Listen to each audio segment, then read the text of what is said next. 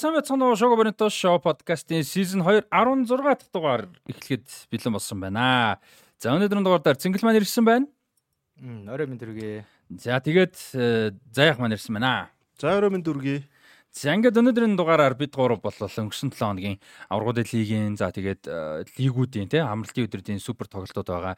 Тэдний талаар ярилцсан. 20 дугаар хэсэгт зуны 100 болох 17 дахь удаагийн Европ төвийн аврах шалрах тэмцээн буюу Еврогийн суглаа болсон байгаа. За үүний үр дүнтэй холбоотой сэтгэлээ хуваалцъя. Тэгээд аль одоо таамаг дэвшүүлээ те. За бас 17 хүртэлх насныхны дэлхийн аврах шалралт тэмцээн сая дууссан. Тэрэнд холбоотой мэдээлүүд хүргэн. За тэгээд 3 дахь хэсэг бол миний story time байгаа. Зян үрээд а дугаар маань эхэлж байна. За юуны хувьд бол Титэм спортс бар бол бидний ивент гэж дэмжин ажилласаар байгаа. Титэм спортс барын хувьд бол шинэ жилийн захиалгад авсаар байгаа шүү. Тэгээ найзууд хамт олонны ерөөдөө нэг 20 30 ч юм уу те хүмүүсийн нэг тийм илүү зөөхөн талтай гэх юм уу. Бүр хэдэн зугаараа биш те. Тийм хүмүүсийн найз нөхдүүдийн байгууллагын захиалга бол авсаар байгаа шүү. Та бүхэн хүмүүс юутай үнэн саналтай танилцаарай, мэдээлэл аваарай. 8070 67 утсаар холбогдох боломжтой байгаа. Манай жогийн шинжилж одоо энд болно өстой. За шогийн шинжилөө. Тийм байж болно. 5 зургуулаа. За тэгээд тийм Тэгээ 8070 67 дугаараар захиалга боломжтой жогогийн шинжилтэд тогтцож болно гэдэг. Би яагаад нөө шинжил гэдэг л өнгөрсөн жил ерөө шинжил байхгүй шүү дээ. Хөл өмгийн дэлхийн аварга маврга юу шинжил ерөөсө зөндөө шинжил байгаа нь байсан. Тэгээд ямар шинжилгүй болсон. Тэгээд яагаад ч шинжилгүй аяг удсан санагдаад байгаа шүү дээ. Тий. Тэрний өмнөх жил ковид байсан гэж. Тий. Тэгээ орог 2 жил ковид. Тэрөөсөө хөл өмгийн дэлхийн аварга алсан шүү дээ шинжилгээ бол. За одоо тэгээд он гараад шого маань яг одоо календарын жилээр бол 3 дахь жил рүүгээ орох нь шүү дээ. Календарын жилээр бол. Тийг санаж байна. За тэгээ өнөөдрийн дугаараар иймэрхүү хориод ярина. Тэгээд Титэн спортс барын хамт олонд баярлалаа. 8070 67 дугаараар захиалгах эсвэл мэдээлэл авах боломжтой байгаа шүү. А тэгээ Game Night үйл ажиллагаа үргэлжилсээр байгаа. А дараа 7 хоногт 2 дахь болно. А энэ 7 хоног бол 4 дахь болж байгаа. Тэгээд дараа дараагийн удаагийнх нь мэдээллүүд нэмэгдээд явнаа. За тэгээд юу яа дугаарлаг орцгоё. За Аврал лигийн товчхон дурццгаач. Аврал лигийн эхний өдрийн тоглолтын хамгийн одоо шок үр дүн за ер нь л үхлийн хэсэг те үхлийн хэсгийн тоглолтууд тойрог болгон сүртэй болж байгаа. За Миланыг бол Боруссия Дортмунд 3-1 хацаатай буулгаж авсан ийм үр дүн гарсан болвол нөгөө тоглолтод Paris Saint-Germain Newcastle юу гэдэг 1-1 гэдэг үр дүн гарсан. За энэ дээр бол нэлээд асуудал гарсан гэхэд буруудахгүй бах. За Newcastle бол тоглолтын тооны харьцааг а нэг тиг болгоод ер нь нэлээд удаан тоглолт үргэлжилсэн боловч сүүлд бол юу яасан Килиан Эмбапе эрдэр нэмэх 6 дээр тургуулийн цогцолтыг оруулж бол тэнцвүүлсэн. За гэхдээ тэр тургуулийн цогцолтыг бол одоо яг тургуулийн цохилт гэхэд нэлээд хэцүү. Эрдэр нэмэх 8 дээр юм биш уучлаарай. 24 дээр Исак хийсэн байсан. Тэр тоглолтын үүдснүү тэр тургуулийн цохилтыг юу гэж бодож байна? Одоо мэдээлэл нэмээд өгөхөд тэр тоглолтын дээр одоо а одоо яг вараар буюу видео ассистент рефригээр ажилласан Томаш Кятковский гэж одоо юу болвол Авар бол талбай дээр пош өгөрөө шүү дээ тийм Марчиньякийн нөгөө нэг пош баг ажилласан. Тэгээ Симон Марчиньяк хэлсэн байна л да энд юуг дахиж үзээч шалгаач гэд. Тэгээд тэр шүүгчийг нь дараагийн тоглолтод нь одоо ажлын чөлөөлсөн. А Симон Марчиньякийг биш вар шүүгчийг нь чөлөөлсөн. А тэгээд дараагийнх нь өдрийн боор Ясастай Залцбургийн тоглолтын дээр вараар бас ажиллах хуваартай байсныг тухайн үед нь бол чөлөөлж исэн. Тэгээ энийг энэ дээр юу гэж бодож байна одоо яг эцсийн шийдвэр мэдээж талбай шүүгч гаргаж байгаа Тэнгүүд талбай шүгчиг биш варыг нь одоо торгочдаг. Тэгээ зөрүүлээд бас тэр шийдвэр ер нь зөв санагдсан уу, буруу санагдсан уу? Юу гэж бодож байна? Үзсэн үү? Яг 10 лигийн тоглолтуудыг таймыг таймуудыг нь үтсэн. Юугаар SPS-ээр яг PSN дээ одоо. Тийм, Premier Sports тий. Хууч нар бол SPS-ээр бол яг нэг бүтэн тоглолтууд үзэж амжааг болохоор таймуудыг үтсэн. Таймууд нь нэг өдрийнх нь нэг цаг 20 орчим минут болдог шүү дээ. Тэгээд үтсэн. Тэгээд тэндээс үзээд яг дараа нь бас нөгөө нэг шуугаад ахаар нь юу болсныг нь харсан. Тэгсэн угаасаа нөгөө яг одоогийн байгаа нөгөө нэг дөрмийнхэн дагуу бол шүүгч нар буруу шийдвэр гаргацсан юм билээ л. Ягаад тэгэхээр нөгөө нэг өөрийнх нь биеэс ойгоод дамжих юм бол гар биш гэж үзээд байгаа шүү дээ. Учир нь юу гэвэл нөгөө нэг өөрийнх нь бие ирээд дамжингууд нөх хүн реакц хийж амжихгүйгээд яг санаатай үйлдэл биш учраас гэд нэг болиулчаад байгаа ш тэ. Гэсэн чинь уг нь бол тэр чин Ливраментогийн бид ойгоод ойсон бөмбөг нь гар зөгж байгаа. Уг нь тийм. Тэгээд уг нь бол ойлгомжтойсэн юм дээр ингээд пенальт өгсөн байна. А тэгээд UEFA-аас уучлалт гуйсан байлоо да тий. Тийм мэдээлэл бас гаргасан байсан ш тэ. Тэгэхээр бол яг тэр шийдвэр бол угаасаа а маргаантай бөгөөд яг одоогийн дүрмээр бол буруу шийдвэр гаргасан юм байл л дээ. Хэрвээ Ньюкасл хожсон байсан бол баг хэсгээсээ гарахад нэлээ ойртож штэ. Сүүлийн тоглолт Миланыг хожоод гарч ин одоо болохоор ингээд хүний гарт зэн орсон байх шүү дээ. Энэ бол Ньюкасл айгүй харамсалтай болчих. Тэгээ варан шүүгч чөлөөлдөг юу бол юу аж юм л да. Наа чи нөө варан шүүгч нь хэлэх ёстой шүү дээ. Талбайн шүүгч угаасаа хараагүй миг варан шүүгч хэлэх ёстой шүү дээ. Тий харин хэлсэн байхгүй. Тий. Тэгээ хилээ талбайн шүүгч үзег юм уу? Харин үзээд талбайн шүүгч нь пенальт өгч байгаа байхгүй. Харин тэгээ варыг тоглолтыг нь үзээгүй байхгүй юу? Харин тэгээ варыг нь одоо яагаад ажилласан чөлөөлж байгаа юм бэ гэдэг амар сонир асуулт байгаа байхгүй. Вар ч бол зүгээр үргэн шүү дээ. Энэ эгэлзээтэй байна нэг үзчихээчээ гэд дуудаж байгаа байхгүй юу. Тэгээ Марчиняк үзснээ туруулах гэж байгаа байхгүй. Яг Марчиняк талбай дээрх шүүгч Марчиняк дуруул заагаагүй. А вар шүүгч нь энийг үзээчээ гэж шаардаад тэгээ тоглолтыг зогсоогоод үзсэн баггүй юу. Тэгэнгүүтээ пенальт өгч байгаа. Марчиняк ч уг нь айгүй шүү дээ. Тийм, дэлхийн аврагын дэлхийн финал шүүсэн шүү дээ. Уг нь айгүй сайн шүүгч. Тэгээд энэ дэр Марчиняк айгүй сони шийдвэр гаргаад тэгснэ Марчиняк айгүй вар шүүгчийг нь одоо вар гэдэг шиг рефери орчиж байгаа. Варыг нь юу ятж байгаа байхгүй торгож байгаа. Тэр бас нэг тийм жоохон сони шийдвэр бас гарсан байлээ. Тий. Тэрийг харин байгаа. Би яг тоглолтын үзэг болохоор яг мэдэхгүй. Марчиняк нөө үзэж байгаа шүү те. Үзэхэд яг тэр нөө нэг камерын нөхцөл байдал яг тэр бинт нүрээ гар урж байгаа тэр нэг тодорхой харагдсан те. Нөө нэг зурагтаар үзэж байгаа Марчиняк харж байгаа яг зэрэг харж байгаа шүү те. Тэгээд тэгэхэд бол бүр улаан цай ойлгомжтойсэн байхгүй. Тэгээ би яг за ер нь Paris Saint-Germain хэцүүчлээ. Тэр чинь эрдэр нөх 6 дээр байхгүй юу. Тэгээ 7 минут сунгацсан байсан. Тэгээд яг нөгөө пенальт пенальт вармар гэсээр байгаад эрдэр нэм 8 дээр одоо Мбаппе хийж таарж байгаа. Гэтэ ер нь бол хний 20 30 секунд үлдсэн байсан байхгүй тоглолтод. Тэгэхээр би бол хэрвээ тэрийг өгөөгүй бол тэгсгээл ер нь дуусчих байсан. Тэгээ одоо хэрвээ Ньюкасл хоцсон бол одоо ийм байгаа байхгүй юу? Тодорхой төргийн байдлаар дараагийн байдлаар Борусsia Дортмунд 10 оноотой, Paris Saint-Germain 7 оноотой, Newcastle 5, Milan 5 оноотой. Гэхдээ Newcastle голын зөрүү хоорондын юугаар тий. Ингээд дээр ба хэрвээ юу яасан бол энэ дэр хочсон бол Newcastle юу та 7 оноотой, Paris Saint-Germain 5. Дэвшээ 6 оноотой. Ийм байж хасан ба. Том давуу талтай байх байсан. Тийм энэ дэр бол яалтч уу гомдолтой байхаар л та тий. Одоо тэгээд өнгөрсөн. Одоо өөр яах вэ? Тэ одоо гомдолтой байгаа ч одоо тэгэл тоглолтыг буцаана гэж байхгүй юм дэж. Тийм. Тийг айгуу тийм одоо амар эргэлзээтэй эвгүй юмнууд байдаг штэ.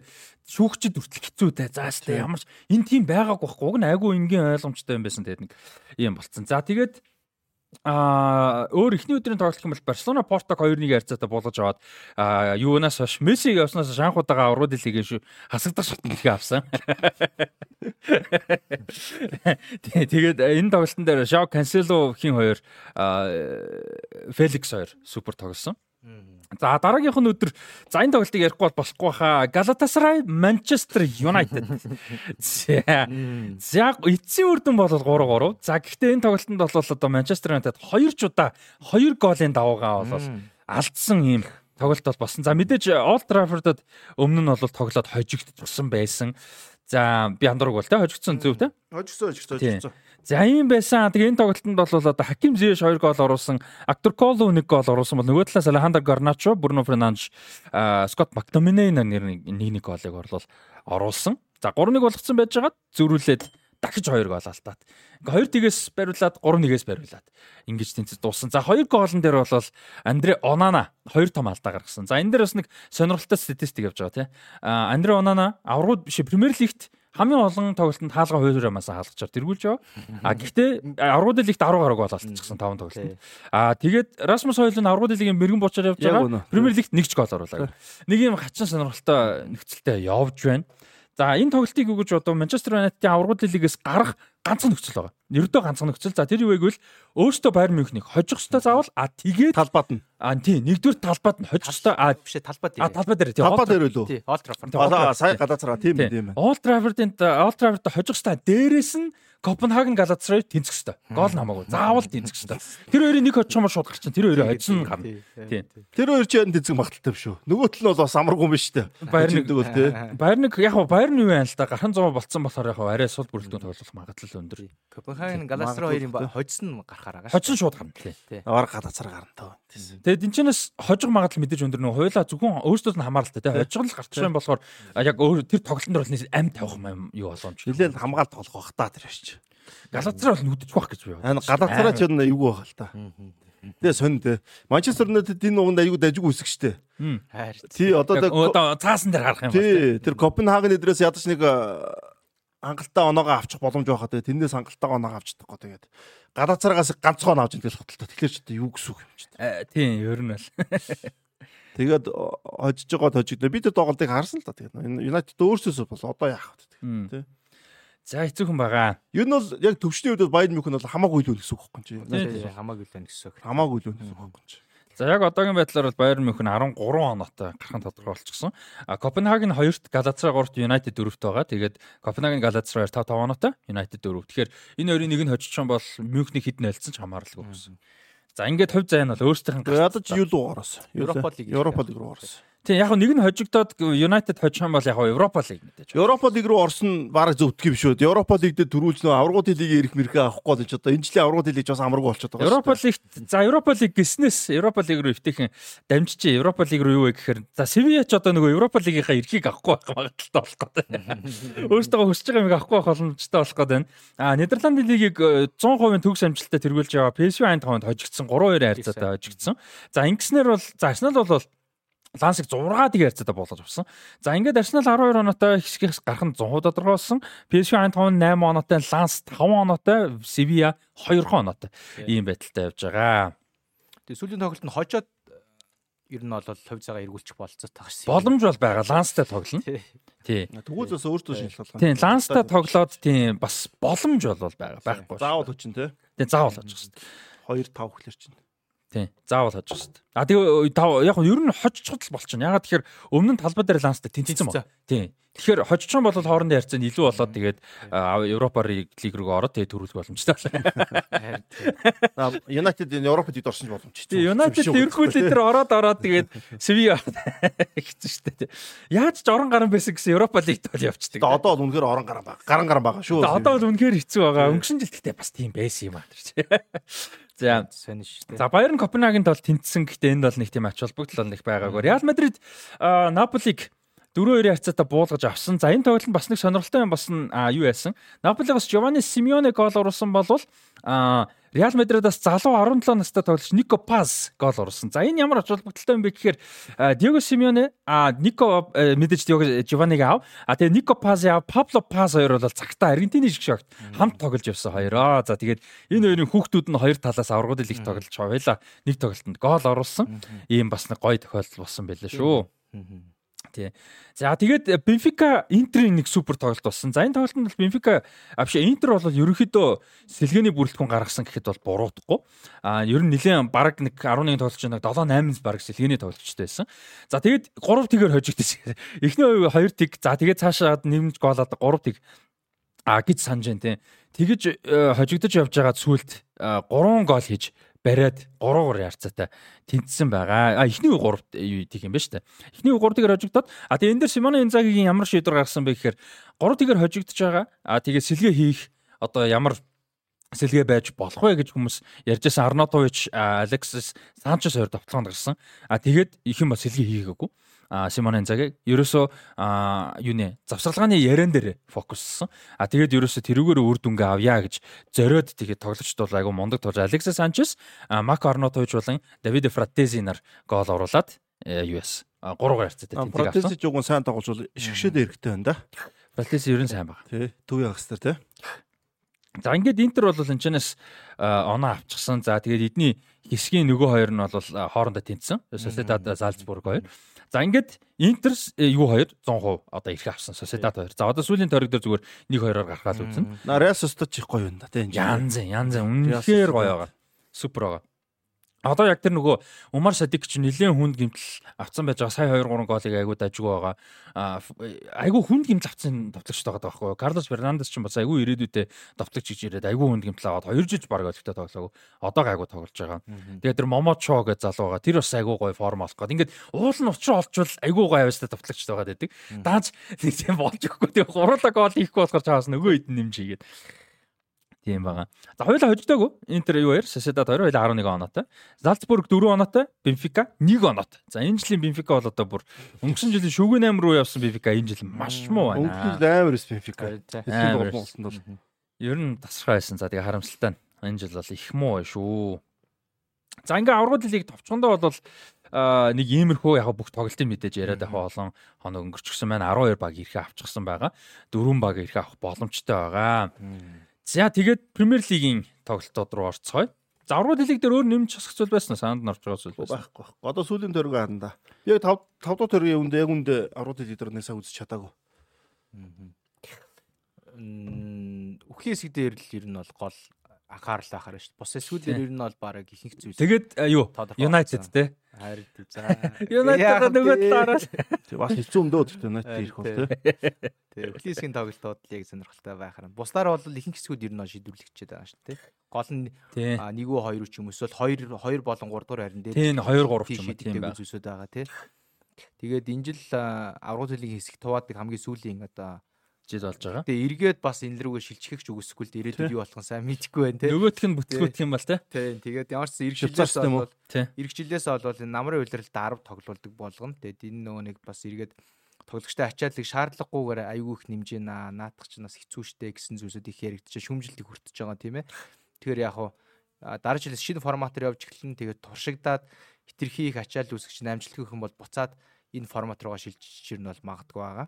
Яг тэр чинь нэг 3 муу илэрл явахаар байсан баг шүү те. Нөгөө нэг 10 тоглолтоор чинь юу байх вэ? Асрыг тоглож байгаа эрт эхлэх нь шүү те. 10 тоглолчоо шүүгээ 16-аар орж байгаа. Тий. Тэгээд одоо дахиад чи 4 нэмэх байгаа. Тэгээ хамгийн хамгийн сонь 10 тоглолчоод дараа нь хавар нь зарим багуудыг дахиад 2 тоглолт чинь чинь 24 баг үлдээх гээд байгаа шүү дээ. Эхний 8 нь шууд орчин. Тэгээд 9-оос 16 нь дундаа дахиж нэг нугална. Тийм. Тэгээд тэднийх нь 8 нь орж ирээ шүү 16. Одоо энэ тэгэхээр энэ чинь наад чинь бол ерөөсө том багуудад айгүй юу байгаа хөөхгүй. Давуу талтай болчихгүй. Бүрэлдэхүүн зузаан. Одоо бүрэлдэхүүн нэмхэн багууд бол энэ энэ системээр яагаад ч явахгүй шүү дээ. Хэцүү 10 тоглолт шүү дээ. Тэгээ энэ дэр бас нэг point нь юу вэ гэхээр том багуудыг мултрах боломжийг маш бага болгож өгч байгаа. Айл болох ер нь бол тийм. Ер нь гол нь тэр. Тэгээ гол нь яг явж байгаа зүгээр эргэж дахиж яригдчих магадгүй л ах. 10 тоглолт асар их тоглолт шүү дээ. Амар амар амар. Яг ер нь бол э, Александр Чифрин тэгээд Европ хөлбөмбөгийн холбоо айгүй шүүмжинд өрцөн шүү дээ энэ төлөвлөгөө анх зарлагдаад. А гэхдээ яг айгүй тийм нөгөө нэг өөртөө нь ашигтай болцсон байхгүй яасан гэхээр 21 оны 4 сард 4 сарын 12-нд Супер лиг гэж нэг юм зарлагдаад тэр нь бүр энэнийг давц. А тэгээд яг Супер лигээ солиороо бөөөн болж хооронд урчин комити зарлаад энийг эвтэйхэн баталсан байхгүй. Тэгээ ингээ айгүй Супер лигийн шүүдэр дундуур явуулсан. Түүнээс биш энэ бол ер нь хэцүү байсан шүү дээ. Айгүй шүмжин төрчихсэн. Яг нэг амжуулаа баталсан байхгүй. Нэг тийм нэг Монгол шиг бодоо тий. Галбаар Супер лигийн сенсацыг гаргаж ирж угаасаа унгаж унгаж байгаа ажуугаар нь юу оруулсан гэдэг шиг байна тий. Одоо бараг л тэгдэг шиг тий. Тэр нөө суперлиг эднэхтүүд зүгээр UEFA-д ашиг ашиг. Унаач 10 лугад угаас амар хүнд байхгүй. Хэцүү амар хүнд. Одоо хайши. 7 хоногт лигт тоглож 3 дотноо жөөрөө сербд очиж тоглолцоод ирээд буцаад Испани руу яваад одоо яах вэ? Турк руу яваад явж гэх юм уу? Одоо гол нь 6 тоглолтыг оруулах гэж яг энэ энэ намар бол бүү юм болж байгаа шүү дээ. 9-өөс 12 дугаар сарын 6 тоглолтыг шингээх гэж бүү юм болж байна. Тэнгүүт одоо энэ ачаалтад 6 ачаалттай байхад нэмээд дөрвийг оруулах нэгдэж аслаа. Тэгснэ одоо гоё заяа. Лиг кап, FA кап Англид бол. За ингээд бусад лигүүд бол нэг нэг цомтой. За ингээд байж итл Инфантино ч клубын дэлхийн аварга нэг байгаа шүү дээ. Одоо эх жил 2 жилийн дараа шүү дээ. 2025 оны 6 сард тийнгээд бас нэг юм гаргачихсан. Тэгээд тоглогчтой ачаал бол бүр ингээд бүх төрлийн нэг репорт тайлангуулахаар тоглогчид энэ энэ их давтамжтай нэг ачааллыг сэтгэл зүй болон биеийн хувьд давах чадамжаас нь давчаад байна гэдгийг тайлангууд гарсаар байгаа. Сая тийм учраас эн чин зүрхний асуудлаас тамирчин нас орох ч юм уу. Тэгээ булчингийн гэмтэл хамгийн наазах нь. Янз янз болж. Сая 2000 юуны дэлхийн аварга үйл болсноос хойш А саяны энэ удирлыг юу лээ энэ удирлээ одоо энэ 10 сарын сүүл хүртэл байлуу да. юу байсан? Европын топ 5 лигт 24 тоглож өвдөгний чигт албасраг юмсан байна гэсэн. Тэр бол бүр ингээ рекорд номер гэж байгаа байхгүй. Тэр ерөөсөө юу тэр 24 тоглож хідэн дэлхийн аварт орсон байла баг 17 8 нэсэн баха. Тэг яг жижиг том болсон янз бүрийн багууд л да. Гэхдээ тэр бол ингээд дэлхийн аварт дундуур ингэж ороосны бүр амар том нөлөө байна гэсэн юм байна. Тэг дэлхийн аварт ороогүй тамирчин бол яг үндэ тэн дээр сайхан амарчж байгаа шүү дээ. Тийм Ислог хөвд бол тий. Сайхан дэлхийн аваргаа үзээс уучж байгаа шүү дээ. Хаалт чинь трипл хийж байгаа. Тий, юу нь бол тийш шүү дээ. Тэр бол дэлхийн аваргууд яг орж байгаа хүмүүс бол амар хорлонтой болчихж байгаа байхгүй. Одоо тэгээ 30 оны дэлхийн аварга чинь тодорхой шүү дээ. 34 оных чинь өвөл болгон тодорхой. Сауди Арабид. Тэр үед аврагууд лиг буцаад хэвэндээ орцсон жоох юм л одоо мэдэхгүй бас те 34. Тэгээ одоо энэ Дебройн энэ төр уурлаад байдаг чи яг аргагүй байхгүй те ингээ хитрхи олон тоглолт байна бүр яа чин тоглогч чинь салж унлаа шүү дээ. Нэг үйлрэлт 70-аас 80 мая тоглож явах шиг те зарим том шиг шиг тоглолчтой бүр том клуб том шиг шиг тоглолдог арай л утга. Хөл өмгөнд тоглолт ерөнхийдөө бас спортын хөдөл угаас хамгийн их гүйдэг юм шүү дээ 10 км дээр одоо ойролцоогоо чинь 10 шүү дээ. Тэгээ сакс магч ч юм бол ер нь бага штэ 3 4 км гүйдэг. Тэгээд хоорондоо ингээ сольж мэлж болдог те хамаагүй хөл өмг бол айгүй хүнтэй тэр чин аялна. Тэг аялна те зүгээр тоглохгүй мөргөлдөн ноцолтон те Тэгээ дээрэс нь нөгөө нэг талбай дээрх амжилтанд хүртэл нөлөөлж байгаа. Энержи байна, ирч хүч, бэлтгэл, а гимтэл, а тэгээ бэлтгэл байхгүй гол нь. Одоо бэлтгэл тухтай хийх юм ерөөсө цаг байхгүй болчихсон байхгүй. 2 3 хоноол тоглоод 2 3 хоноол тоглоод 2 3 хоноол тоглоод тэгэхээр тактик талаасаа хүртэл одоо унж байгаа байхгүй байна. Энэ бол жоохон одоо харъя да одоо тэгээд хитэрч байгаа юм тий. Арай л хитэрч. Тэг мөнгө мөнгөжүүлчихэр тийм юм болж байна л да. За, эхлүүлсэн юмны талаар би бас ярина. Story. За, Premier League ярьцгаая.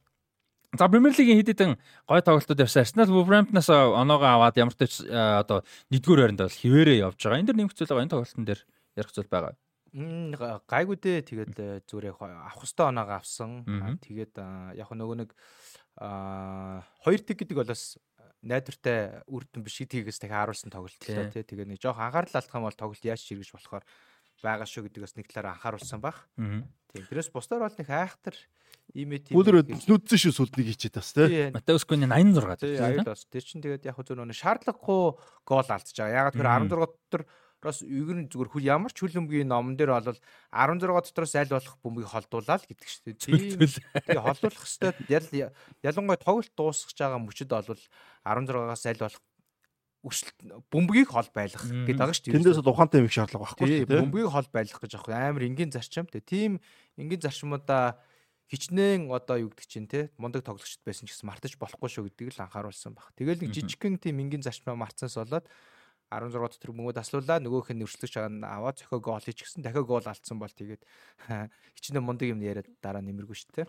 Тэгэхээр бас одоо заадтай чихэн цаашаа зүгээр нэг тийм гоё оноо алдахгүй бүтэн оноогоо авсан сургам болж болчлаа тий. Одоо энэ ч оноо алдсан байсан бол айгүй хэцүү шүү дээ тий. Оо тий. Шаардлагагүй оноо. Сургам цаашаа сургам чижүүлж чинь алдаа болчих. Тий. Тэгэхэд одоо бол ингээд за энээсээ суралцъя гэд өнгөрөх боломжтой болж байна. За Эвертон 10 оноо асууснаас хойш анхуд байгаа оноо 3 бүтэн оноо авсан Nottingham Forest-ыг нийт ярцаатай буулгаж аваад талбайд нь очсон бүр. Талбайд нь тий. City Ground цэнгэлтэгт нь хоцсон.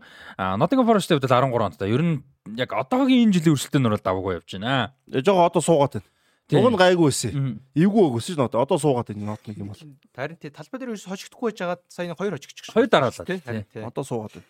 Гэтэ Nottingham Forest ч бас яг нэг тэгээд нэг ивэ олчхоор бас эвгүй байдаг шүү. Ёстой эвгүй баг наад ч юм уу. Бүрэлдэхүүн их гоё. Гоё авьяастай тоглогчтой байгаа шүү дээ. Аргагүй шүү дээ. Өнгөрсөн жил 23 тоглож шинээр авсан баг ч одоо. Бараг 30 гараа шүү дээ. Үлийн 8-аас сууж дахиад бага авсан шүү дээ.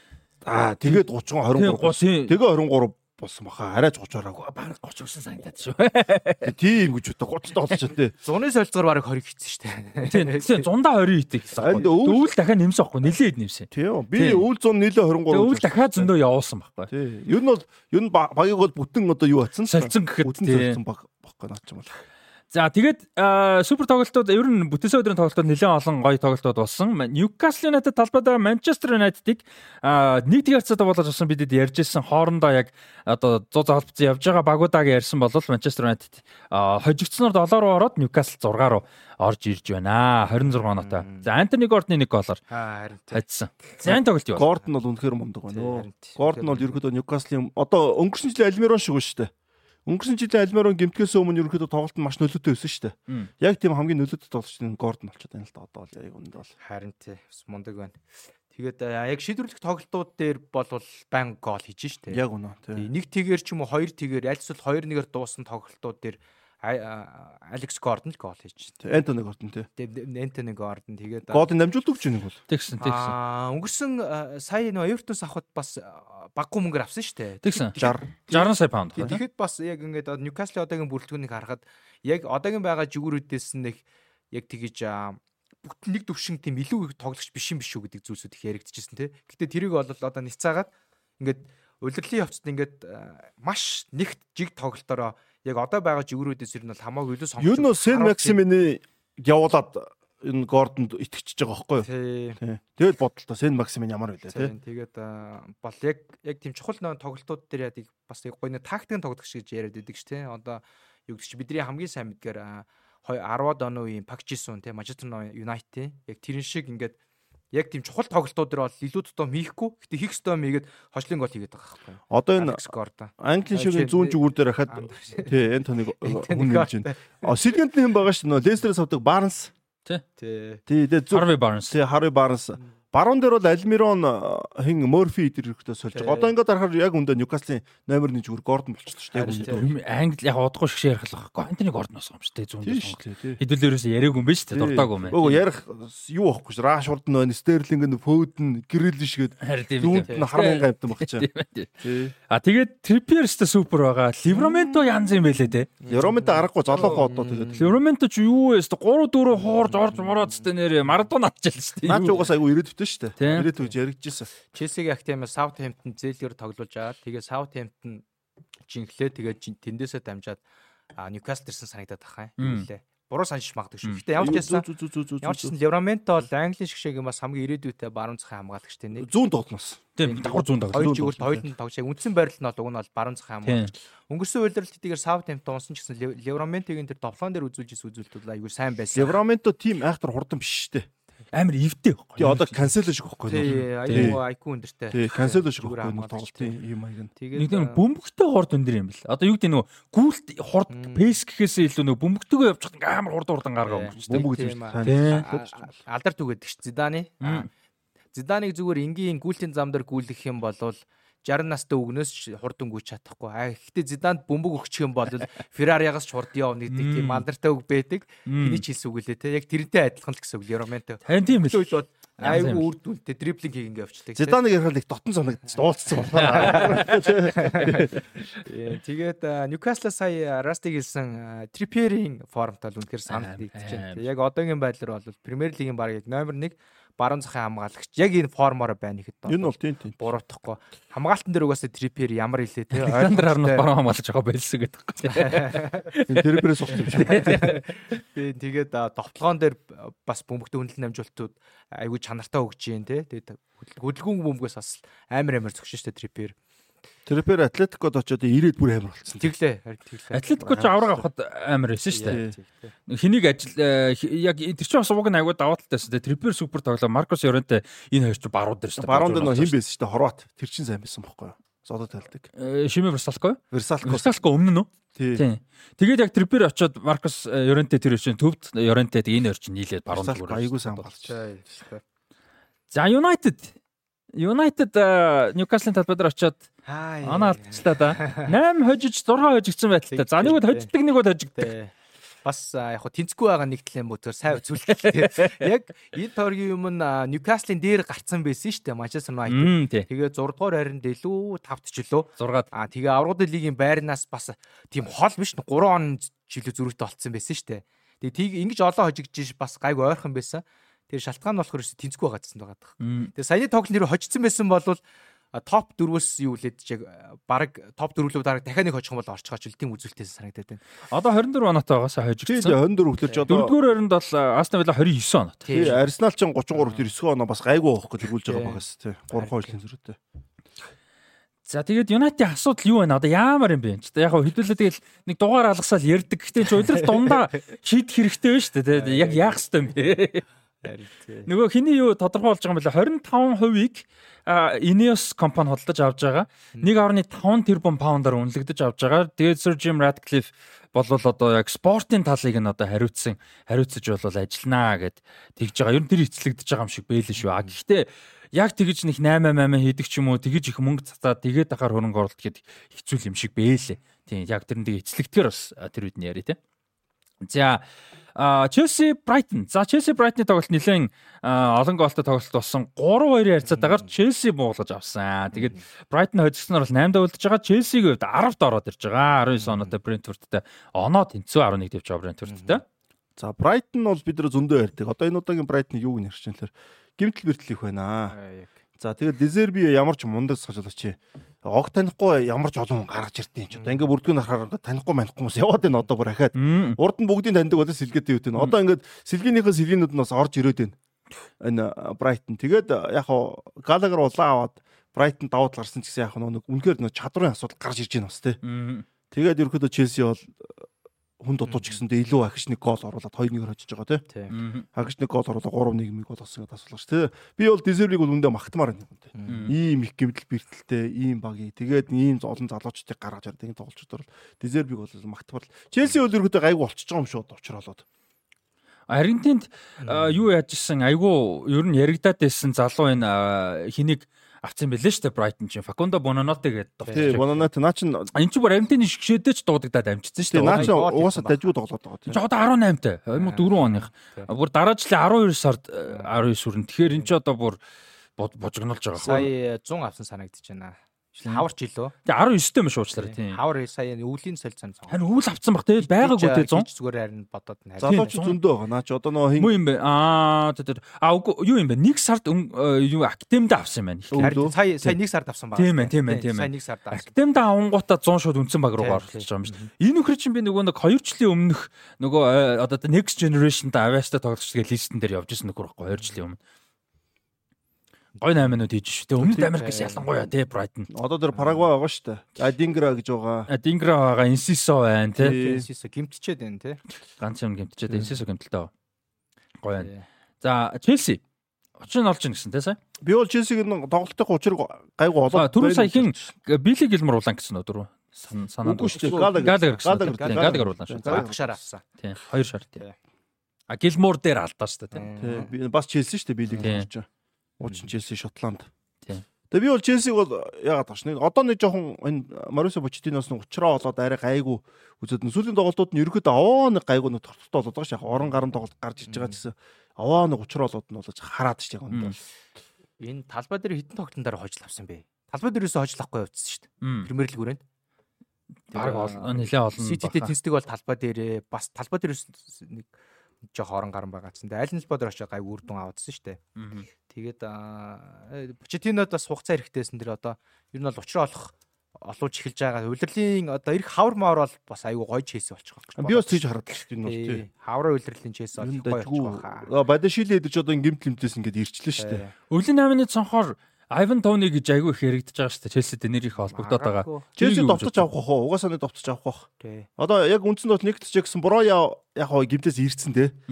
Тэр одоо харахад л багтаа одоо идэрч юм бол. Нөвөл ямар бах. Харин тийм тэгээд бас гайхаал те. 3 дугаар уучлаар яриг нэлсэн. 3 дугаар тойргоос шанхуудаага талбай дээр хожиж байгаа юм шүү. Талбай дээрээс хожихгүйсэн. 3 дугаар тойрогт Лютен тауныг 8 сарын 25-нд хоцсон юм байна. Тэгээ тэрнээс хойш бол талбай дээр хожиж байгаа. Тэсэгвагийн талбай дээр нь бол очиод идэг. Тийм.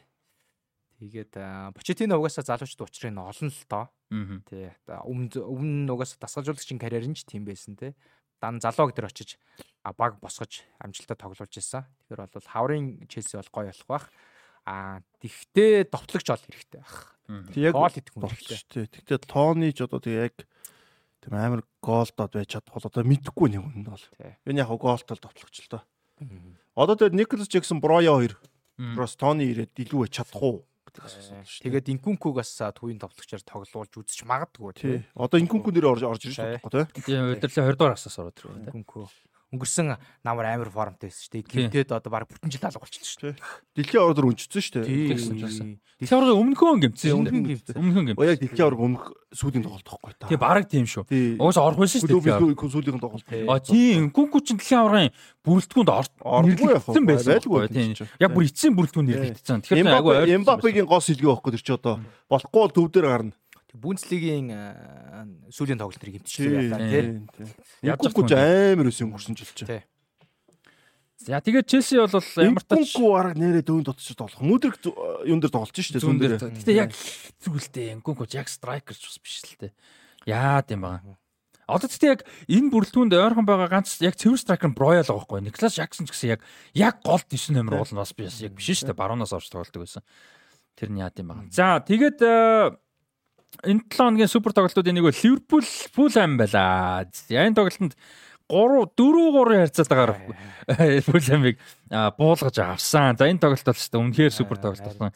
Александр Арнолтын чөлөөт цохилт хөндлөвч оноод Бернленод ойгоод орсон. Дараа дараа нь Ливерпулээс одоо гол карьераа эхлүүлсэн. Харин шууд шууд орсон, шууд орсон. Хөндлөвч байгаа шууд орсон. Үгүй үгүй хаалгачтайсан баг. Тэгээ Бернлоныг автголоор. Бернленыг нуруунд дээр цогцсон би. Оо тийм би яг гарч байгаа. Яг хөндлөвчөнд байгаа гарч исэн мөмг нь Бернленыг нуруунд байгаад орцсон. Би ерөөсөө тэрийг анзаарахгүй. Өчтөд тоглолтыг нь үзсэн шүү дээ. Тэгээд Бернленыг автголоор татсан баг. Шууд үзэж яхад баг тэрийг анзаарахгүй баярлсан баг. Тийм баг. Баярлахаас гадна юу хараагүй юм байна л да нөө. Давталтаа. Давталтаас гадна хэн гол оруулсан гэдэг нөө юу өгдөн шүү дээ. Тэрийг хараагүй мэ. Тэн дээрээс нэг Ленегийн гол харсан бол яах вэ те. Би нэрээ давталмавтын хараа нэг бас жоохон баярлсан баярлаа гүнд. За тэгээ Макалистер 2-1 болгосон.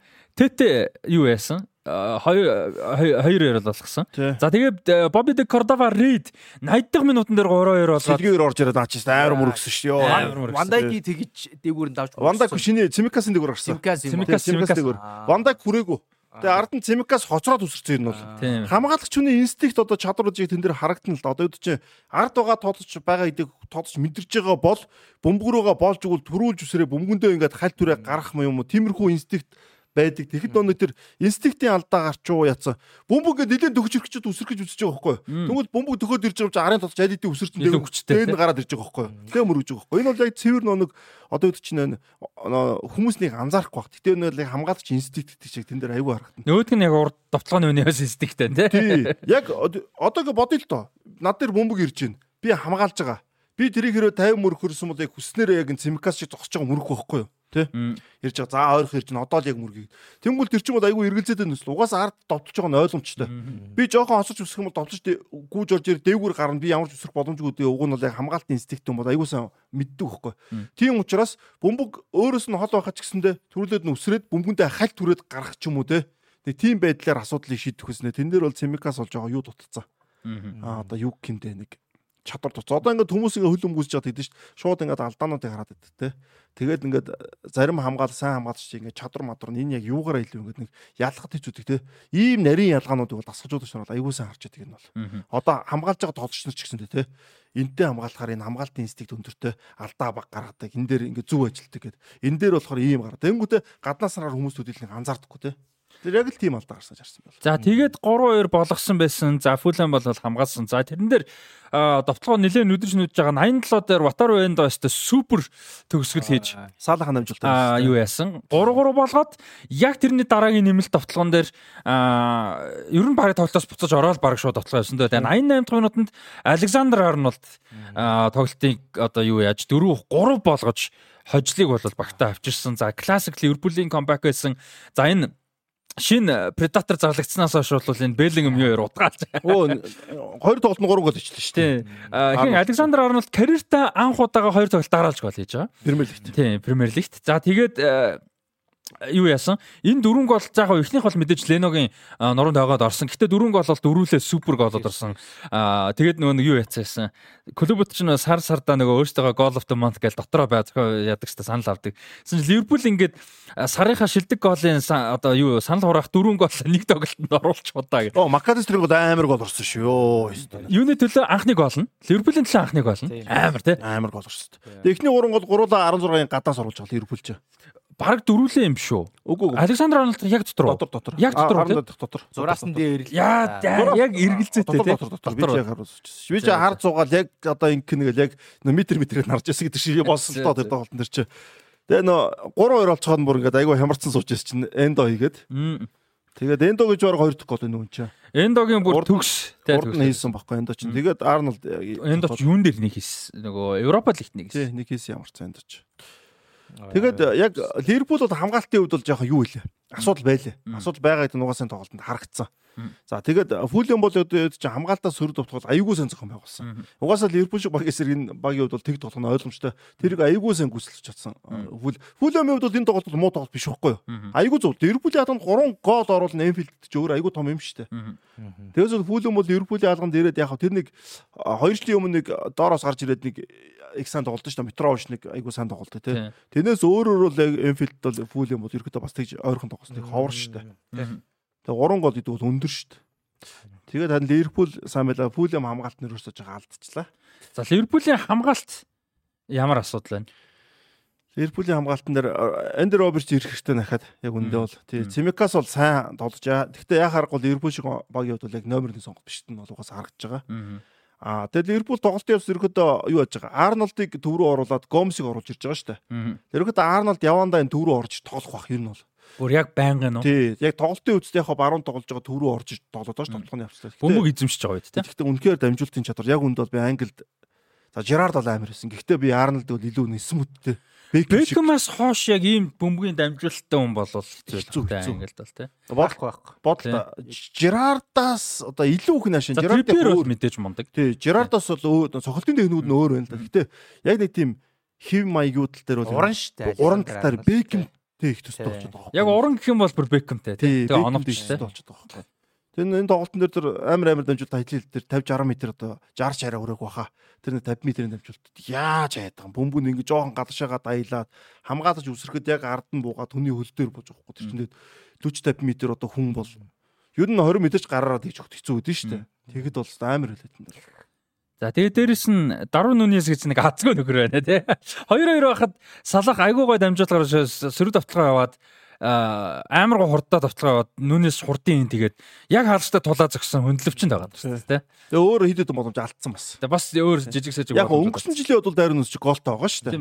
Тэгээ яг энэ тоглолтноор бол ер нь жоохон юу атсан. Азгууд цаахад юм шиг. Одоо Биелсагийн дор тоглож байгаа их сайжирж байгаа дааг нь. Одоо сайжирнаа. Тэгээ тэр Горделотой нэг модсон шүү дээ. CD дээр. Тэгсэн чинь нэг мемэ гарсан шиг. Гордело чи эзэс гол хийхгүй гэж. Чи үсээ ямар шампанаар гот ингэ. Гордело нэг яатсан нэг тийм юу байсан шүү дээ. Тэгээд модалцсан гэдэг. Яг яг тоглох юм бол өөр юм ярьсан баг л тэр. Яг Гордело бол яг малтсан бах нөхрийг бол чи гол хийхгүй мэйгүй тэр бол үнэн байж бод. А чи үсээ ямар шампан руу гадаг гэж тэр бол бодлоо. Яаж ч нөгөөд нь их гоё уртстай болгоо тоглоом болгоо тий. За тэгээд Ливерпул Ямар тач 3 оноогоо бол авлаа Фулэм хожигдсан. Фулэмийн хувьд бол 14-т явж байгаа. За энэ жил ингээд мэдээж Arsenal City өөрийг хэдүүлээ ярьжсэн. Ливерпул яг ингээд одоо улирлын 3-1 өнгөрсөн 3-ны 20 лугаар орж хахад 2 хононы ярд явж гин яг бодит яг өрсөлдөгч мөн авраг. Мөн байл бод юм чинь. Мөн биш. Яг бүтэн үйлрэл юм. Одоо ингээ харахаа бараг Арсеналаас илүү бодит биш магадгүй шүү яг үндэл Ливерпул. Клубын Ливерпул. Өчтөр ингээ тоглолтын солилцоо гарч байгаа байхгүй. Оо солилцоо хангалттай орж илш. Гакбо орж ирсэн. Божигноос шүү дээ. Одоо энэ чинь ахаа Жото байгаа. Сэлгэн дээр нь. Тэгэд ингээд харахаар энэ баг бол ерөөдөө бүрэлдэхүүний хувьд бол юм тун давгүй болчиход байна л да. За тэгвэл City те. За Манчестер City- гээд а дунд нь халдварч Борнмутын талбай дээр Астон Вилла очиж тоглоод юу яасан шүү нэрэ. 2-2-оор тэнцсэн. 2-2-оор тэнцсэн шүү. За тэгээ хожигдж байгаа 2-2 болгосон. Оли Ваткинс гол хийсэн. Оли Ваткинс тэнцүүлсэн. А Леон Бейли 2-1 болгосон. Оли Ваткинс одоо ингээ Кени дараагийн товчж болчлоо шүү энэ бол. Ер нь тэгсэн тэгсэн. Яг энэ форма хадгалж юм бол бүр үнэхээр мундаг байна. Английн шивгээс 2 товчлоо авч явах байх. За нэг үсрээл 3. Калвертын нь бол дайггүй байгаа шүү дээ. Эвертийн хэцүүлдэг гэхдээ дайггүй байгаа. Юу нь бол Ваткинс орно. Тэгээд Уилсон. Уилсон. Калам Уилсон. Тих хах. Тэр 3 1 2 гарвал та. Тэгээд хоёр явж яваад эсвэл одоо Rashford Mashford-ыг авч яваад Антони Гордмордныг авч яваад Rashford ч гол болоод. Тийм учраас хоёр гэж хараад байгаа байхгүй юу? Яг одоо pure хоёр нь уу? Яг хоёр үндсэн тоглолт шин Kane болон Watt гэсэн. Нэг ганц Kane явна гэж байхгүй шүү дээ. Тийм тийм тийм. Тэгээ Wilson бол одоо жинхэнэ хараа шүү дээ. За Wilson-ыг болоод Гордныг авчих гэдэг шийдвэр баг бараг л тийм баг шүү. Харин тий тэгээд жигүүр нь олон байранд гэдэг утгаар. Залуу. Тий. Ирээдүйдээ. Тийм бас магадлал ба тий. За Манчестер Сити талбай дээр Тоттенхэмыг хүлээж авч тоглосон Супер Сандейг бол үнэхээр Ливерпул, Фулхэм, Сити, Челси, Брайтон гээд олон тоглолтууд бол одоо Монголын цагаар бол одоо Ньюкасл, Манчестер Юнайтед ч гэсэн Монголын цагаар бүтэн санд орсон. Бүтэн сайн бол супер үргэлжилжсэн. Тэгээ сүүлчийн тоглолтыг бол үнэхээр супер дуусан тоглолт бол 3-3 ярцаатай тэнцсэн. За энэ тоглолт юу болов? Цэгд үзсэн үү? Би 50 минут цаа. Амар тоглолт болсон шүү. Амар тоглолт. Би эхний үеийн үтсэн. Эхний үеийн үнэхээр дийлэг унтсан. За 6 дахь минутын дээр Сонхимын маш гоё сорлого сөрөг давталгааг бол дуусгаад юу яасан? Нэгтийг болгосон. За тэрнээс ер нь бараг л дараагийнх нь шууд зөрүүлсэн товтлогоон дээр хөндлөн дамжуулт ирсэн нь яг Сонхимын дээр бол одоо дөрөв нийлдэг хамгаалтын бид хамгаалт тийм инстинкт нь дутсан. Тэгээд тэрэн дээр өөр хаалганд хийсэн. Одоо нэг хамгаалтын инстинктлэр тэгдэж шнэ. Төрөлхийн хамгаалтын инстинктгүй хүнийг хамгаалж болгоод нөгөөх нь өндөр түвшинд олоод идэг. Чадвар байгаад идэг. Гэхдээ инстинкт гэдэг юм байхгүй. Тэр чинь бол бас төрөлхийн юм шүү дээ, тий. Тим хүмүүс байдаг шүү. Яг надад тиймэрхүү юм санаад ирсэн соныг өөртөө ихэд цайг. Яг тэгсэн тэгсэн. За тэгээ Фоден 31 дээр 3 2-1 болгосон. Тэр амар гол орсон шүү. Амар амар. Тэр өстой амар гол орсон. За тэгээ Жони Лоселсо 2-2 болгож 69 секундэд нь өстой мангар гой голос орсон. Энэ дэр надаа айгу анзаарсан гой зүйл нөгөө Сонхимины гүйлтэйс л та ингэсэн Аканжи баруун дээр за Диаш хоёр ингээ гол байгаа шүү дээ хамаас. Тэнгүүд урд нь Родри байгаа. Родри Сонхиминийг бүр ингээ яг майн марк гэж байгаа байхгүй. Тэгсэн чинь Лосесо тэрийг нь харангуутаа хиний соныг байрлуулгүйгээд тэнгүүд сон нөгөө тал руу ингээд зүрж гүүнгүүт Родри ямар ч өөр сонголтгүйгээр соныг дагч байгаа байхгүй. Аканжи баруун үнэ авч үлдээд тэгээ тэр хоосон зайлуу нь Лосесо гарч ирээ. Тэгээд гой солооцох болов. Яг гой тийм. Тэрнээ соныг гүйлт болчихсон бүр тасгай. Одоо нэг супер довтлогч тоолч төрөд юугаар ялгар тэр бөмбөггүй гүйлт гэж ямар чухал байдгийг л одоо нь Энэ бөмбөг гүгэл байхгүй тэр бол орохгүй. Орохгүй. Тийм зохиог орон зай байхгүй. Урд Аканжи байж байгаа. Тэр чинь одоо ингэж байгаа шүү дээ тухайн тоглолт маш хурдан уншиж штэ. Энэ нөхцөл лосоосоо солгоо. Одоо нөө сагсан дээр мисмач гаргана гэдэг штэ тий. Одоо зөрүүлж байгаа. Зөрүүлж байгаа тий. Яг тийм зөрүүлж байгаа юмыг айгуу сайн Сон бол нөө чадвараас гадна дэр одоо энэ өндөр түвшинд тоглож байгаа бас энэ чадвар нь одоо энэ нөхгүй тий. Лосесо солгоо. Би Родриг аваад ийшээ явчих юм бол Лосесо ингэж яваад ингэх боломж цай гарна. Тэгээд хэдийн нөхөр бол тооцоолсон байгаа байхгүй. Тэгээд хайж гисэн Лосесогийн хөлн тааргаар байсан. Ер нь сонд хайжч болохоор бас ер нь бол нөхцөлтэй өгж байгаа байхгүй. Өөрийнх нь ч баруулна таа. Тэгээд Лосесоыг тэрийг мэдрээ солгоогоор яг гой цохоод ичдэн шүү дээ тий. За тэгээд 81 дээр Грилиш хийсэн. За тэгээ ер нь баг дуусахчудаа гэдэг Тотнам бол нүдэж нүдэж нүдж жагаад хөндлөн дамжуулт зүүнээс хэн өгсөн бол да зүүнээс ихэрч одоо хэн нэсэн байгаа. Зүүнээс хөндлөн дамжуулт өгсөн Кулушевски Кулушевски бүр Акег бүр дээрлэж орж ирж мөргөөд тэнцүүлсэн. За өстө төрөний нөгөө нэг Цимикасыг дээрлэхүүд нэгдэг шиг өстө Акег дээрлсэн. Акег ч агарын бөмбөнд ямар мундаг үлээ те. Цимикас арай жоохон өөр нөхцөл те. Тийм яг арай жоохон өөр л зөөнө хамгаалтын гэдэг бодлоо. Тийм Кулушевски өстө гоё мөргөж. Хин өгсөн тэрэн дээр чинь Зүүнээс л өгсөн юм. Бренэн Джонс өгсөн. А Бренэн Джонс тий, Бренэн Джонс тий. Нэг тэгээ дараа нь суулгацсан байсан. Тий, Бренэн Джонс тий, тий, тий. Бренэн Джонс сайн байсан. Бренэн Джонс гоё наймаа. Маш гоё нээлттэй тоглож ер нь. Ер нь бол тоглолт эхлэв. За тэр Соны голоос эхлэв яри тий. Соны гол дээр сон гарч ирсэн Жереми Доко нэгдүгээр нуруу дутсан. А хоёрдугаар тэн дээр Жереми Доко бас цэвэр хамгаалтын стик дутцсан. Сүүлийн өөрөө хоёр тоглолт чинь нэг байж тэрэн дээр тийм 50 байж болохгүй юм дээр энэ Жереми Доко айгүй 50 байсан шүү дээ. Пауз авцсан. Тэгээ пауз авч байгаа байхгүй. Тэнгүүд тэр чинь хичнээн хурдан ч гэсэн пауз авч байгаа юм чи хурдтай юм бол хажуугаар нь гүүгээ гарахад асуудал байхгүй. Тэгээ сон ч өөрөө хурдан шүү дээ. Тийм үгүй тий. Тэгээ хүмүүс болохоор тахгүй ч хурдан биз гэдэг юм. Тэр чинь хурдандаа биш байгаа тоххой. Тэр чинь пауз авч байгаа нэг нь пауз гүйж байгаа хоёрыг ялгаа нь гарч байгаа байхгүй юу. Дээрээс нь хоёр урдан чинь нэг нь пауз авч байгаа шууд ялгаа нь гарч байгаа шүү дээ. Шууд ялгаа нь гарна шүү дээ. Дээрээс нь Жереми Докко яг чигэрэг гүйлт одоо чиний түрүүний хэлдэг пейс байхгүй тий. Яг чигэрэг гүйлтэн дээр соноос бол удаан шүү дээ. Ерөөдөө юу сайтай байхгүй. Тесрэлцсэн байхгүй. Яг нэг богны тесрэлтүүд бол Жереми Докко аягуулсаа. Одоо зарим тоглогчид дэгдэн дээ. Чигэрэг гүйлтээр удаан байдаг. Яг бөмбөгтэйгээ одоо нэг ингээд юу гүйлээрээ. Яг хүний эсрэг мэсэд болохоор айгүй хурдан тесрэлт. Одоо бүдүр Роналдог санаж нөө. 94 кг жинтэй байхдаа хүний хажуугаар тесрэлт нь амар байсан шүү дээ. Удаан хол гүйчихдэхгүй. Тэгээд айгүй өндөр түвшинд бас тоглоод яваад байгаа. Тэгэхээр Жереми Доккол ерөөхдөө яг Роналдотой харьцуулж байгаа юм бол биш. Гэхдээ нөө яг тэр пейс буюу тэр холын зан гүйлтнэр бол яг сонтой яг уралдахад бол гүйцгэргүй тоглогч шүү дээ. Нөө богино зан айгүй сайтай. Тэгээд нөө нурууны өндөр айгүй чухал байдаг. Том алхаж өгдөг. Тийм холын зан дээр тий. Тэгээ сон бол тэн дээр яг мөргөж гарч ирээ яг л сонгодог соныг бол орсон харамсалтай баг тэр довтлогоо одоо би 0 орчод ирсэн чинь 1-1 болцоо гайхаад тэгээ давталтын үтсэн чинь нөхөр өөртөө чөлөө цогтоос хийцэн. Яг ажилласнаар. Тэр ихтэй айгүй хортой заваан дамжуулалт лээсэн. Эйгүү эйгүү. Тэрийг хамгаалагч юу хамгаалагч гүнж хэцүү байдаг шүү дээ тэрийг хамгаалах те. Яг яг тэр нөхцөл солгоо хамгаалагч арай жоохон гайгүй те. Эргэлтэн таарад нэг эсрэг Яг тийм дамжуулалт чинь хамгаалагчдын чадвар техник энэ бүх юмыг юу харуулт. Тэгээ энэ хүн яг ямар хамгаалагч вэ? Сон байтугай хамгаалагчдад хэцүү байхгүй те. За тэгээ фотник бол Фөвд а тэр бол Алварес ихгүй юу? Алварес Жереми Доку бол одоо яг үндэ бол бас гэрэлэн шиг ажил болгож чадчихжээ штэ. Алварес яг тэр суул зориу айгуу гоё. Алварес ягаад энэ Ситигийн гараанд ингэ тогтмол гараад байна те. Ягаад Аргентин дээрс Италиар яасан гэдэг нь ойлгомжтой харагдж илээ штэ ерөөсө. Тэр юу тоглолт уншиж чадвар айгуу гоё лээ.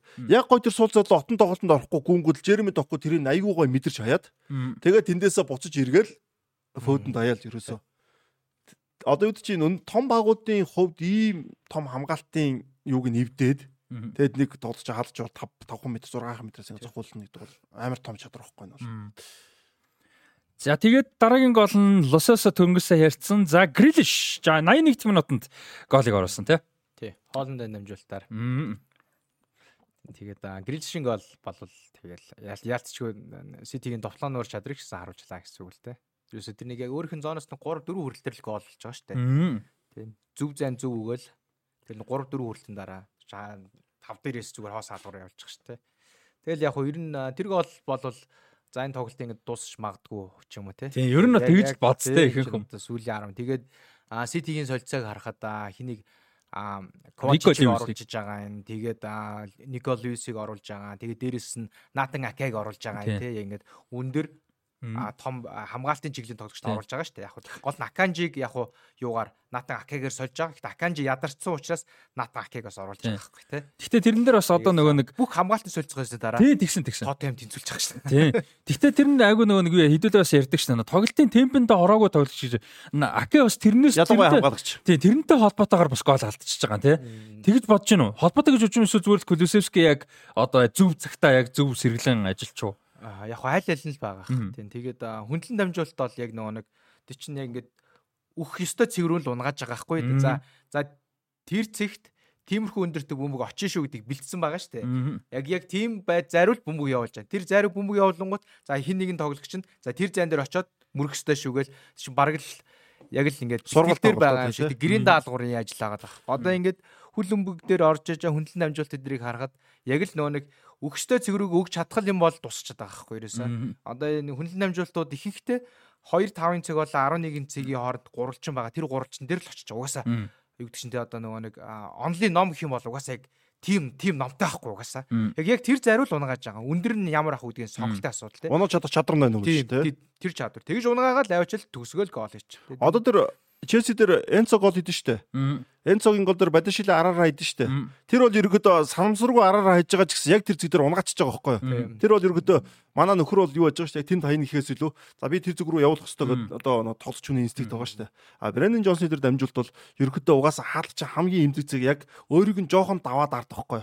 Яг тэр тавын зэг байхгүй юу? Тэгмэл яг хаалгач урдаас мөрхө хаалгач төрүүлээд хатгах ч юм уу яг нь тоглож орж иж мөрөхөд ингээд хилж мэлж болдог бол арын зэг дээр хаалт хүчээ алдсан байдаг байхгүй. Ирчээ алдсан. Тэгээ ард нь. Тий, ард нь байгаа. Хаалт ч ингээд үсрэхэд ивгүй яах дивгүй байгаа. Тэгээ заримдаа ингээд хоошоо хоошоо алах нь идэвэл ердөө хүн хаалт ирчээ алдах буюу нэг сунж үсрэх боломж нь багасчих жоохгүй. Яг тэр нь байгаа учраас нөхөр бол ард нь очив. Тэгээд энийг угаасаа тоглож байгаа. Угаасаа мэдж байгаа учраас хайж байгаа байхгүй. Бренэн Джонс дамжуулт бол амар очив. Тэгээд яг ингээд хамгаалтын ингээд дөрвөн байрлаа шүү дээ. Тэнгүүт яг юу гэж ихний төвийн хамгаалагчийг бөмбөг эсвэл давах юм наам очих хэрэгтэй гэж байгаа. Эхний төвийн хамгаалагч нь толгой дээр хөвчлөхгүй. Эхний төвийн хамгаалагчийг давуулаа давуулж унгаангууд хойдолтон зогсож байгаа хамгаалагч нь тэр хоёр хамгаалагч хоордох зайн дээр бөмбөг очиж очих хэрэгтэй. Яг тэр зайнд орж ирэх хэрэгтэй тийм. Тэр зариул зүгээр унгааж байгаа. А тэрэн дээр нь хүн тоглогч хүрх хэсэг нь бол тэр довтлооны үний асуудал дуусгаж байгаа үний асуудал ах.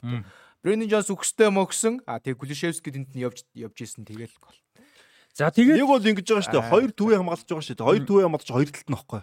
Хоёр төвийн хамгаалагч бол хоёр зүгүүрийн хамгаалагч чинь дунд гэдэг чинь өөрөө хамгийн гайгүй. Хоёр төвийн дунд бол аюултай. Гэхдээ энэ бол хайдаг те. Хоёр одоо нөгөө хин дээр байхгүй нэ. Вандакийг давуулаад Цимикас руу хаюулж байгаа тэрдээ л адилхан байхгүй нэ. Тэр өөр айгүй том давуу. Тэр чинь яг нөгөө 2 5-ын 2 үзүр болчиход байхгүй. За тэгээд бас тоглолт дуусаагүй. Аа Сити мэдээж нүдэд ихэлсэн. Тотнам бол хамгаалж оноогоо авах. Сүүлийн довтлого нь яагаад тусацсан. Харин тэрийг л ярих гэдэг да. Тэрийг л ярих гэдэг да. За ер дээр гэж бодсон. За ер дээр нэмэх дөрөв дээр за дөрөв ер нь тоглолт дуустал бол Сити нүдсэн. За тэгээд юу яагаад Тотнам нэг довтлогоо ягаад тэнцэнээс сөрөг довтлого тэтгэдэгтэй довтлог яг л нэг Бостокоглог хөлбөг байгаа юм л та тий. Тэгээд довтлож байгаа сөрөг довтлогоо явсан. А голд нь хааландыг унгаасан ууг нь гэхдээ шүүгч бол ашигтай заасан хааланд өөрөө босоод ирсэн. Унангуудаа тэнцээс босч тийм босч зүтгээд цаашаага явсан. За явсан дээр нь бол Саймон Хупер шүүгч ашигтай тоглолт заасан. За тэгээ хааланд явж байгаа Грилиш руу гаргаж гисэн. Грилиш руу хоёр хамгаалагчийг давуулж гаргаад Грилиш ямар ч одон тоглолтгүй суус болгосон. Яг яг хаалчтай нүүр бол тулаагүй. 16-аас жоохон зайлтай. Тэр чинь улаан цам гарч. Гэхдээ хоосон. Тийм. Гэхдээ тийм. Гэхдээ хоосон гарсан. Тэгээ Грилиш гараал явсан явсан чинь шүгэл дуграад тэгээ би юу болчих отон бол яагач байгааргүй чи бүр улаан цай энгийн үдэж байгаа ойлгомжтой. Тэгээ яасан чинь тэнцэн нөгөө ихний хааланд дээр заасан алдаага шүгэлт үлээсэн. Тэгээд тэнцэн өстө хааланд маалан чи боож өгөхгүй зү амар. Наач яг л Ньюкасл шиг болсон юм бол. За энэ яагаад ийм шийдвэр гаргах ч юу болов вэ? Шүүх паникцсан бохч. Би бол паникцсан гэж харсан энэ бол шүүгчиг бол. Яг л энэ тоглолт өөрөө айгүй өндөр темптэй тоглолт болсон. Үнэхээр гой тоглолт болсон. Гэтэ өөрөө ашигтай гэж заачаад яагаад одоо юу нэ харин тийм. Тэгээд тэр бол мэрэгжлийн бос одоо хандлал болчихж байгаа байхгүй. Энэ бол шүүгч паникнд л орж байгаа байхгүй. Тэр отон байсан ч хамаагүй. Яг л отон тоглолтыг юу өргөсөн ч гэсэн явуулсан. Дуусаад тий дуусган. Тэр бол угаасаа отонтой хамаагүй отон байсан ч гэсэн дараа нь шийдэх гэсэн. Тэр бол шүүгч ингээд заат өөрөө. Өөрөө заагаад хаалан дамжуулт яхад үлээж ийн гэдэг бол шүүгчуд паниктсан байна. Грилиш шиг бүр хүснээ дараа ахгүй. Тий харин тий бүр хаалан таяад грилиш ингээд бөмбөг аваад явж яхад тусаж байгаа шүү. Хаалан дууралж байгаа зөв зөв тэр бол. Яг хүн шүү дээ. Би бол тэгж л харсан. Одоо хүн шүүж байгаа паник. Гэтэ одоо яг мэдээж хүн шүүж байгаа, хүн шүүж байгаа гэж ярьж байгаа боловч яг ингээд том ач холбогдол өндөртэй хэдэн зуун сая доллар яригдж байгаа юм дээр одоо энэ бол зөндөө гараад байгаа байхгүй. Шүүгчийн ингээд яг human асуудлууд хэдүүлээ нэ Tottenham Liverpool дээр ярьсан тий. Айгүй их гараад байгаа болохоор л одоо энийг шийдэх хэрэгтэй байна л гэдэг байгаа шүү дээ. Энэ бол бас л том асуудал. Одоо энэ дэр тэр Грилиш чинь гарч ирээд хийх үгүйг нь Грилишийн асуудал. Гэхдээ тэр чинь тэгээ ямар том боломж вэ? Хэдэн XG-тэй боломж вэ? Тэр чинь амар том боломж. Тий, яг зохиогөл дээ гэхдээ тий. Тэр унгахад тэгээ дулаан уцаад нэг дулж хөвж байгаа шүү дээ. Тий, наад хамгийн наацхан шүү дээ. Тэр жилээ хамгийн наацхан байхгүй. Тэгэхээр тэр бол угаасаа Ситигийнх үнэхээр том бухимдахаас аргагүй байсан. За ингээ энэ тэр А талбай дээр тэнцснээр бол хоёр дахь тоглолтод дараалан оноо алдсан энэ үлэр данхуудаага талбай дээр хоёр дараалж оноо алдж байгаа. Өмнө нь мэдээж Ливерпулийн нэгээр тэнцсэн. За тэгээд дээрэс нь тоглолт дуусны дараа яг энэ асуудлын талаар хинээс Гвардиолагаас асуудал сэтгүүлчд асуухад бол мань хүн. За би бол артетэй шиг юм ярихгүй дараагийн асуултаа яриа л гэсэн бэл. Өгөө асуул гэсэн бэл. Одоо яг тийш үү. Дасаж юу ярих юм бэ? Гомдлоод ямар ч нэмэргүй болчихж байгаа гэж байгаасаа. Тэгээ яг нөө human асуудал гэж байгаа шүү дээ. Тийм бидэж байгаа. Тий. Тэгтээ одоо юу ч энэ чинь шийдэх хэцүү байхгүй юу? Одоо ингээл бид нар яриад ч юм уу ингээд шийд чинь эдгэр муу нэг шийдэх хэцүү асуудал واخгүй юм чи өөрөө. Айгүй хүнд асуудал. Айгүй өндөр төвшөнд явж байгаа. Шүүгч бас тэрд ингээд тоглолт гой болоод юу ахцсан шүүгч бас өөрөө ингээд янз янзын асуудал гарна те. Яг мэрэгжлийн байна гэдэг те бодолтой. Премьер лиг өөрөө асар хэм болсон заяа. Тэр болж байгаа 10 тоглолт нь 10-аар асар хүнд болсон. Одоо үд чинь тийм сул баг маг заа 7 тоглолт болж ирэхэд алаан болж байгаа заяа. Тэгээд тэр 7 тоглолт болгон дээр ингээд яг бүгдэнд нь ингээд хангалттай шүүх тийм өндөр зэрэглэн шүүхж гарах юм арахгүй. Айгүй хүнд асуудал واخгүй. Одоо юу чи ингээд гараал юм гараал юм гэвдэр хэлж та одоо яах юм бэ? Яач ч чадахгүй шүү дээ. Яг тэгтээ мэдээж арга хэмжээ байна шүү дээ. Тэдэрд арга хэмжээ байна. Чадхаараа би бол нөхдүүд бол хамгийн дээд зэрэглэлээр л үзэж байгаа. Хаврал байв уу? Тэгээ ховард би одоо хин бэ тийм дасан маар те одоо тэр нь одоо өдөрж байгаа хүмүүс нь те хамгийн байж чадхаараа л үдчихэж байгаа ихтэй human асуудал гараад шүү дээ. Тэгэхээр одоо одоо одоо энэс сайжрах боломжгүй гэж үзлээ. Үгүй яг сайжрах боломжууд байгаа шүү дээ. Гэтэ одоо лигээ бас бодох хэрэгтэй л да. Одоо үүд чи ингээд босоод лигүүдээр харахаар сул тоглолтууд бас байгаад байгаа байхгүй юу? Одоо ягаад дэлхийн ордоор эмэгтэй хүн шүүгээд самарсан шүү дээ. Дэлхийн ордын тоглолтыг бол эмэгтэй хүнд гүцэхгүй байгаа байхгүй тий. Тэг чи харааны хурд чадвар гэдэг аюул бол юм. Тэнгүүд Премьер лиг чи өөрөө лигийнхэн төвшин асар өндөр тамирчдын цайлны бизнес нэмж идэг. Дагаа тэр одоо логистик менежмент буюу тэр одоо нэг тэднийг шүүх хэвээр шүүгчтэнд дагаж тийг сайжирч чадж гэнэ үү тий хурдан сайжруулах системийн асуудал байгаа байхгүй сайжруулах юм маш их байна. Энд систем байна. Систем хань дээр мөнгийг дагаж хурдан сайжирч чадж гэнэ гэдэг асуудал байгаа байхгүй. Баг бол яг тактик юуны хувьд бол ингээд юугаа барж байгаа ч лиг нь тэр систем дээр яг мөнгөө гүцэж чадж гэнэ гэдэг асуудал бас би хөндөгч гэнэ гэж боддог байхгүй. Одоо шүүгч чинь эдгээр чи бүр амар баг цалинтай шүү дээ. Тэгээд э, нөгөө халтур малтур хажуугаар нь айгүй их хийдэг. Тэгээд Сауди Арабаар наач юм бол өстой хөнд хөндөх өстой шүү дээ. Яг дээр дээр ярьсан шүү дээ тий. Тоттенхам Ливерпулийн тоглолтын дээр яг ярьсан. Тэгэхээр тэр чинь болохгүй байхгүй. Тэгэхээр яг ингээ бүх э, би бол тантай санал нийлэхгүй байхгүй. Яг тийм болохоор яг бүгд хамгийн сайн хувилбараа хийхгүй байгаа санагдаж байгаа байхгүй яг ингээд тэр систем ч амар асуудалтай болоод тэр хүмүүс чинь одоо тий ингээд гүцэтгэл нь мунаад байгаа санагдаж байна. Наа чин систем дээр би бол ингэж бодож байна. Одоо юу чинь зарим шүүгчнэр бол 7 болгон шүүхгүй шүү дээ. Аа баг бүгдээрээ 7 хоног болгоо. 7 хоног тий зарим шүүж байгаа тий одоо шүүж байгаа. Тэгээ дээрэс нь аврууд дэлгэж шүүж байгаа тэтэрч байгаа. Зарим нь тий. Тий зарим нь аврууд дэлгэж шүүр. Аврууд дэлгэж рүү явчихаар бас 7 хоног болгон шүүх гэдэг асуудал бас гарна. Одоо юу чинь 2 оноо ч юм уу 3 оноо шүүнэд ч юм. Тийм баг. Тэр бол тийм баг. Мэдээж тийм баг. Тэгэхээр юу чинь одоо цалингийн өсгөөд гэтээ Премьер лигийн шүүгчдийн цалин хамгийн өндөртэй хамгийн бага нь хамгийн бага нь үү? Европын топ улсуудын лигт хамгийн бага нь. Тэр сонирн байгаа шүү дээ. Одоо яг хамгийн баян нь Премьер Лиг. Яг шүүгчдийн холбоонд Премьер Лигтэйгээ байгуулгаа тусдаа л та. Гэтэл тэр чинь авцалтай бол байх шүү дээ. Тэгэхэд хамгийн бага нь чинь амар сонирн байгаа шүү дээ. Тийм хамгийн бага нь байсан билүү нэ. Тийм хамгийн бага тийм. Европын топ 5 лигт л хамгийн бага. Испани хамгийн өндөр нэдэг. Тэгээ Испани ч шүүгч асуудал ирнэ. Одоо наад чи бас харъя. Наад чи лигтэй хамаагүй болчиход байна тэгэхээр тий холбоотой хамаатай бол одоо нэг шүүгч эхлэх. Аа PGM бол OL чинь тусдаа тус би даасан л бас байгуулга л да. Гэхдээ Premier League EFL-ийг одоо нөө юу шиг юм бэ штэ нөө гимтэл шиг те гимтэлтэй нөө мөнгө өгөхгүй байж байгаа Derrick Rose-ийг алдаа тэрнээс хойш нөө спортын гимтэл асар их мөнгө зарцуулсан гэж тэгж байгаа шүү дээ тий. Тэрнтэй адилхан одоо ийм асуудлууд гарч чинь одоо наа чи өссөн үсээгөө шүүгч нартай хангалттай мөнгө зарцуулах юу орох юм биш үү? Одоо тихгүй бол тэгээд яг Одоо тихгүй бол угаасаа энэ асуудал байгаад автагдана ойлгомжтой болчихлоо шүү. Тэгээд мөнгө өгөөд хурдан бас шууд сайжирчихгүй. Одоо зөв за гадных өөр л бахал та Монголынхтай. Монгол дээр харахаар бас агил цөөхөн шүүж өгдөө шүү дээ. Яг нэг хүмүүс чинь мөнгө нь болохгүй байгаа үед тэгэл өөр олон ажил хийн халтуур гэсэн юм нь багсаж байгаа байхгүй тий. Өөдөө аргагүй шүү дээ. Энтоны дэлрийг Арабасны тоглож үе цалин Премьер лиг тайлбар хэн л үгүй хүү тийм шүү дээ. Хосяал их шүү дээ. Премьер лигийн хоёр тоглолтын мөнгийг нэг нэг тоглолтоор хоёр цаг явчаад иргээд ихэд тэгэл дуртай шүү дээ. Хүссэн бодолтой боо тий. Тэгээ бүгдийг гаргаад өгч. Бүгдийг гаргаад өгч. Тэдний өдөр чи мөнгө тусалж биш тий. Тэгээд Эмират юм уу Катарын өссөн онгоцоороо хамгийн өндөр зэрэглэлийн бизнес эднес чинь Тэгтэл тэр чинь бас ядралт болчихж байгаа байхгүй анхаарал бэлдэх хугацаа гээл тэ. Наад ч юм бол үнэхээр том алдаа юу шүгч алдаа. Одоо нөө хүний л алдаа юм да юм бол. За Премьер хувьд нэг иймэрхүү байна. Тэгээ Арсенал 33 оноотой, Ливерпул 31, Манчестер Сити 30, Астон Вилла оноо алдсан 29. Хэрвээ Астон Вилла Борнмотыг хожиж чадсан бол 31 оноотой 3-т орж байгаа Манчестер Ситиг энэ дээр гарч болох байсан. За тэгээ Тоттенхэм 27, Ньюкасл 26, Манчестер Юнайтед 24 гих мэт явж байна. Яг ийм шүүлттэй асуудал юу цэнгэл харж ирсэн үү? Ашигтай байрал дээр болон таалагч хийсэр нэг тохиол. Энийх бол одоо чинь би бол одоо эргэлзээтэй юм дээр бол хүмүүс янз бүр шийдэж байна. Энэ бол эргэлзээтэй биш л дээ. Эргэлзээтэй дахин хүмүүс байгаа. Яа паникны асуудал واخгүй юм ерөөсөө. Ерөөсөө паник. Тэгээ энэ бол ерөөсөө гардаггүй л л та. Яг довтлогоо явж байгаа зогсоосон тохиолдол бас мэрсэр байсан л та. Гэтэ яг Монголд бол байдий.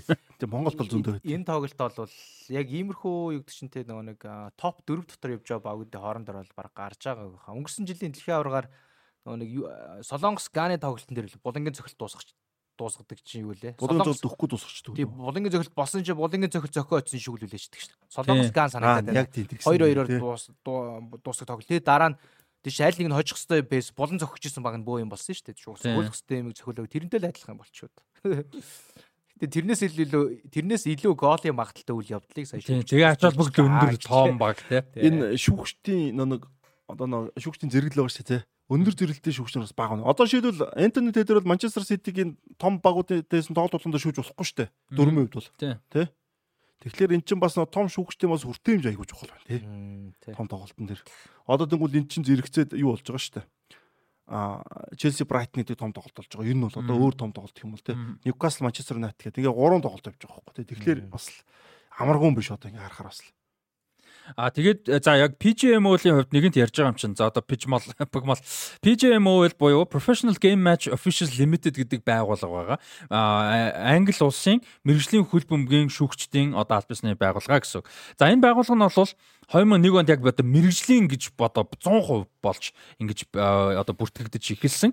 За тэгээ энэ дээр бол одоо хөлбөмбөгийн холбооны Премьер Лигийн болон EFL-ийн бүх тэмцээнүүдийн албан ёсны шүүгчдийг бол гаргадаг. Бүх бүртгэлтэй шүүгч нь 100% одоо мэрэгжлийн. За ингээд дэлхийд анх удаага бүх шүүгч нь 100% мэрэгжлийн буюу одоо тэр яг үндсэн ажил нь шүүгч хийдэг улс бол болж энэ бүрэлдэхүүн бол болж исэн юм байна.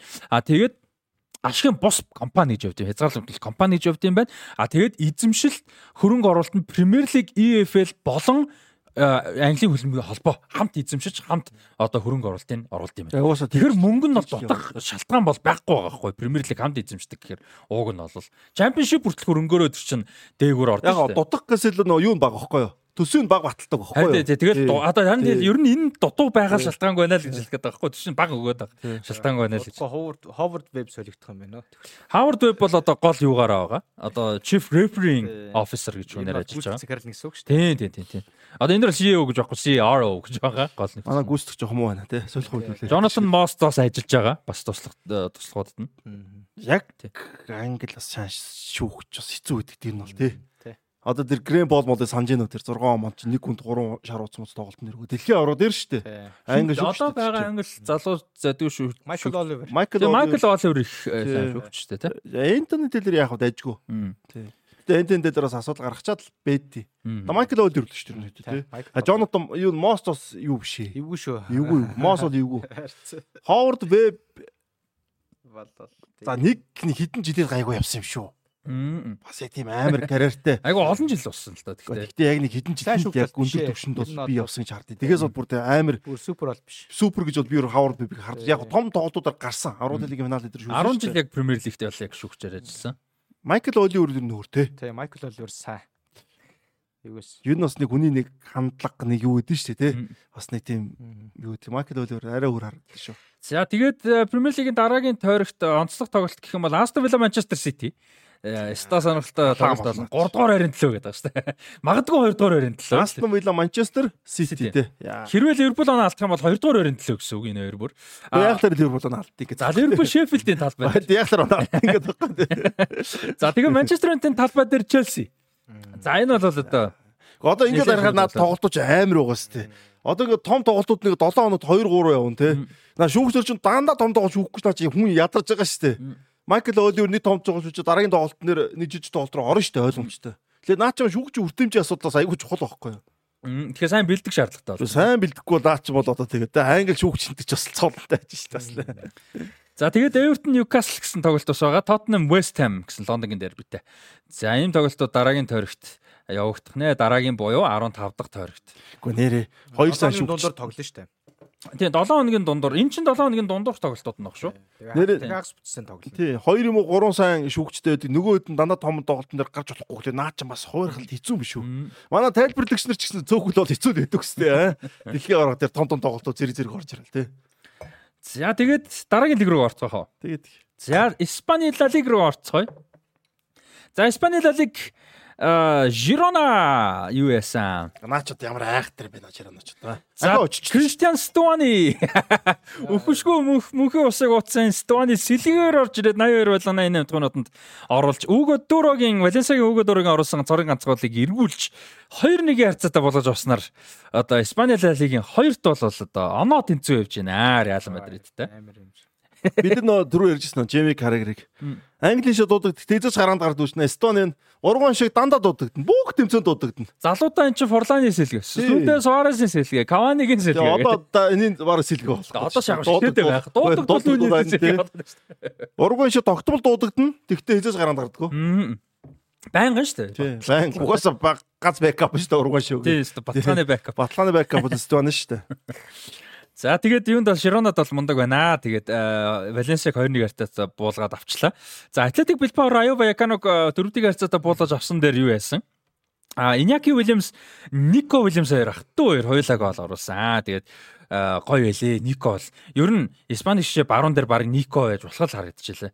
Ер нь дуудагдаад тоглоод байгаа. Хурдан жиг үргэсэн үг юм. Одоо энэ бол Испаноосыг зүг байхгүй. Дандаа нэг тийм лаглаг жиг үр тий техник жиг үрхээс илүү нэг одоо тоглолтын хэмааг нь болохгүй байгаа чинь нэг хурдан жиг үртэй үзэхэд бол болж байна те. Яг Нико гараанд биш юм а гэхэд сэлгээс орж ирээд хурд хүч нэмэх байхгүй юу те. Ирч үстэй. Ер нь хоосон хурд. Ер нь бол Испани шогийн баруун зүгт дандаа хурд хүчлээс Хоккин санчсан байна тий. Тэг Хоккин бол юм. Тий, Хесус Навас гэл Педро Медрого дандаа л ер нь хурднууд байсан шүү дээ. Сүүлд яах нь нэг Испанчин тактик гэвд амар болоод ерөөсөө амар өөрчлөгдсөн тий. Сило Мило ч жигүүр болсон шүү дээ. Инеста нөгөө талд нь гараа тий. Гэхдээ одоо нөхөлөмбө хим маягаас өөрчлөгдсөн тий.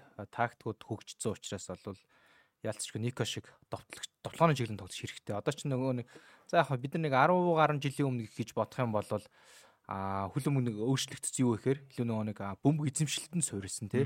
Possession based гэдэг байгаа штэ. Тэгээд ийм хүлэм хим маяг үзүүлжсэн хоёр багтлахаа ургалсан 10 онд Испани 14 онд Герман тий? А тэгээд тэрнээс хойш болвол хүлэмбэг бол их бөмбөг эзэмшихээс илүүтэйгээр бөмбөг эзэмшиж байгаа хугацаанд чанартай а хурдтан шилжилт. буюу хурдан транзишнер болвол аюул тарих те а мөн эсвэл юу гэдэг чинь Юрген Клоппын баримталтайг те геген прессинг буюу өндөр эрчтэй их прессингээр а голын боломжуудыг бий болгох те ийм гих мэтчлээ олон янзаар хувьсцсан учраас Спан 10 жилийн өмнө 10 жилийн өмнө тоглож исэн шиг тоглох юм бол одоо ямар ч аг очихгүй болцтой. Тэгэхээр бол яалтчгүй Нике Вильямс шиг ч юм уу тоглооны өөр хэлбэрийн тоглогчтой бол заашгүй хэрэгтэй. Чи одоо асар өндөр хөгжчихэд шүү дээ. Ямар аг эсрэг яаж тоглох гэдэг бүгд нь Испан шиг 1000 дамжуулт хийгээд яах юм. 18 онд ч үл Оростой ч гэхдээ 1000 дамжуулт хийсэн шүү дээ. Билгийн аргын түүхэнд хамгийн олон дамжуулт. 1000 дамжуулт хийсэн ер нь хаалга руу хаалга онсон цохилт хийсэн мүү бараг. Тэгээд тоглолтыг дуусгачихсан шүү дээ. Тэгэхээр ямар ч хэрэггүй болцоод тийм. А тэгэхээр хувьсан өөрчлөгдөж байгаа учраас яг тэрийг нь хамгаалаа сурцсан байхгүй ордон чаддгүй шүү дээ зэсвэргүйс чи нөө мартинелигийн чигээ ярихгүй одоо юу шилжилтэн дээр дөрөв ярьжсэн яг одоо нэг довтлон тоглогч гэсэн өөр өөр байх шаардлагатай болж байна тий одоо Арсенал дээр бол нэг тийм хурдан тесрдэг довтлооны тоглож хэрэгтэй байгаа. Яг адилхан хоёр хоёр тесрдэг довтлооны тоглож байгаа бол хитрхи эрсдэлтэй. Хоёр жигүүрээр явсараа зүгэрч хойно алдаад байх юм бол аюултай болчин. Тэгэхээр нэг жигүүр нарай жоохон бөмбөг эзэмшиж балансд явдаг нөгөө жигүүр нь хурдан цөөхөн хүрэлтээр айлын 16-аар хүрэх зорилготой байдаг. Тэгэхээр чинь яг Сака Мартинелло хоёрын хослол яг хоёр өөр динамик аваад байгаа. А тэгээд Сити ч гэсэн бас ер нь төстэй штэ. Одоо нөгөө тал нэг талд нь бол Жереми тохгүй шууд бөмбөг эзэмш аваад хураал тоглолчин. А Фодныг авах юм бол гол руугаа өг найруулаа явчих. Нөгөө Бернардо Силва ч юм уу тий. А Ливерпул дээр бол бас Садахан зүгөр бол угаасаа шууд тэр чигээрээ товтолж байгаа. А тэнгуут зүүн талаар нь магадгүй арай жоохон баланстай байгаа. Шууд хураад гүгээд тахгүй. Тэгээд яг глобал яг балансгүй устсан юм л да заримдаа тийм. Саад ямаа нэр гэл тэр өчнө тоглолтын хөрнөслөө. Тийм. Тэгэхээр бол нөгөө хувьсан өөрчлөгдөж байгаа учраас яалтч юу хэрэгтэй л дээ. Тийм. Одоо Тросар Сака хоёр болох юм бол тэр тоглолт чинь яг амархан бохгүй. Жох удаан болчих. Удаан болчих тийм. Яг л тэр чинь нэг заримдаа нэг хурдтай шилжилтэн шүү дээ. Хурдтай шилжилтэн дээр Мартинес шиг айгүй хэрэгтэй байгаа. Яг тэр шиг тийм. Спандер бол байж болж байна. Наа ч бол яг л баг гарах байх шүү тий. Тий. Нико Вильямсын гол 2 голыг харсан. 2 гол хийсэн санагдаад байна. Эсвэл 1 гол хийсэн байна. Нэг нь автогол болцсон байхгүй. Аа тий. Уг нь бол 2-ыг хийсэн. Тий. Ер нь бол одоо түрүүний Александр орлож байгаа байхгүй. Тэр юу ялангуяа тэр 2-т гол нэлөө айхтар гол хийлээ ёо. Цөөх хүрэлтэр аваал дараал дараал дараал зохиол гол. Уус хурдан амар. Никогийн хувьд айгүй гоё юм зүгээр дан хурдамшихгүй. Амар техниктэй, мэдрэмж сайтай. Тэгээ нөгөө бас нэг хэцүү юу байдаг шүү дээ одоо хурдан байж болно. Зогсгоо мэддэг байх тийм. Хурдан яваад зөв үедээ зогсож чаддаг. Англи хэл өгрөөчгөө. Тэр чинь айгүй хэцүү шүү дээ. Тэгэхэд Нико тийм байхгүй. Айгүй хурдан мөртлөө хамгаалж байгаа айгүй хэцүү. Хамгаалж байгаа чинь бөмбөгтөөний хамгаалангаа бүтэн хурд хийж дагавар харж байгаа. Түнгнүүд нь амар огцон зогсож чаддаг болгонгот бүр хэцүү болж байгаа. Тэр чинь тэр чинь угаасаа юуны чадвар шүү дээ. Нөө би физиологи айгүй чухал чадвар байхгүй юу? Ерөнхийдөө гүйлтэн дундаа маш хурдан зогсоод хариу үйлд үзүүлэнд чи угаасаа багийн хүн байдаггүй юм биш шүү дээ. Иняки Инякигаас ерөөсө хамгийн илүү юм Никогийн техник байхгүй. Яг гоо Иняки бол супер хурдан сайн финишер. Гэхдээ техниктэй бөмбөгтэй тоглолт хийж чинь Нико шүү тийм. Супер угаасаа л хурдан уулна. Гэхдээ тийм баа. Тэгээ Нико болохоор ерөөсө ахыгаа аваад ахаагаасаа баг техник илүү. Тэгэхээр ингээд ахаасаа илүү хөлбөр байхгүй. Яг бие хүчин тоглолт арай жоохон дутуу баг. Инякиг бодвол Инякигийн тэр бол амар л та бие хүчнээ тоглолт. Тэгээ Спан жигүүрүүд болохоор арай тийм учиртай тий. Англи жигүүрүүд чинь өөрөөс өнөөс зугтгаа өвчтэй байдаг шүү дээ. Ялангуяа хуучин нь. Тий. Ерөөсөө өнөөс зурчлаад болоо гэдэг бодлоо. Одоо англи Тэнэн Ward Downing. Тий, Walcott Molcott ерөөсөө яг тийм шүү дээ. Бөмбөг аваад ерөөсөө мэдрэл муутай юм шиг гүйч. Тэрнээс зугатаад тоглож. Тэгээ тулч чаа кросс хийдэг тий. Тэгээд тэр нь нөө тулаад хамгаалчаар муу байдаг ерөөсөө. Спанж гөрүүд болохоор яг хокки мокки бол арай өөр байсан л да. Сүүл рүү бол спанж гөрүүд бол илүү юу болж байна л да. Техникт болж эхэлж байна л да. Висенте, Висенте бас гоё зүүн жигөр. Висенте алга болцсон дотор тий. Яа нэг хэсэг гоё байсан биш. Аа тэгээд юу За Реал Мадридыг удахгүй ярина. Юу яасан? Ососоныгийн талбайд Реал Соседад очоод 1-1-ээр тэнцсэн. Түрүүн ярьсан Умар Садик гол оруулсан. Ер нь нэлээд формтой байгаа. Умар Садикийн хувьд бол за Соседад лигтээ бол 6 дугаар харинд явж байгаа. Ер нь энэ жилийн Ла Лигийн дөрвийн төлөө тэгээд 5 6 дугаар байрны төлөө өсөлтөө бол маш ширүүн ер нь маш сонирхолтой гоё явж байгаа. Тийм биш. Эхний дөрөвдөө бид нь баг ойлгомжтой болж байна. Эхний дөрөв жоохон хаалтцсан. Гэтэ бас нэг хэсгээ бодвол юу ячиж байгаа юм. Оноод гэж байгаа. Ягаад тэгэхээр Атлетико Мадрид юу ячиж байгаа байхгүй хожигдоод оноо алдчихж байгаа. Тэгээд Атлетико Билбао хожигдод энэ хоёрын хоорондын онооны зөрөө ерөөсө 3 онооны зөрүүтэй. Тийм. Нэг тоглолт тоо. Гэтэ нэг тоглолт тоо шүү Атлетико тийм. За тэгээд Атлетико Мадрид хожигдсон Барселона за тэрийг удахгүй ярина. Реал Мадрид Гранада. За Реал Мадрид Гранадаг хоёр тийг хацаад болгож авсан. Брахим Диас болон дахиад Родриго. За 11 сард болоод өстой нэр баг дэлхийн хамгийн тоглож сайн тоглогчдын нэг байла да Родриго бол. Өмнөхөр божигнуулсан. Баг тоглож шүү Гранадаг бол тий. Тийм ер нь их сүртэй юу яагаагүй нүдэггүй л хэлээ л тий. Тийм тэгээд Брахим Диас сайн тоглосон байлээ. Брахим Диас их сайн баг. Их сайн тоглосон. Сайн тоглол Испанишд яагаад гэж болохгүй гэж. Байж болно болон болно. Тэгээ гараанд гарахгүй л тий. Ойлгомжтой. Байж бол болно. Bryce Mendes хин Brahim Diaz, Isco гэсэн нэг хэд хэдэн тоглогчтой байна. Супер формтой байгаа. Шгшээд аль нэг нь л дуудаг, дуул дуудаг. Бараг Brahim Diaz зүгээртэй. Isco, Isco одоо юм. Ой амар гоо шүү дээ Isco ч. Амар байна уу? Лалигийн хамгийн сайн тоглогчтой нэг. Энэ үлдэрл Бүр үнэхээр супер. Авиасан ч угаасаа амар л да. Гэтэ одоо ахиж залуу байхгүй. Одоо дөнгөж 30 шүлээ 31-тэй шүү дээ. 92 оны ах. Тийм 31-тэй тийм. Бас гайгүй байхгүй. Яг арай зооцдохгүй. Гэтэ ер нь бол зүгээр дуутахад гайх юм бол байхгүй. Сайн байгаа арай л амжихгүй болгож байна. А тэгтээ оронд нь баг Алекс Байна Майнагаа дуудсан дээр л хальтаа арай залуу тоглож Виарал Алекс Байна. Сони Кроссент пас аим пас гэсэн байна. Тэр Брахим Диаз гол тэр. Яа, кросс юм даа л гэж бодох. Маш баг займ. Кроссинг кросс шээ. Янз янз. Амар пас гэсэн хэлээ. Супер тоглож тэ. За одоо тайлна гэсэн чинь өнгөрсөн жил ч одоо солиосоо тий. Гүү л хүүдээ хэдэн жил тэгж тоглож биднийг баясах байлгүй дээ гэдэг. За Реал Мадрид Винисиусгүй хингүү болдгийм байна. 9 номергүй болдгийм байна. Родриго сайн юм аа. Тэгээ мундаг байна Анжелоти. Одоо яг байгаа бүрэлдэхүүнөө тулгуурлаад систем өөрчлөөд энэ жил аягүй сайн тогтчихлоо. Тэр тал дээр үнэхээр тавьчихлаа. Ажиллаа тийм мундаг. Хэдүүлээ ярьж л шүү. Реал энэ жил хэцүүтэй гэл ер нь яриалсан яриалсан. Одоо тэгээ 15 тойргийн дараа 12 хожил 2 тэнцэлнийг хожигдолтой 38 оноотой яг Широнотой оноо тэнцүү нэгт явж байна. Тэгээ одоо Беллингем нь битүү гол хийж байна. Аврал элект гол хийсэн, Инчеж гол хийсэн. Аш Инче хийгээгүй. Гэхдээ мундаг байгаа. Тэнгүүтээ Беллингем хийгээд ингээ Родригон хийчихэж байна. За Брахим сайн байна. Винисиус мэдээж тоглож байгаа. Реал дээр яагаадсан шалтгаан тэр шүү дээ ямар байдлаар тоглох нь тодорхойгүй үзүүрийн товцч гээд ахаа зөвхөн байхгүй diamond лсэн л та тийм тэгээ diamond бид нар яг болчихнож бас бодоогүй шүү дээ өгнө хөлрлийн ихэнд яг санал зүгээр бодож ирсэн те diamond зүгээр юм шүү гэж яг хөлрлийн diamond болцсон гэдгийг ярьсан л та тэгээ нэг pre-season-аар уусаа шууд diamond тоглоо эхэлсэн шүү дээ Аа тэгсэн тэгсэн. Яг pre-season-аар шууд эхэлсэн байхгүй. Тэгээд тэрүүгээр яг сайн тоглож чадахгүй. Бид нэр зөндөө юм ярьсан да тэрүүгээр л тий. Яг энүүгээр ингэж удаан. Яг бол diamond-оор бүтүүл төр тоглосон төлөв хэцүү байхгүй энэ бол. Амаргүй байхгүй. Тэгээ гол нь Беллингем байгаа бол болж болно те. Тэгвэл одоо Чомины гимтэлсэн. Чомины гимтэлтэй байгаа. Камавинга гэдэг. Милитао гимтэлтэй, Кепа ирсэн Кепан гимтэлтэй байгаа. Одоо Лүнийн хааж байгаа. Лүнийн хааж байгаа тийм. Лүн ч Украин шиг гараад гарахгүй л шүү дээ. Тийм шүү, тийм шүү. Гэхдээ тоглохгүй юм чи хэцүү л дээ. Тэр Реал Мадрид л байгаа. Яг одоо тоглож байна. Гэтэ үгүй зүгээр. Реал чинь хин Трубин байгаа тийм. Тийм тийм. Өчтөр шилбэл Реал Реал ямар хөлбөр тоглосон юм? Гараа нь ямар? Адилхан адилхан. Diamond 4-1-2-1-2 тий. Тийм, ер нь бол адилхан Diamond. Тэгээд юун дээр гараа нь ямар хөө? Төвийн асуудал хамгаалагч нь яг. За, төвийн ас ойлгомжтой Brahim Diaz, Valverde, Cross, Bellingham. Тэгээ урдаа Хосело, Родриго. Хосело, Родриго. Тийм, ерөөсөө л яг л Diamond. Brahim Diaz-ыг зүүндээ гаргачихж байгаа юм шүү дээ, зүү. Аа, баруунда. Тэгээд тийм зүүндээ. Валверде юм уу? Э яг бүр яг бүр зүүн гэж бол нэг баг байхгүй. Брахим нь баруун Валверде гол кросс хамгийн ард нь Беллингем урд нь тэгэл Беллингем чи зүүн рүү орчин. Брахим Диас энэ өрчөж солигдчихж байгаа байхгүй. Ер нь бол. Брахим Диас ч ер нь солгоо баруун дэх тоглолт шүү дээ ер нь бол тий. Ер нь хоёр талаар л яг нэг тоглож байна. Яг нэг жигүүр биш биш тий. Брахим Диас сайн байгаа. Аа за тэгээд Реал Мадрид бол оноо нэгт ингээ явж байна. Севиа Виарреал 1-1-ээр тэнцсэн. Дахиад Моралес гол хийсэн юунаас Виералаас өнгөрсөн тойрогт Хосолус Моралес хетрик хийсэн. 36 хавлууд долоотой штэ Хосолус Моралес чинь. Левантед их сайн тоглож ирсэн.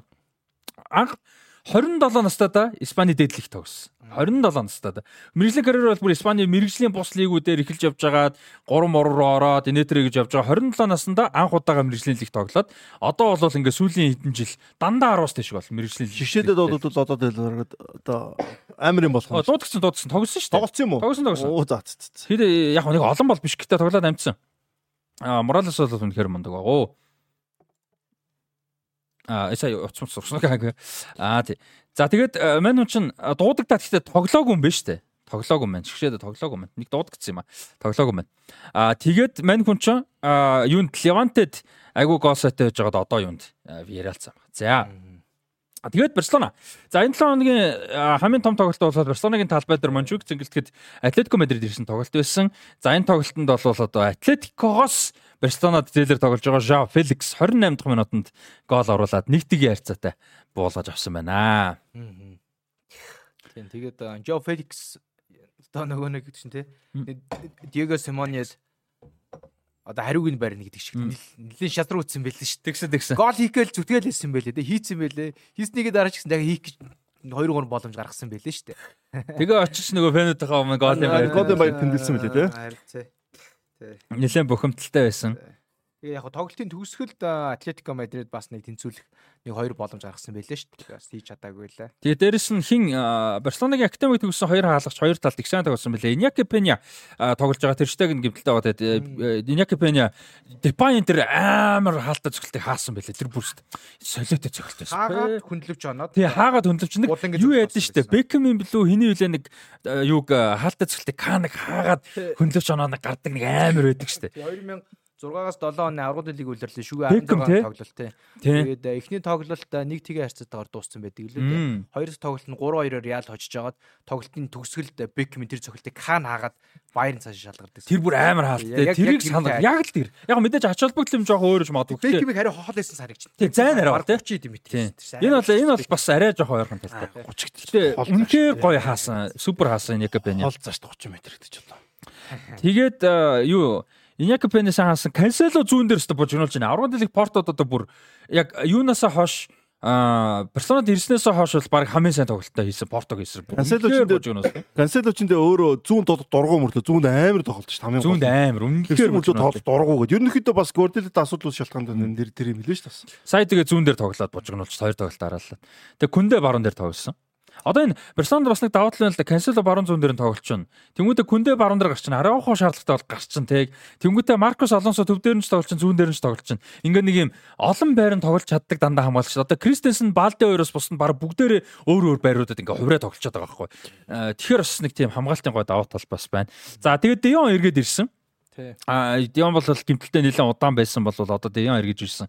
За тэгээ дээрэс нь Атлетикото тоглолтын дээр юу яасан? Рафиня амар сайн тоглосон байлээ. Рафиня бүр үнэхээр яг өөрөө гол бол хийвгүй. Гэхдээ үнэхээр сайн тоглосон байлээ. Тэгээд Левандовски 2 3 боломж алдж байгаа харагдсан. За ер нь Левандовски бол хийцдэг л боломжууд байсан да. Харин яагаад э, тэр гайхмар тэр сүулт тоглолтын төгсгөлт шүү дээ. 2-9-1 гарч ирэнгүүтээ бараа үлрээ тэгж амар мушгиж гадарлаж цогтээ. Тий. Тэр мэрийг харчаад гайхсан. За Левандовски яагаад тийм болч гэж гайхмаар. Тэг чи эсвэл хажууд талын хүн рүүгөө өгөөл гол илгүүлчих бөмбөг. Эсвэл Левандовски бол тэндээс гол хийх л. Тий өөрөө хийдэг л газар шүү дээ. Арай читрхи мушгаад хааланаас нилээн зайтай дайл зогчд нэлээ. 6 км ирсэн шүү дээ Левандовски. Тэгээд туршиж нэг залуу доош зогтог нас нь биш шүү дээ. Тэр чи одоо нэг бүх юмыг мэдчихэж байгаа. Хэдэн 100 гол хийсэн. Хэдэн 100-аараа тоологдох гол хийсэн ч одоо яг хөө тоглогч жоохон гайхсан ш. Тоглогч итгэл шүү. Яг тэр нөгөө confidence гэдэг нь л унцаад байгаа юм шүү. Эргэлдэж байгаа харагдаж байгаа байхгүй юу? Тэрэн дээр ч бол цэвэр мэдрэмжээрээ финишийн газар шүү дээ. Левандовски оо ойлгомжтой тий. Барыг нөгөө Слатан байсан бол зохиосон баяраа тэмдэглэж байгаа газар байхгүй. Тэгэхэд энэ чинь ингээ эргэлзээ шал өөр юм хийж ийн гэхээр бас нэг өөртөө итгэлгүй л одоо байгаа юм болов. Довтлогч нь хамгийн чухал чадварч итгэлтэй байх гэдэг ч юм бол. Тий, тэгж л бодсон л доо. За тэгээд ер нь бол нөгөө эцсийн цэгийг тавин шийдвэр гаргана гэж ерөөхдөө нөгөө нэг чиг нь юу хүмүүсийн л ажил шүү дээ. Тэгээд чинь асар өндөр сэтгэл зүйтэй те. За тэгээд 7 дугаар оронд явж байгаа нэг ч нэг ч гинэ сүүлийн 6 тойрогт хожигдлгүй явж байгаа Реал Битисийн талбай дээр Реал Мадрид очиж тоглох Мануэл Пелегрини талбай гоё юм байна. Их гоё байгаа форм супер байгаа Иско янз юм байгаа хин гимплээс эргэж ч гэсэн байгаа Набил Фикир ер нь бол гоё Вильям Жозе байгаа.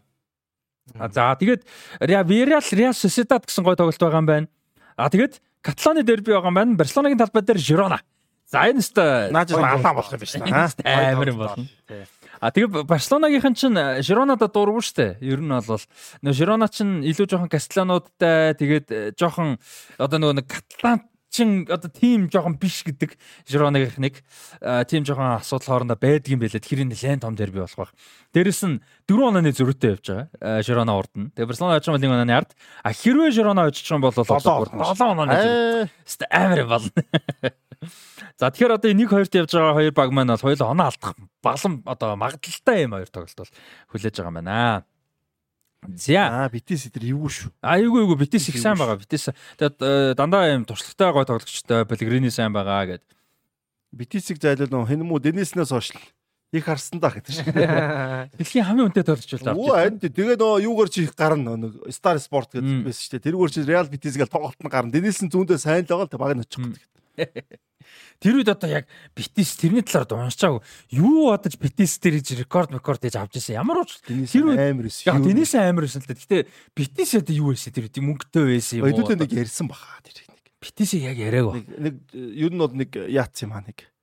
Аль дээрс нэг эзэн нэг жоохон мөнгөтэй болоо тэгээд яг нэг Роналдо Морналдо нэг барзилчууч нэг нэг Бразил хайптай байсан шүү дээ. Ривалдо Роналдо өдөрч амар те. Тэгж яат нь Денилсэн ч амар байсан бохгүй. Энэ сте ирээдүйд алхах гэдэг юм гүйл. За энийг сте энийг л алдахгүй гэд авчиж байгаа бохгүй. Энэ хахад үн хүрнэ. Тэгэл иччих байхгүй. Нөт нь фэлчихгүй. За тэгээд яа болоогүй дээ. Сте Денис хөлбөмбөгийн тоглоомнууд дээр 99 хууралттай ганц л хүн байдаг байлаа Денилсэн гэж. Робиныг араас сурсан. Роналдины өдрөө араас хэдхэн жил цоорол. Тэгэл байхгүй. Яг тэгээд олон жил заавал яхаа алдгүй л ууг нь. Гэхдээ Денис Интер бол бүр удаагүй. Рональдино энэ чи ядаж ноёлж байгаа байхгүй. Тийм. Рональдино оргилд нь гарцсан шүү дээ. Тийм. Денис Интер ч бол тэгээгүй байхгүй Робиньо. Тийм. Нэг хаяа хавар явж байгаа л тэгээ бодгсон доо тий. За яста тэгсэ тэгсэ. Ихтэй амар байсан шүү Денис. Йоо. Бразилийн шог тоглолт нь хожоол ирэл цай дуусах гадар бол Денистэй гарч нөт бөмбөг алдахгүй тий. Ваа хураал. Хураал. Амар чадвартай тий. Тэгээд нөгөө тэр үед чи Испани хөлбөмбөг нөгөө тэгэж юу яадаггүй. амар хатуу матуу нэг тоглолтоггүй. Тэгээ нэг сүртэй такл макл юм хийхгүй тэгээ авч чадахгүй. Гэхдээ Денис нь ч удаан тоглолтгүй 90 минут тоглож чадахгүй. Тэгээ бөмбөггүйгүүл муутай, фитнес муутай тэгээ. Юу нь бол би одоо бодох нэг Корезма шиг л. Тэгээ Корезма ч хажууд намайг амар 36 урт 36 урт тоглолтын юу н тийм лидер биш. Тэ гой гой юм хийгээд байдаг. Quaresma ч заримдаа шаардлагагүй айгүйх гой юм юуг алддаг ус боломжоо. Яг тийм Quaresma Денисээс хамаагүй. Илүү л дээ ер нь бол тийм. Яг энэ бол одоо өөр залуудаа бол тийм. Залуудаа бол Quaresma бүр яг тийм байсан шүү дээ. За, A руу орох уу? На на угаацсан Денис юм болоо. За тийм ээ. Тэгээ барьцилж шүү дээ. Нэг явуул те. Дугаасаа тэр чигээр авчтیں۔ Дөө.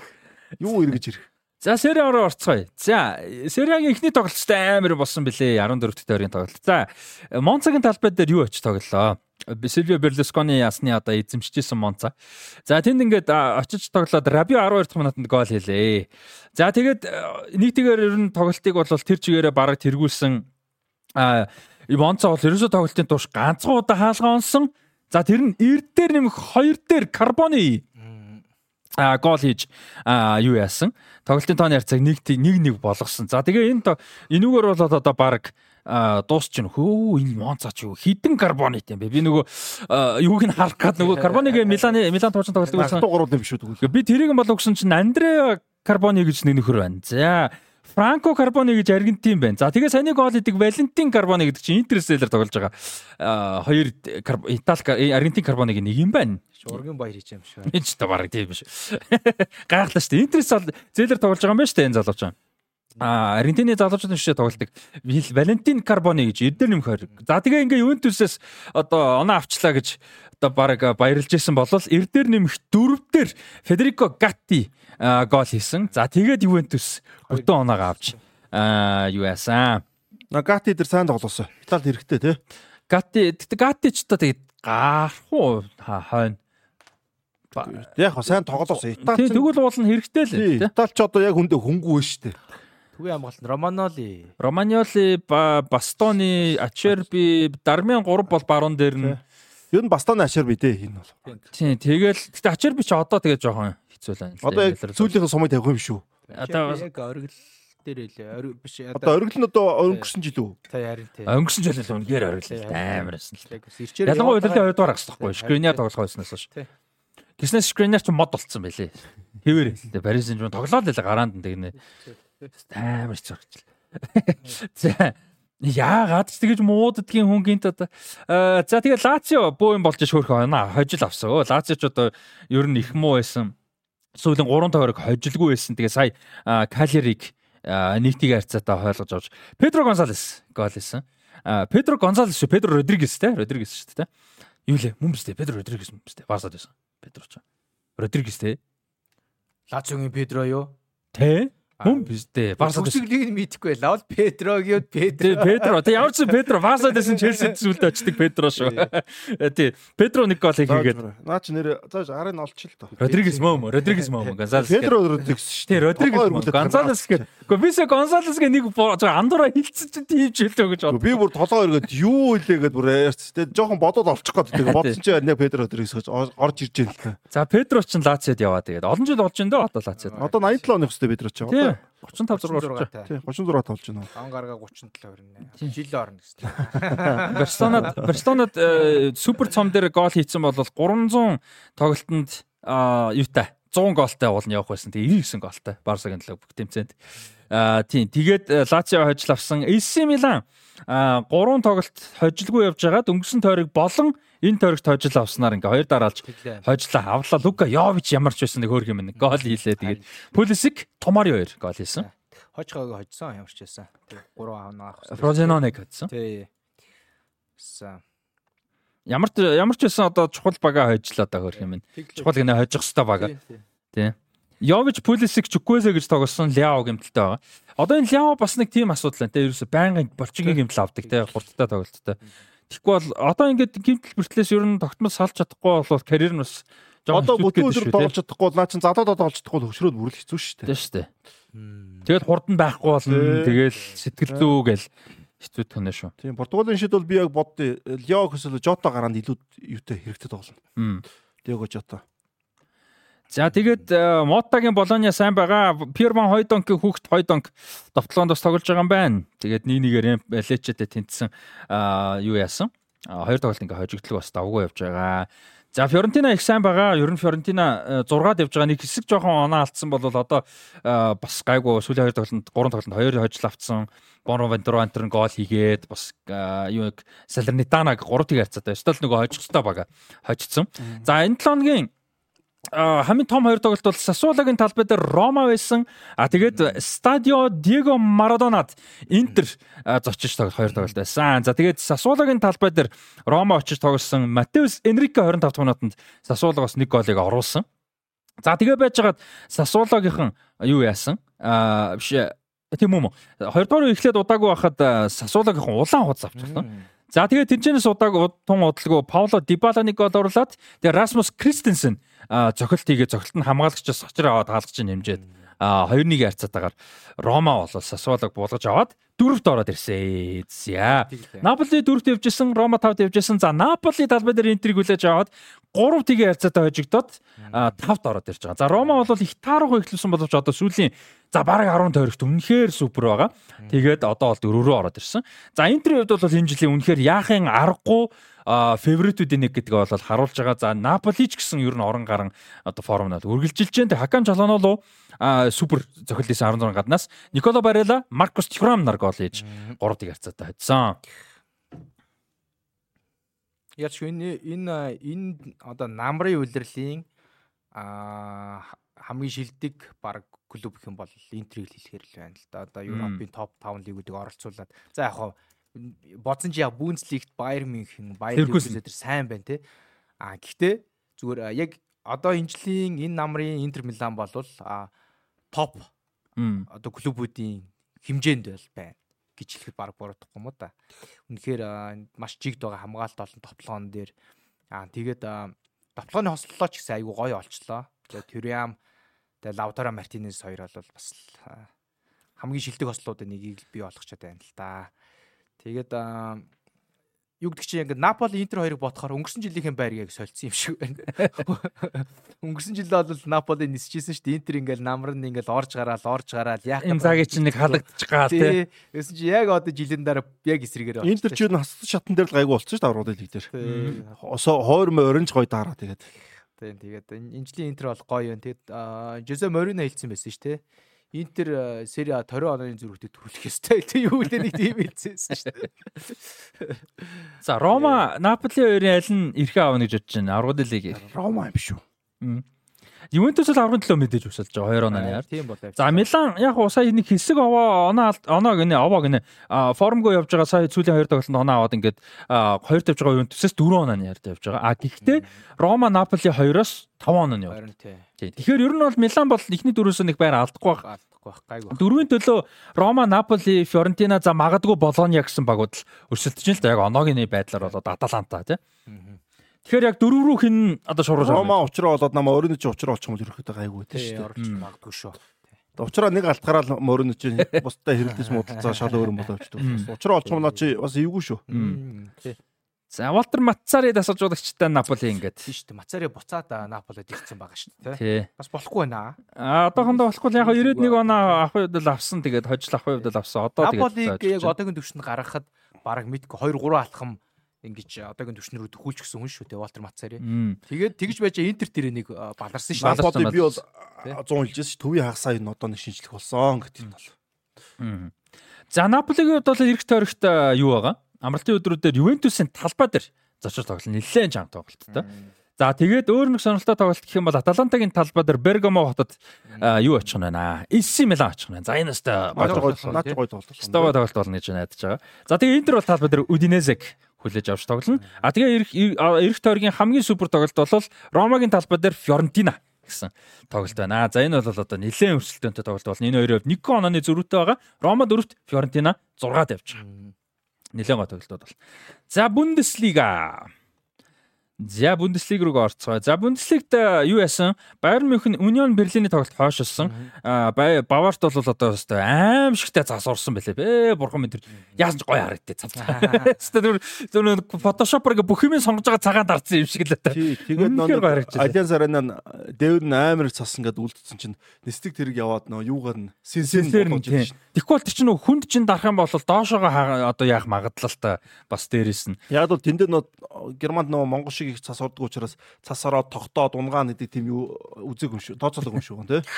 Тэгээ вертолетоор унгааж байгаа. Вертолетоор ингээд сенс сэргүүлээ сенс нь ингээд засыг унаж унаж. Тэг чи ялан царайныг тэр авч уул ингээл байш маш айгу олон юм харагддаг. Тэгс чи ихэд цав цагаан баг ингээд зүгээр цагаан нөгөө бэкграунд дээр ялан царайныг лого тавьчихсан юм шиг баг л тийм харагдчихлаа шүү дээ. Тий тэгээд тэр тоглолт бол одоогийн байдлаар хойшлцсан байгаа. Яг хизээд босныг сайн мэдэхгүй байна. Тэгээд дундуурны завар тоглолгоц. За Лайпциг Хайднамиг 2-1 харьцаад байсан. Юсуф Пулсон хин хоёр гол байгаа. За хин торгуулын зөвлөө. Аа Юсуф Пулсон сайн тоглол дайн төс үнэхээр хэрэгтэй шүү. Ганц хурдан үн үстэй одоо баг. Яг хойлон хурдан л та тийм. Хойлон. Хойлон шүү дээ. Үзүүрийн товтлогч. Үзүүрийн тийм. Ядаж Пул нь хоёр талд баггүй тийм. Хоёр талд нь гүн тийм. Урд нь хоёр хүн урдан биш Брэйтвейдийн хоёр гээд пост ингээд одоо Брэйтвейд нь хаач байгаа одоо. Тийм Брэйтвейд нэр хаана. Тэс нэгсээ Барселона тоож явсан гэж тийм. Хөөрхөн сайн гүдэн шүү Брэйтвейд. За торгуулийн Шавис юм Опенда тийм байх Шавис юм биш биш. Луис Опенда торгуулийн зөвлөлтийг хийгээд тэгээ Юсуф болсон аа юу байсан гол эс. Тэгээд ёо Лайпциг хурд өстэй. Үх урда яг гоо тэгээд Шави Симэнс дунд божигнуулж байгаа. Шави Симэнс божигнуулна. Тэгээд урд нь Опенда хурдан, Полсон хурдан, э, хин Тимо Вернер хурдан. Хурдаар бол өстэй нэр үнэхээр амар. Амар. Опенда хэдин гол хийчихсэн. Тоглол болгоно гол хийчих. Хийж байгаа айгуу сайн байгаа, айгуу сайн байгаа. Ситэд 2 хийсэн сая. Тэгсэн. Ситиг хочих төгсөн тий. Тэгсэн тэгээ сүлд э, хийжэж э, сүлд хэлүү те. Сүлд хийжэж 3 гол хийсэн Сити. Тэгжээж 3-2-оор хайцсан шүү дээ. За тэгээд Штутгартстай сайн байна. Штутгарт ч одоо Жироно шиг нь бол их сайн байгаа тий. Денис Ундав өмнө нь бол Вердер тоглож исэн. Вердерээс нэг гол хийсэн. Брайтон Брайтон дөлөө. Брайтнаас зээлэр тоглож байгаа шүү. Бараг тийг санаж байна. Тийм. Тэгээд Сэрүү Гераси өөр юм багтээ одоо. 75 донод нь торгуулийн цохилт хийгээд өө тэгээд паника хийж лээ Гераси болол. Тэгээд тэгээд наа ч амар итгэлтэй. Амар амар амар. Наа ч том баг авал энэ явж магадгүй шүү. Тэгээ гол одоо давуу тал нь 27 8 таа ийм хэмжээнд хүрж байгаа бол шин нэг том давуу нь амар мачур болсон байхгүй сэтгэл зүйн хувьд бэлтгэл анхаарал хандуулахтай агүй бол нөгөө залуу дөнгөж 12 та 20 дөнгөж хор гарч байгаа хүүхд залуу хүний Тооны ихсээс герасын зүгээр юм шүү Арсенал да. Тоглолт Монголд ер нь нийцх юм шүү. Хурдан өндөр. Тэдгээр суулгахад хямрахгүй гэдэг. А гэрас бол амар л шүү. Тэн чинь юусоо бие хүчний тоглолт мөн супер байгаа байхгүй. Би бол Тоныг Арсенал дээр дээр гоолоор бөмбөгдөөд нэгч бол энэ бол жоохон итгэл муу байгаа яг өндөө. За би Тоныг бол гайгүй. Би бол Тонид бол арай. Би бол итгэл муу байна. Тоны Тоны гой тавталж. Би бол ер нь урилалын 2 дугаар агст Тоны альч багт тогсон учраас олчвол ер нь шигшээд явчих шүү. Ер нь явал явахаар яг Watkins Kane-с өөр болохоор Watkins-ыг авч явж байгаа. Түүнээс явхад бол би гайхгүй. Хэрэв формтой. За тэгээд Штутгарт бол хоцсон байна. За өнгөрсөн төргийн хамгийн э, одоо хүмүүсэн хүлээжсэн тоглолт бол энэ Б арена гэж уншаад байдаг. Бай арена л гэдэм байлээ шүү дээ. Баяр гэдэг нь шүү дээ. Герман юм чинь. Тий яг нөгөө тий. За Бай аренад Баяр Лекеркусен мэдээж боломжтой. Тэгээд Боруссия Дортмунд зочиж тоглосон. Тэгээд энэ үлрэлийн 2 дахь тэнцээг авлаа. Баяр Лекеркусны хувьд бол 11 хожил 2 тэнцээтэй болж байна. Дортмунд юу нуцар болоод байгаа юм шүү. За олж гин үү яг. Нэг уу том том багтад цаанд олдгороо. Аврууд дилект л одоо хэсгээд хэргүүлж байгаа. Том багуутай том багтээс дорсон зүвдсэн юм шүү. Том багуутай цаанд болоод байгаа шүү дээ. Муу багтаа муу болоод байгаа шүү дээ. Риерсэн гол хийж байгаа харагдлаа. Амьдралын хэсэгт орчвол наа чи бас гарахгүй шүү магадгүй шүү. Үгдийн хэсэгт ороод Копенгаген магад хожигтой. Тэд ч мэдчихсэн тэгээд тэрүүгээр нэг хоёр тэнцсэн Копенгагентэй. За ингээд сүүлийн 2 дөрөг бол ямар ч тач хожигдсангүй 25 оноотой дөрөвт Лайпцигаас нэг онооны ард явж байгаа Дортмунд явдал. Энэ жил Дортмунд бол өнгөрсөн жишээ өрсөлдөн гэсэн бол мэдээж байхгүй. За одоо бол зүгээр гол зорилго аврагын лигийн л байр гэсэн. Тэр аврагын лигт нь Дортмунд Лайпциг хоёр аврагын лиг нөгөө хоёр юм шүү. За Штутгарт гол. А бас Штутгарт. Штутгарт одоо дондор нь орж ирсэн. Штутгартны аврагын лигдээ үлдүүл тэгээд үлднүүлдэхгүй унахал бах та. Арайж аврагын лиг үлдэхгүй хоо. Авраг бол биш тэ аврагын лиг гэдэг тэ дөрөв байрны хувьд бол. За Виктор Бонифас яг нэгэр хүн бол Бонифас гэж дуудаж байгаа сонсогдсон би нэгэр хүний юу сонсож байсан чи. Тийм Виктор Бонифас нэг голыг хийсэн. За тэгээд Риерс нэг голыг тэнцүүлж ингээд тэнцэж байна. За тэгээд энэхийн хоёр бол амар илээ. Тэр Фримпон Грималдо хоёр бол одоо бүр нэрээ ямар ч гоё хавцалтдгийн те яг яг хиний тэрхийн хоёрын гоё хөлбрийг санагдуулаа голтой хөлбөр санагдуулаад байгаа байхгүй Александр Арнольд Робертс хоёрын яг тэр гол ер нь баг штэ гэхдээ тэр хоёрын голтой хөлбөр байгаа байхгүй тэгээ Фримпон бүр урагшаага ордог. Грималдо урагшаа орно таван хамгаалагчтай болохоор бас тийм яг мэдээж тийм л те ялгаа нь байгаа. Үнээр үнэхээр гоё лээ. Тэгээ Виктор Бонифас яасан ч гоё өөртөө ихтэй тоглолтгийн бөмбөгтэй тоглолт сайн. Бонифас ер нь дараагийн 100 саяын товтлогч юм биш үү дээ. Ер нь. Аа хин бол тааруу байгаа штэ энэ үлрэл. Осимен. Осимен бол тааруухан байгаа. Бонифас бол амар биш штэ. Бонифас ч 2 дахь үйлрэлтээ ингэ сайн тоглож байна. Ер нь энэ үйлрэл дуустлын формтой бол 100 ба ер нь явж. Бонифас, Опенда, Гираси гэд гой гой довтлогч байна. Янз янз довтлогч байна тий. Италид бол гой довтлогч байна. Тэгэл нэг нь Кейн байгаа юм жаахгүй. Ер нь бол нэг нь Bayern München аваад бусдын тэгэл бас нь аваагаад авдсан шүү дээ энэ бол тий. Тэгээ энэ бас өөр баг руу одоо товтлогч хэрэгтэй баг юу вэ? Челси байна. Өндөө байгаа шүү дээ товтлогч. За өөр. Товтлогч бол одоо хэдүүд ярьж угаасаа сонгогдод товтлогчор бол хаана ч хэрэгтэй байгаа. Гэтэ ихэнх нь товтлогчтой байгаа даа өстэй багтаа. Одоо чинь хоёулын Юнайтедтай. Реал Мадрид юу вэ? За Реал байна, Челси байна. Арсенал авыг бол аавна. Арсенал за энэ гурав өөр. Аа тэгээ Барселона Левандовски насны явсан. Аа тийм Барселона ч одоо авсан. За ингээр энэ дөрвөн баг бол энэ энэ 100 довтлогч бол хайх магадлал өндөр шүү дээ. Мадрид бол авч таарна. Довтлогч дараа жил бол найдвартай аавна. Тийм ээ. Депачи явчихж байгаа. Тэгээ Феликс явна. Аа юу юм бэ? Реал ч гэхдээ Мбаппе гэдэг байна. Тоттенхэм ч авна. Тоттенхэм страйкер авах уу? Аавна гэж бодож байна. Тэгээ цооны тоглох юм уу? Тийм л дээ. Яг одоо байхгүй л дээ довтлогч зүгээр яг. Энд аав шүү дээ. Хэнийг авах авна шүү дээ. Наад хэдэж чи. За эдгээр хуваарлаа л та. Гүй гүй одоо хуваарлал бид нар хуваарлаад одоо наач яахгүй наач өдөрлийн төсөөлөл хуваарлахгүй дондоо нь хуваарлал наач яста жиг бодлоо болно шүү дээ Милан болвол нэг довтлогч авчмаар байна тий Юу н довтлогчод хизээш модоос гарч байгаагүй шүү дээ угаасаа Миланд Гираси очвол харин амар юм шүү аа алах юм биш Тэгээ Бонифас ч бас нөгөө бөмбөгтэй тоглолттой болохоор Барселона Барселонад ч уулна бас лавцалтан да яад юм байна Тэгэл наад дээр ч иймэрхүү довтлогчор гарч ирэл дээ Линкунку өдөр чинь жигүүрт төв далдаг үснэл явлаа ш чилсэн мэсэр. Тэгээд одоо жоохон форм нь ятсан байгаа довтлогч тас байна. Одоо Осимен жоохон тийм байна. Хин одоо тэнгэж буцаа уучраа болж байгаа. Лилд нүд төрүүлэхт амар байсан. Жонатан Давид юуны Канадын их сайн штэ ууг нь бол. Өнгөрсөн жил их таар байсан. Осимений дээр 100 хүрэлт нь явуулдаг гэсэн Наполи те. Тий. Ер нь бол тэгэл Орентис тоодгүй юм дөө тэгээд. Нөхөр чин тэгэл явуулахгүй гэсэн бол мөнгө алдсан ч амуулахгүй явуулахгүй байсаар байгаад гэрийг нь тусгаар явуулдаг шүү дээ. Хин чин Дил Орентес чи ер нь жоохон чанга нөхөр. Том эготой. За. А Франц лигт өрсөлдөөнүүд бас нэлээд сонирхолтой явж байгаа. Аврагын төлөө одоо яг оноогоор бол яг баг өрсөлдөж байгаа гэж хэлж болохоор ганц баг нь бол Низ яг Монако бол нэг хэсэг бол их сайн явжсэн. Жохон онооны зөрүүтэй болцсон. Тэгээд юу яасан? Парист балрангаа алдсан өчигдөр уржигдөр тоглолоо. Улаан уц аваад. Доноромо улаан уц аваад. Аруула 90 80 минут тоглосон шүү. Тэгээ хожсон шүү дээ. Тий. Тэгсэн. Тэгээ Мбаппег бол шүү дээ. Нөгөн сул баг байсан тул та 3 он авсан байл. Ле хавр хэлв. Тий, ле хавр. Э юу Витиня сүлд гол шүү. Витиня ер нь голтой байгаа. Энэ удирлын 4 5 дахь голоо баг. Витиня сайнд бол Португалийн гараалаа. Одоо Португал яг төв яхас хэрэгтэй байгаа байхгүй. Витиня төв яхас руу үзэхгүй. Үзэн өстэй. Үзэн үзэн. Витиня төв яхас тал үзэх баха. Палиня, Витиня, Бернардо Силва хараад байгаа шүү дээ би. Гэхдээ Берна э, Бруно Фернандчиг яах вэ те? Гэхдээ Витиня гараанд гарч ивэл Португалийн төв ягас хамгаалалт төр тийм сайн биш байна л гэсэн үг. Палин Палиня шүү дээ одоо гол төв ягас нь. Фулами.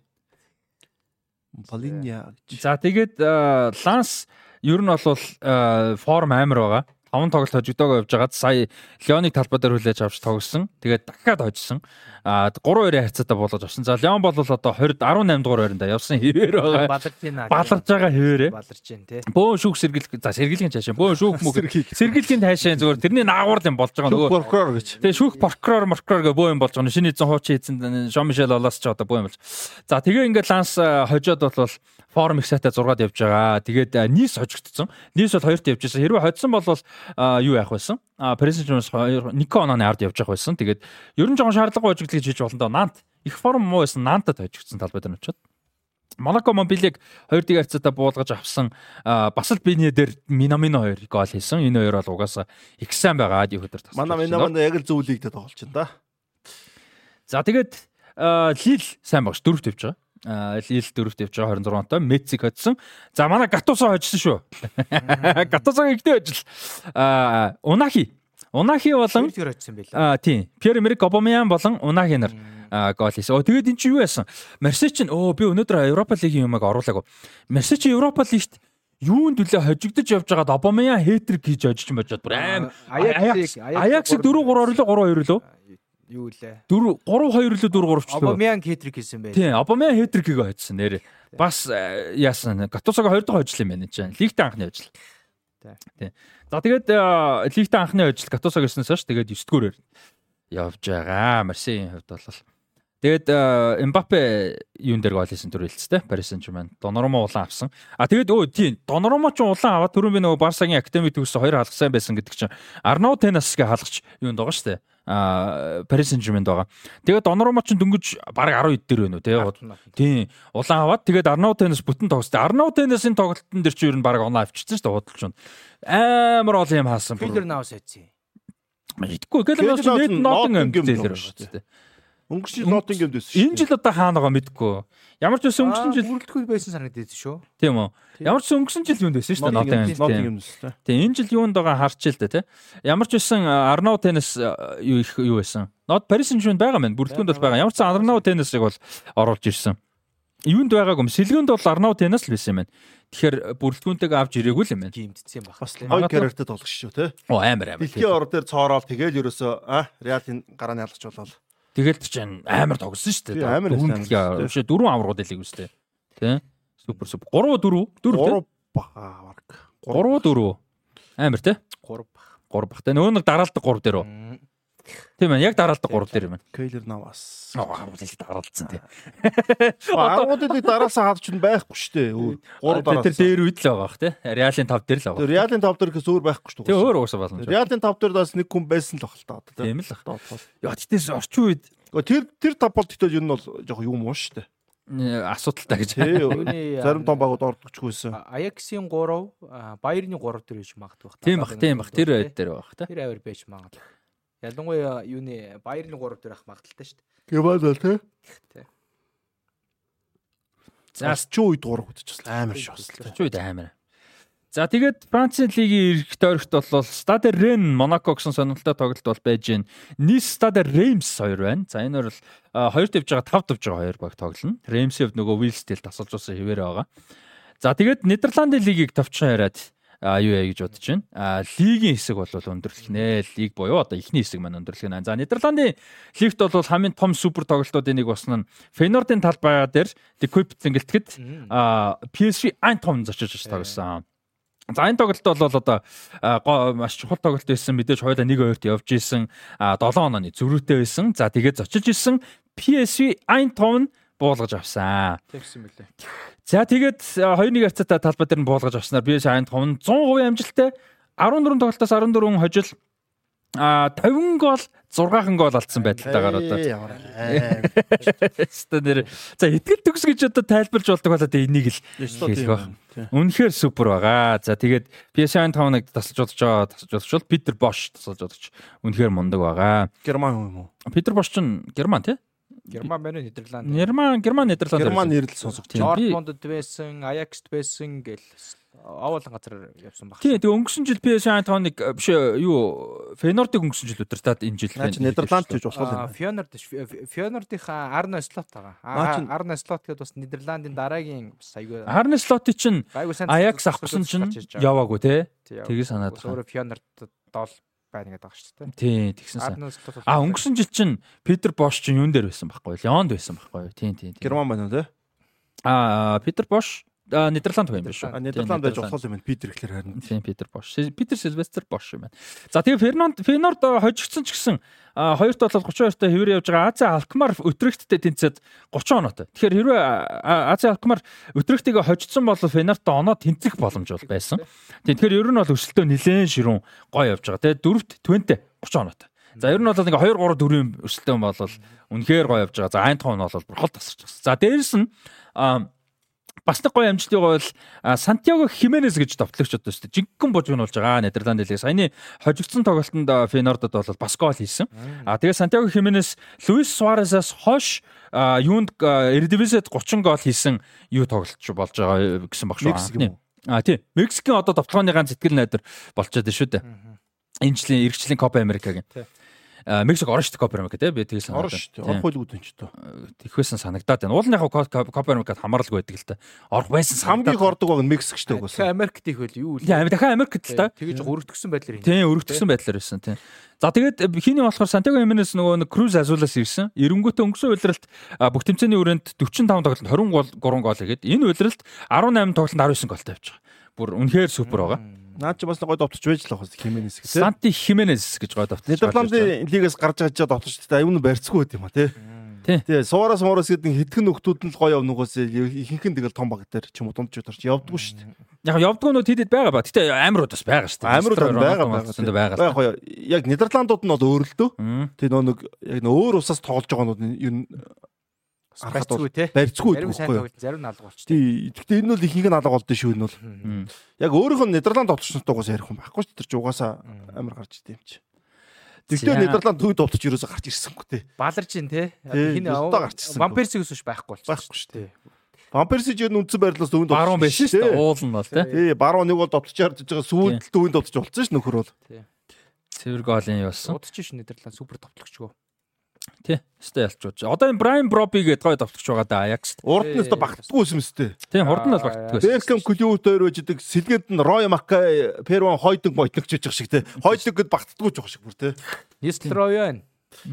Тэгэл Hasselbank тий. Тий, Hasselbank дээр байсан шүү дээ тий. Бас шүү дээ. Амар шүү. Тэгээ хүндлээрээ гарч ирсэн. Араас нь Одоо Проби л найдар байна да. Брайан Проби бас гайгүй байгаа тий. Сайн сайн. Тэгээ залуу штэ. Тий, гайгүй залуу. Одоо дөнгөж 21-тэй. Ер нь бол тэгээ өнгөрсөн жил чинь их сайн тоглосон. Айгүй муу Аякс их сайн тоглосон. Ер нь бол бас потенциалтай довтлоо. Нидерланд ер нь бол зүүн төвийн довтлогчгүй энэ юу н довтлооны тоглогч ер нь байхгүй болцсон дээ сүүлийн жил. Харин тэглээ. Тэгээ байл байлаа шүү дээ ганц гайгүй нэр. За ингээд эхнээс гөндөрлөх үү?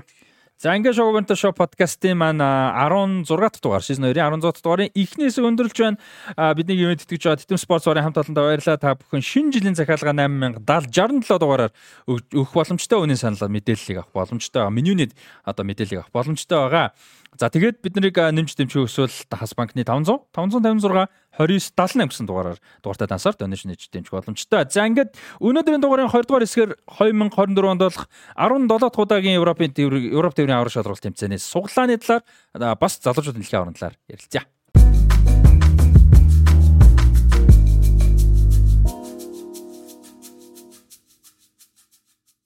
За ингээд Шого Бонито шоу подкаст сизон 2 16 дахь Дугаар 20 дахь хэсэгч байна. 17 дахь удаагийн Европ ТV-ийн аврал шалралт тэмцээн буюу 2024 онд Герман улсад зохион байгуулагдах Еврогийн одоо эцсийн суглаа болж дууссан. Сая бол. За тэгээ энэ суглааг бол Централ телевизээр шууд дамжуулан гаргасан бит хоёр тайлбарлсан. За аудионоос эхний нэг хэдэн минутанда жоохон цуурайцсан гэсэн асуудал гсэн байлаа. Тэгээд хэдхэн минутын дараа гайгүй засагдсан тий. Гайгүй болсон байгаа. За суглааны хувьд еврогийн хувьд юу яч нэг товчхон мэдээллүүдийг бас өгчий гэж бодож байна. За энэ еврогийн зохион байгуулалтад одоо хэн өрсөлдсөн бэ гэхээр Турк өрсөлдсөн. Араас ганц өсөлцөн улс нь бол Турк байсан. За тэгээ Турк Герман хоёр бол одоо 2017 оны 3 сарын 8-нд хоёулаа өрсөлдөнө гэдгээ зарласан. За тэгээд 2018 оны 9 сарын 27-нд ялагчийг зарлахад бол нийт саналаас 12 саналаар Герман сонгогдсон. Турк дөрвөн саналыг авч нэг нь бол санал одоо өгөхгүй гэж абсент бол абсент санал гэдэг чинь одоо манайгаар цагаан уц өгнө гэдэг те. Тэгсэн юм байна. За ингээд бол Герман ихийг бол авсан. За Германы бол 10 хотын хэдэн цэнгэлт байлаа 10 цэнгэлтэд те болно. За энэ бол Берлиний Олимпиа стадион, Мюнхний за Альбисер бол Фүсбал арена Мюнхен гэж явж байгаа. Одоо нөгөө нэг альянсын юу н байгууллага спонсоргүй үед хамааралгүй клубгүй үед. Тэгээ одоо хамааралгүй учраас те Еврото. За тэгээ Дортмунд BVB стадион Дортмунд гэж явж байгаа. Одоо бидний мэддэг Вестфален стадион бол за Штутгарт Штутгарт арена, Гельсенкирхен хотын арена Афшалка А Франкфуртын Франкфурт арена, Хамбург хотын Wolfspark стадион, Düsseldorf-ын Düsseldorf арена, Кольн хотын Кольн стадион, а тэгээд Лайпциг хотын Лайпциг стадион гэсэн. За энэ 10 хотод ийм 10 цэнгэлтгэд бол зохион байгуулагдана. За Германы хувьд бол юу яаж исэн? Өмнө нь бол 3 удаа Европт бол төрүүлж исэн удаатай. За ингээ 13 дахь удаага, биш 14 дахь удаага Европын арга шалралт тэмцээнд бол одоо оролцох гэж байна. Бас түүхэндээ хамгийн олон оролцсон баг нь 17 удаа болж байхад. За иймэрхүү байна. Тэгээ хэсгийн суглаа гэдүүлээ ярилцгаая. За би хэсгийг хэлье. А та хоёр яг хэсгээс одоо фаворитууд нь юу байна? Ямар баг нь одоо хідээр гарах боломжтой гэдгийг ярилцаад яваа. За нэг мэдээлэл нэмээд өгөхэд бол 24 баг орж байгаа. А хэсгийн эхний хоёр багаар бүгдээрээ гарна нэмээд 6 хэсгийн хамгийн өндөр оноотой одоо 3 дугаар байранд орсон хамгийн өндөр оноотой дөрөв нь гарна гэсэн. За тэгэхээр ер нь бол одоо 6 хэсгийн дөрвөөс нь 3 баг гарна ийм боломжтой байгаа шүү. За намайг ч одоо бүрдгөө ярьж болохгүй шүү. Анхаар болсон манаас тийч одоо арай урд болох гээд байна гэдэг. Бүр бүгднгийнхэн бүрэлдэхүүнийг л явахгүй гэхдээ мэдээж онцлог тоглогч ч юм уу гол нь таамаг тий. Гол нь би ч одоо бүрэлдэхүүн рүү орох дуртай нэг л орчих гол чинь. Тэгээ гол нь таамагуудаа ярьчаад нэг хасагдах шатны бас таамгийг хэлүүлээ бас ярилцъя гэж бодож байна. Сонирхолтой болоо гэж бодож байна. За За A хэсэг бол мэдээж Герман хамгийн түрүүнд байсан. За Шотланд, Унгар, Швейцар гэсэн багууд нэг хэсэгт орсон байна. За энэ хэсгээс одоо содон сонирхолтой содон баг э, тоглолт юу гарна гэж бодож байна. А хуваар ямар санагдав? Энэ хэсгийн суглаа ямар санагдав? Герман боломж тарыг хамгийн хатуу суглаад татчихуу да тий. Надаас тийс харагдсан.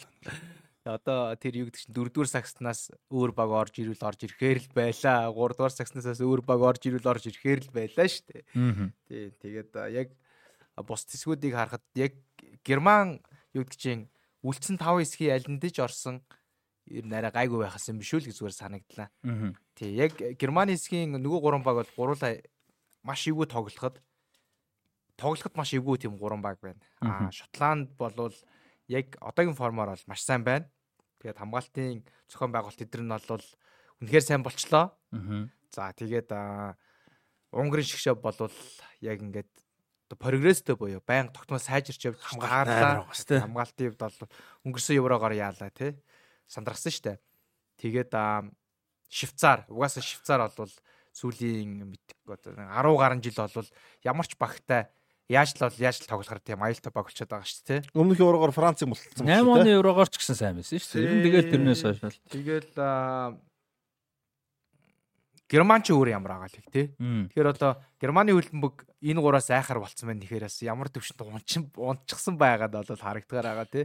А юу гэдэг чинь бид нэр 6 жилийн өмнө Герман байсан бол өө Герман 9 оноо гэжсэл одоо бол шал өөр болчихсон шүү дээ. Яг Нэг найдвартай 3 он авах тоглолт хэцүү байхгүй юу? Хэцүү байхгүй энэ дотроос. Хүмүүс одоо ингээл би хэсэг мэсгийг хамгийн ихвхлийн хэсэг явуучлаараа наа хэсэг хамгийн эвгүй хэсэг байхгүй. Яг одоо чинь герман мултаршны хөрч ёо юу вэ гэж бодоод байгаа байхгүй. Талбай дээр зөхөж зөхөж герман хэсгээс гарч чадахгүй болчихвол яах вэ? Герман гарахал авах л да. Гэтэ ер нь бол энэ гуравтай тоглолт гуруулаа маш эвгүй тоглолт болно. Эвгүй шүү. Энэ гурав бол барагтайг бол алдахгүй шүү дээ. Хэцүү хэцүү. Тэ. Яаж яах герман ямар тий. Тий. Тэгээ герман чинь төвийн товтлогчгүй болчиход шүү дээ. За фулкрук бол за яг гайгүй байгаа тий. Тэгээд дээрэс нь энэ гурав бол хамгаалж сөрөг товтлох нь шүү дээ. Тэгэхэд Германы захын хамгаалт ямар байгаа л төвийн хамгаалтанд сонголтууд нь ямар байгаа гэж бодонгот бас л Герман руу ш даваа хүлээж байгаа хэрэг. Германы бүрэлдэхүүнийг ярихгүй зүгээр ингээд хамгаалтын хамгаалтын тгий за. За хамгаалтын ярихад Рудигерээс өөр гарааны юм байхгүй. Рудигер та за сонголтууд нь юу юм байна те. За Рудигер та одоо ингээд Шлоттербек. Одоо ингээд бос тоцоодын бос чигшээ өгөөдгийг ярихаар за нэг гарант нэг том багууд бол нэг За нэг байрал дээр л жоохон яадаг штэ. Энэ дээр хин гарах бол яах бол гэл те. За зарим нь үсрээл хоёр хоёр дээр ч баг ярихгүй ялангуяа том багууд бол. Гэт германч гурван байрал дээр ирж штэ. Яг гарааны нэг үлдэгч. Үгүй ээ зөвхөн хамгаалт нэр ирж штэ би. Зөвхөн хамгаалт нэр ихэд бус багууд одоо англи мангл ч юм уу хамгаалт нэр Stone Sage тийм байх гэж ярьж штэ. Жигүүр нөөр. За Испани адилхан те. Төвийн хамгаалт нэр хэм байх уу? Нэг нь юм байх уу? За Франц дээр бол ярих юм байхгүй те. За Итали дээр бол ерөөхдөө төвийн хамгаалтан дээр Бастонотой юм байх уу гэдэг юм ярьж чийлэл те. Тэгвэл Герман ч ерөөсөө Рудигерлөнд бусд нь юм байх уу гэдэг гурван байрлал ярьж байгаа байхгүй. Тэгэхээр зүүн дээр Госенс хин Раум хоёр энэ хоёр ч муу. Яг тэгээ байх нь ойлгомжтой гэдэг утгаар. Үгүй яг би энэ дараа нь ярих гэдэг байна. Эхлээд өнөг ганц сонголт нь Рудигер байгаа байхгүй. За Рудигерээс цаашаага явъя. Топ талаас хамгаалагч ганц Рудигер. Рудигер л байна гэдэг би санаа хэлээд байгаа байхгүй юу. За баруун дээр одоо баг бид нар ч танихгүй одоо хин байгаа. Баруун бол ч гэсэн үнэхээр мэдэх юм байна. Германы баруун дээр хин тоглох. Эвгүй эвгүй шүү. Ким их буцаага байранд авч юм аа. Ким их тоглол төв дөнгөө. Сүүлийг нэг баруун жигүүр тоглуулсаа дурсан шүү дээ 10 сард илүүдээ. Харин яг бол үед нэг хүмүүс дурдчихлаа. Гэтэ хин байсан. Тэгвэл төв дөнгөө болчих жоохгүй. Герман хэрэг төв дүнтэй байс байж болно. Яг л одоо орчин үед баруун жигүүрийн хамгаалагч төв рүү ор тоглож болж ш тоглооны явцад. Ким их болвол баруун зүгээрээ хамгаалтанд тоглодог байсан. Тэгээ ууг нь хамгаалагч болсон. Тэгээ одоо бол төвийн агас хамгаалтан дээр тогсон баг багт хэрэгтэй. Тийм илүү хэрэгтэй тийм. Багт нэрээ төвийн агас хамгаалтан дээр кросс хедерэ медрэ гэдэг хүмүүс байсан шүү дээ урд нь. Тэд нар шиг хүмүүс за Кимих яг энэ да баруун тоглоё. Гэхдээ довтгоны явц төрөө орын аар нь олчих гэдэр гэж болж байгаа хөөе. Одоо бол тиймгүй болчихж байгаа хөөе. Тэгээ за баруун дөнгөө. Рүдигэр яж тэнд тоглох юм. Джонатан та юм уу? За та Шлоттербек Зүлэ. Хүмс Зүлэ гэсэн сонголтууд. Хүмс сая шигшэд дуудагдсан. Анхудаага хэдэн жилийн дараа дуудагдж байгаа лээ. Дэлхийн аваргын дараанаас шүү. Дэлхийн аваргаар бэлөө байгаагүй юу? Хүмүүс чинь нэг хизээ хин болиулчлаа нэг болиулсан юм. Нөхөн ирээд болиулчлаа. Оо нөгөө 20 оны еврог еврогоос хойш дуудаагүй санагч. 20 оны еврогоос хойш тийм. Одоо Томас Мюллер, Хьюмс Сидерт одоо баяр. Тийм, тэгсэн шүү дээ тийм. Одоо ингээд харахаар Рүдигэр Жонатан таал байгаа хөөхгүй. Миний харж байгаа. Йонатан юм уу Жонат юм уу те? Таал надад бол. Хоёрт ямар сонголт байна? Тийм, Рүдигер Жонатан та хоёр л байхаар. Тийм, яалч таал да та юунд сайн байгаа юм чи Ливеркузен их сайн байгаа юм чи. За зүүн дээр одоо бас төвхтэй байна. Нөө нөгөө Госенс нөгөө л Раун бахаа хөхгүй ч тоо. Ром тийм Раун Госенс ерөөс өөр хүн байхгүй л да. Ерөөсөө яг л тэр хоёрын л нэг тоглоно. Раумсаа сүлд дуудсан, Госенс өмнө тоглосон. Баруун дээр Хенрикс байгаа. Аргаа та Хенрикс юм шүү дээ. Лайпциг. Аа ч тийм явах уу. Зүүн дээр аргаа та бүр Хауэрсийн тоглолоо шүү дээ. Тасч өгч дээ. За Германы дөрөв орой. Кимих Горецка гүндэг нөө. Зүг. Кимих Горецка тийм ээ ер нь тэр хавцаал тоглох бах. За очсороо бүлтгэнээр орчлоо гэхгүй. Тий. Тэгэн тэгэн тий. Тэгээ төвөнд отож байхгүй Герман. Фул Крюклэнда одоо. Болохгүй л хаварцаа төв. Яг хавирц гол тоглоно л доо бас. Үзүр дүү зүзүр. Зүгээр центр центр. Төвөнд отогчоо. Давтагч биш ээ. Төв хагас хагас хагас. Бас төвөө хагас. Тэгээ нөгөө нөгөө гурав чинь нэг сууш штэ. Тэр Кимих гүндэг нэр үзсэн. Яг Томас Мюллер төвтлөгч юм шүү дээ. Тэгээд бодгоор германч маш. Тийм. Тэгээд бас яг хин байна те. Жамал Жамал Мусиала, Флоран Вирц хоёр бол төвийн хагас хамгаалтанд 10 номерын байрлал лайлалын тоглох потенциал. Яг Мусиала зүүндээ үзэх баха. Тэ. Тийм. Тэгээд жигүүр бол сайн герман боллоо Зане дээр ороод байна те. Набриан, Зане байна. Тэгээд бас хүмүүс байгаа. Брант их сайн байгаа. Юлиан Брант сайн байгаа те. А төвийн хагас хамгаалтны магадгүй Эмре Жан байж болох юм ба штэ. Эмрежан тэгтээ сүүл чигшээдэ дуудагдаа тогтмол Эмрежан дефенсив мэдүүлэлтэр дээр тоглоно нэрээ тоглолт. Эмрежан бол их сайн байгаа шүү дээ. Сайн байгаа тий. А тэгээ бүр болохгүй бол Эмрежан төвийн хамгаалтанд ч зарим тоглолтод тоглодог шүү дээ. Тэгтээ сүүлийн жилүүд тоглосон нь нөхөр. Ер нь бол үгүй. Одоо яг DM дээр тоглоод. Тэгэхээр Феликс Месч байгаа юм ба шүү дээ тий. Дортмунд. Ер нь бол би ингэж харж байна Германыг бол. Эмрежан гараад Кимих гүндэг юм шүү. Хауэрс нь үзүүрийн довтч нэг бол суух юм шүү. Эмре Жан, Кимих Гундон гэхэр байж болно л та Гундон. Тэгвэл хамгаалт нь илүү гоё болж байгаа байхгүй юу? Угаасаа түр хамгаалт муутай байгаа дээр Эмре Жаныг гаргасан дээр. Фүл товтлоо форм хадгалж чадах юм бол шууд гараанд гарах байхаа фүл крүг. Тих бах, тих бах. Яалч уу страйкер хүн эргэтэй л дээ. Тэг фүл крүг чинь шигшээдсэн. 13 тоглолтод оролцсон 10 голтой. Ер нь бол бас гол хийгээд байгаа. Тийм бас голтой байгаа байхгүй. Тэгээ гол нь фүл крүг чинь нөгөө нэг дажгүй финишер тэгээд тэрний боломжийг гаргадаг хүмүүс нь хангалттай байна л да. Эргэн тойрон. Кай Хаварц Арсенал дээр гараа маранд гарахгүй юм чи Кай Хаварц сууж болно л доо. Энэ бол. Музиала Вирц хоёр хуйлаа тоглох бах уу? Тэгээд гараанд Музиала хин юм шүү. Зана юм шүү. Заны зүүн дээр баттай. Баруун дээр үү? Зүүн дээр ч юм уу баруун дээр. Харин Музела Заны фул би фул Мюллерийг суулгах гэж бодохгүй юм. Би бол Мюллер баруун гэж гол руугаа ороод Мюллер би бас Мюллерийг суулгах гэж юу гэж одоо Мюллер гаргах Одоо гарахгүй шүү дээ. Нагelsман тэх юм бол шууд хавар еврого эхлэхээс өмнө халагдсан шүү. Мюллерийг гаргах. Тэгээ Мюллерийг дуудаад гаргасан. Хин хин суух юм. Заны суух юм уу? А Заны суухгүй. Гнабрыг гаргахгүй. Музела суух юм уу? Хүн үн тулцлаа шүү дээ. 11 л үн тулсан шүү. Гол нь Герман гэдэг талаас төс би Мюллер тоглоулмаар байгаа юм шүү дээ. Оо Мюллер гарахгүй. Мюллер бол яг гараа зүгээр зөв баг доторх туршлага гэдгээр явах байх. Тий. Яг талбай дээр бол одоо тий Зане байна. Набри бас форм буцаа олчвол байна. Тий Мусиала байна. Флоран Вирц байна. Тийм гурван тоглох шахт урдуур нь одоо оруулах хэрэггүй уу. Айл 2010 оны. Тэгээд нэг зэг айгүй тодорсон тэг гимтэй бас жоох хэцүү болсон. Кари Мадеми байна. Дортмундын Кари Мадеми хэрвээ форм олох юм бол X factor болох болцоотой. Гой сэлгээ. Өстой гой сэлгээ тийм юм. Мококо чинь юу лээ? Герман мөн. Мококо уг нь Герман. Герман. Мококо бас аятайхан байвал дуудагдаагүй их удаж байгаа. Тэр хоёр дуудагдаагүй их удаж байгаа. Герман ер нь жигүүр дээр бол их байна те. Уг нь яг страйкер бол сайн жигүүртэй шүү. Мококо ч яг страйкер шүү дээ. Тэгээд Адеми ч бас ууг нь тоглоно. Гэтэ тэр хоёр хойлоо ерөөсөө айгу удаж байгаа. Тэгээ ямар санда Фулкруг ч Дортмунд тэр хоёр ч хойлоо тоглохгүй Фулкруг нь тоглоод байгаа. Өмнөх Европ яваад Шотланд бол юу байсан? Энэ бол суул байсан. Тэрийг ч би зөндөө хэлчихсэн. Шотланд арай болоог байна туршлага муршлага. Одоо бол тэр 3 та 2 гэдэг системээр Шотланд бол айгүй сайн тоглолдог болсон байхгүй. Сая Испани Испанд их сайн тоглосон шүү дээ. Норвегийг мулталцсан. Тэр энэ баг бол гэдэг Герман бол тийж амар хожихгүй. Сөрөд овтлон сайн. Германч одоо энэ Маккин ямар амар юутай байгаа формтой байгаа тий. Лэндон Дайкс, Райн Кристи гэдэг урдаа гоё хүмүүс байж гэн. Чи Адамс, Армстронг гэдэг Саутгемптны нөхдүүд байгаа шүү дээ. Одоо ирчихсэн. Тэр хоёрыг дуудаж бас болно. Чи Адамсыг сая 11 сар дуудсан гэхдээ гимтээд яагаагүй тоглоогүй. Чи Адамс 10 төв төвийн хас нь гоё ихгүй Шотланд. Макгрегор хин 3 Маккин Мактомине 3 ч юм бол ер нь бол цуг гарчууд ер нь бол эвгүй шүү. Тэгээ Льюис Фергюсон гэдэг одоо болоонод амар тоглож байгаа нэг залуу сэлгээгээр орно. Тийм. Тэгээд тэгээ Билли Гилмор байгаа. Тий, Билли Билли Гилмор сэлгээ. Тэгээд нөө Тирни Робертсон зүүн зүгүүр бол ер нь эвгүй. Ер нь Маккин айгуу сайн байгаа. Асны л. Маккин амар уу. Маккин бол үнэхээр сайн байгаа шүү. Найруулгаталтай. Тэгээд ганц юм нь хаалгач жоохон хэцүү юм да. Юугаас хаалгач юм худаа шүү. Ангус Ган вэ Норвич. Даавч санаж энэ өдөр Патрик шиг хэмжиж Европ яваргаар. Шотланд яалагч шүү дээ. Ангус Ган хамгийн олон тогсон юм биш үү? 7. Heart of Midlothian-ы Sander Clark-ын хөр байна. Модервелийн Лиам Келли, Рейнжерсийн Роби Макроли гэдэг муу муу. Юу нь бол Шотланд 3 сул тал байгаа. Хаалгач, баруун хамгаалагч, дүүн довтлогч. Яг дүүн довтлогч супер довтлогч бол байх. Линден Дайкс л үстэй. Тий, Дайкс нэг бол чи яагаад давслахгүй. Тэгээ ард нь Армстронг ч юм уу чийдин тий. Тэгэл юу нь бол Шотландын 3 сул байрал энэ 3 байрал. Тэгээс бус байрлууд бол юу нь дайггүй тий. Юу нь очроо тий. 3 4 3-аар 3 5 2 орчим юм тий. Тий. За тэгээ Унгар бол бас үзэн штэ тий. Унгар эйгүү шүү. Унгар сайн байна. Тэр Италицжуулагчин Марко Росси. Марко Росси. Тэг Марко Росси а Унгар Унгарт баг 10-аад жил ажиллаж байгаа. А тэгтээ Унгарийн шгшээг аваад 5 жил баниуда болж байгаа 4 жил ч лөө. А тэгээд тэрнээс өмнө Унгарийн лигт бас ажиллаж байсан. Ийм Итали. Герман ч Унгар барахгүй байгаа шүү дээ энэ бол сүүлийн жилүүдэд. Герман хоцсон уу? Хожоогүй дээ. Тэр еврогоор яалаа. 3 3 3 юу лээ. Тэнцэн шүү дээ. Тэгээд тэнцээд Герман гараа Унгар мултарсан мэт. Унгар хожж байгаа тэнцээ. Сүүл тэгээ юун дээр Nations League дээр нэг хэсэгт орсон шүү дээ.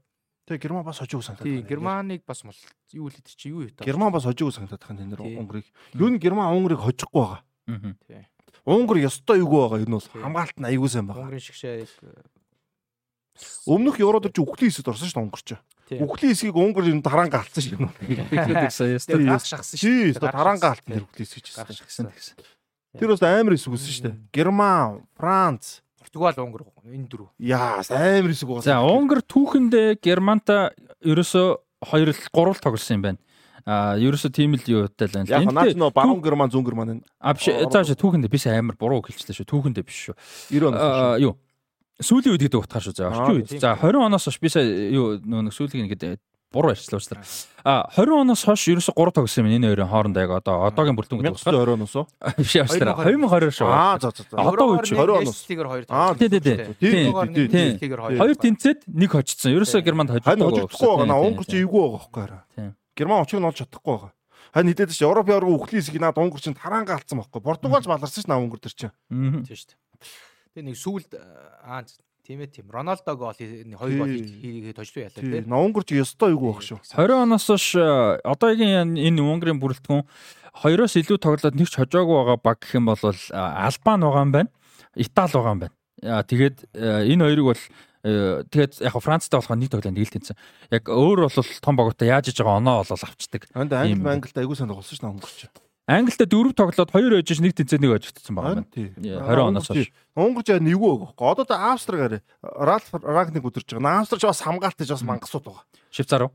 А тий, Швейцар. Яг Австри Рагник байгаа л да. Гэтэ энэ хэмжээтэй Швейцар. Швейцар шүү. Швейцар угаасаа сайн баг. Гэтэ яг үндэ одоо Шотланд Унгар нарыг илүү байна Швейцараас. Швейцар залуучууд байхгүй болчиход шүү дээ. Тий, ойролцоо.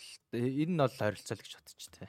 Швейцар сонгогч шалралт айгүй олон тэнцэн. Дөрөв оч дөрөв тэнцэн билүү дээ тэгж тоглосон хамгаалт цайтаа нь швейцарч юм. Нэг тоглолтог өөдөртэй хөлмөг тоглолтог гэдгээр хүмүүс шүүмжлүүлээд байгаа шүү дээ. Нас нь л жоох яваад. Фабиан Шер Аканжи гэсэн хоёр төв хамгаалагч шүү дээ. Тэгтээ аюугүй байхгүй. Хаалгач хаалгач зоомор гэж одоо амар яа бас аюугүй. Амар формтой байгаа. Аканжиг марцчих. Кобл байгаас дээ. Кобл чинь швейцар шүү дээ. Грегор Кобл бас байгаа тийм. Тэгтээ зоомор зоомор тоглолт. Зоомор гарч таа. Зоомор тоглолт л та тийм. Одоо зоомор Интерд байгаа. Тэгээ Аканжи Шарк тэр Ньюкасл Ман Ситигийн хоёр төв хамгаалагч шүү. Тэгээд зүүн дээр нь хэн байгаа? Рикардо Родригес байгаа. Баруун дээр нь Жордан Лотомба гэдэг лист нист их сайн байгаа хамгаалагч тоглож байгаа. Рикардо Родригес бол олон жил болж байгаа шүү. Рикардо олон жил. Баруун дээр сонголтууд бас гарч ирнэ. Хэд хэдэн сонголт байгаа баруун дээр. Одоохондоо бол ямар ч үсэн нийсийн залуу ер нь бол гол тоглоо. Тэгээд Гранит Шака, Шака, Шакири, Ремо Фройлер, Закария, Жибрил Соу. Хоёр оныхоо одоо Ээ, Закария тэр чинь дайжгүй. Энэ Арнатов сэлгэнд байгаа. За ямар ч төв дээр бол ийм хөө залуучууд бол байна. Ингээд анхаар Герман амаргүй байгаа бас тий. Урагшаага Нова Окофор байгаа юм биш нэрээ Миланы. Энэ сайн штэ. Рубен Варгас дэжгүй Аугсбургийн. За тэгээд гол төвтгч байх нь. Тийм, Окафор ер нь яг тэгээ Брил Имболо сайн тоглолт юм аа. Имболо шгшээд бол мангас дээ. Сайн тоглолт байхгүй. Шгшээд яг сайн тоглолт. А Харис Сеферович ч нэр тоглосон шүү дээ. Сеферович идэр бол тэгээд бас хилгээлтэй одоо хуучны тийм 92 оны ангийнхан тэд нар. Ангийнхан яг өнө зэмлэлж байгаа. 17 наснаас хойш байнга тоглож байгаа. Тэгээ энэ тэмцээн баг хамгийн сүүлийн тэмцээн байж тарах байх. Энэ Сеферович энэ Гавр Шака Гавра юм блэ? Гавранович уу? Гавранович лөө. Бас тоглож байгаа. Мехмеди. Тий. Сеферович байна. Харис Сеферович. Тэгээд Шака, Шакири яг 92 оныхан байгаа тийм. А одоо бүх цаг үеийн юуг нь хамгийн олон тогсон тоглолт чинь Шака 102 тай. А тэгээ Шакири 118 тай энэ Хайн Цермангийн хүнтэй хамт байд юм байна. Тэгэхээр одоо Шакири гүцэл энэ хоёр одоо нэг нэг хоёрт нь л болох нь да. Рикардо Родригес бас эвдэх боломжтой 112 тогсон байт юм байна. Тийм. За за за энэ хэсэгтээ эвгүй шүү. За тэгээд 1 2 3-аар за зүгээр л хамаг штэ тий. За яг би бол Германыг бол нэгээр гарч гинөө. За. Хоёроор баг Унгар. Хоёроор Унгар. За гурваар гарах бол хэрвээ гарвал Шотланд. Шотланд. За. За энэ хоёр одоо A хэсгийн а нэгээр гарсан баг за нэгээр гарсны л яри. За нэгээр гарсан баг C-гийн 3-аар гарсан багтай бол учраа таарах юм. А биш. C-ийн runner up гэж байна. Хоёроор юм байна. За C хэсэгт бол Словен, Дан, Серб, Англи байгаа. За тэрийг бодохгүй яри. За B хэсэг Испани, Хорват, Итали, Албан гэсэн хэсэг байна. За энэ хэсэг бол за Хорватыг бол яг нэг үеиг бодвол суул байгаа гэж хэлж байгаа. Гэтэ мэдээж туршлага болол байгаа. Тэ яг нөгөө нэг Гандасаар байгаа тэнцвүүлээд экстра болгоод пенальт болгоо хождог юм шүү дээ. Хорват шүү дээ. За Албан хэр байгаа? За Итали, Испани л бодохгүй байна. Албан Албанч тэгэл угаасаа хамгаалдаг л баг шүү дээ. Хамгаалаас хөрөд. Хэсгээ тэргүүлээ гараад ирсэн. Тий албан муу хэсэг байсан. Чектэй хэсгээс гарч ирсэн. Ер нь бол яг хоо Испани бол хэсгээс угаасаа ойлгомжтой наад энэ хэсгээс бол. Нэгээр. А би бол тий Хорватыг бол ерөөдөө жоох яг бол дэлхийн ордоор Хорват бол жоохон сюрприз болсон шүү дээ. Тэгээс ерөөдөө төвийн хагасл гэхээс ер нь урдаа хойно ер нь бол онгоцсон шүү дээ Хорват бол. Төвийн хагасаар яг Брозож, Ковчич, Модрич 3 гэхээс ер нь урдаа хойно ер нь бол Хорват бол эвгүй. За Итали. Италиг ч одоо түрүү ярьчлаа да Итали бас тий. Тэгээс за энэ гурвын нэг нь молторно гэвэл хэн молторох вэ? Испани, Хорват, Итали.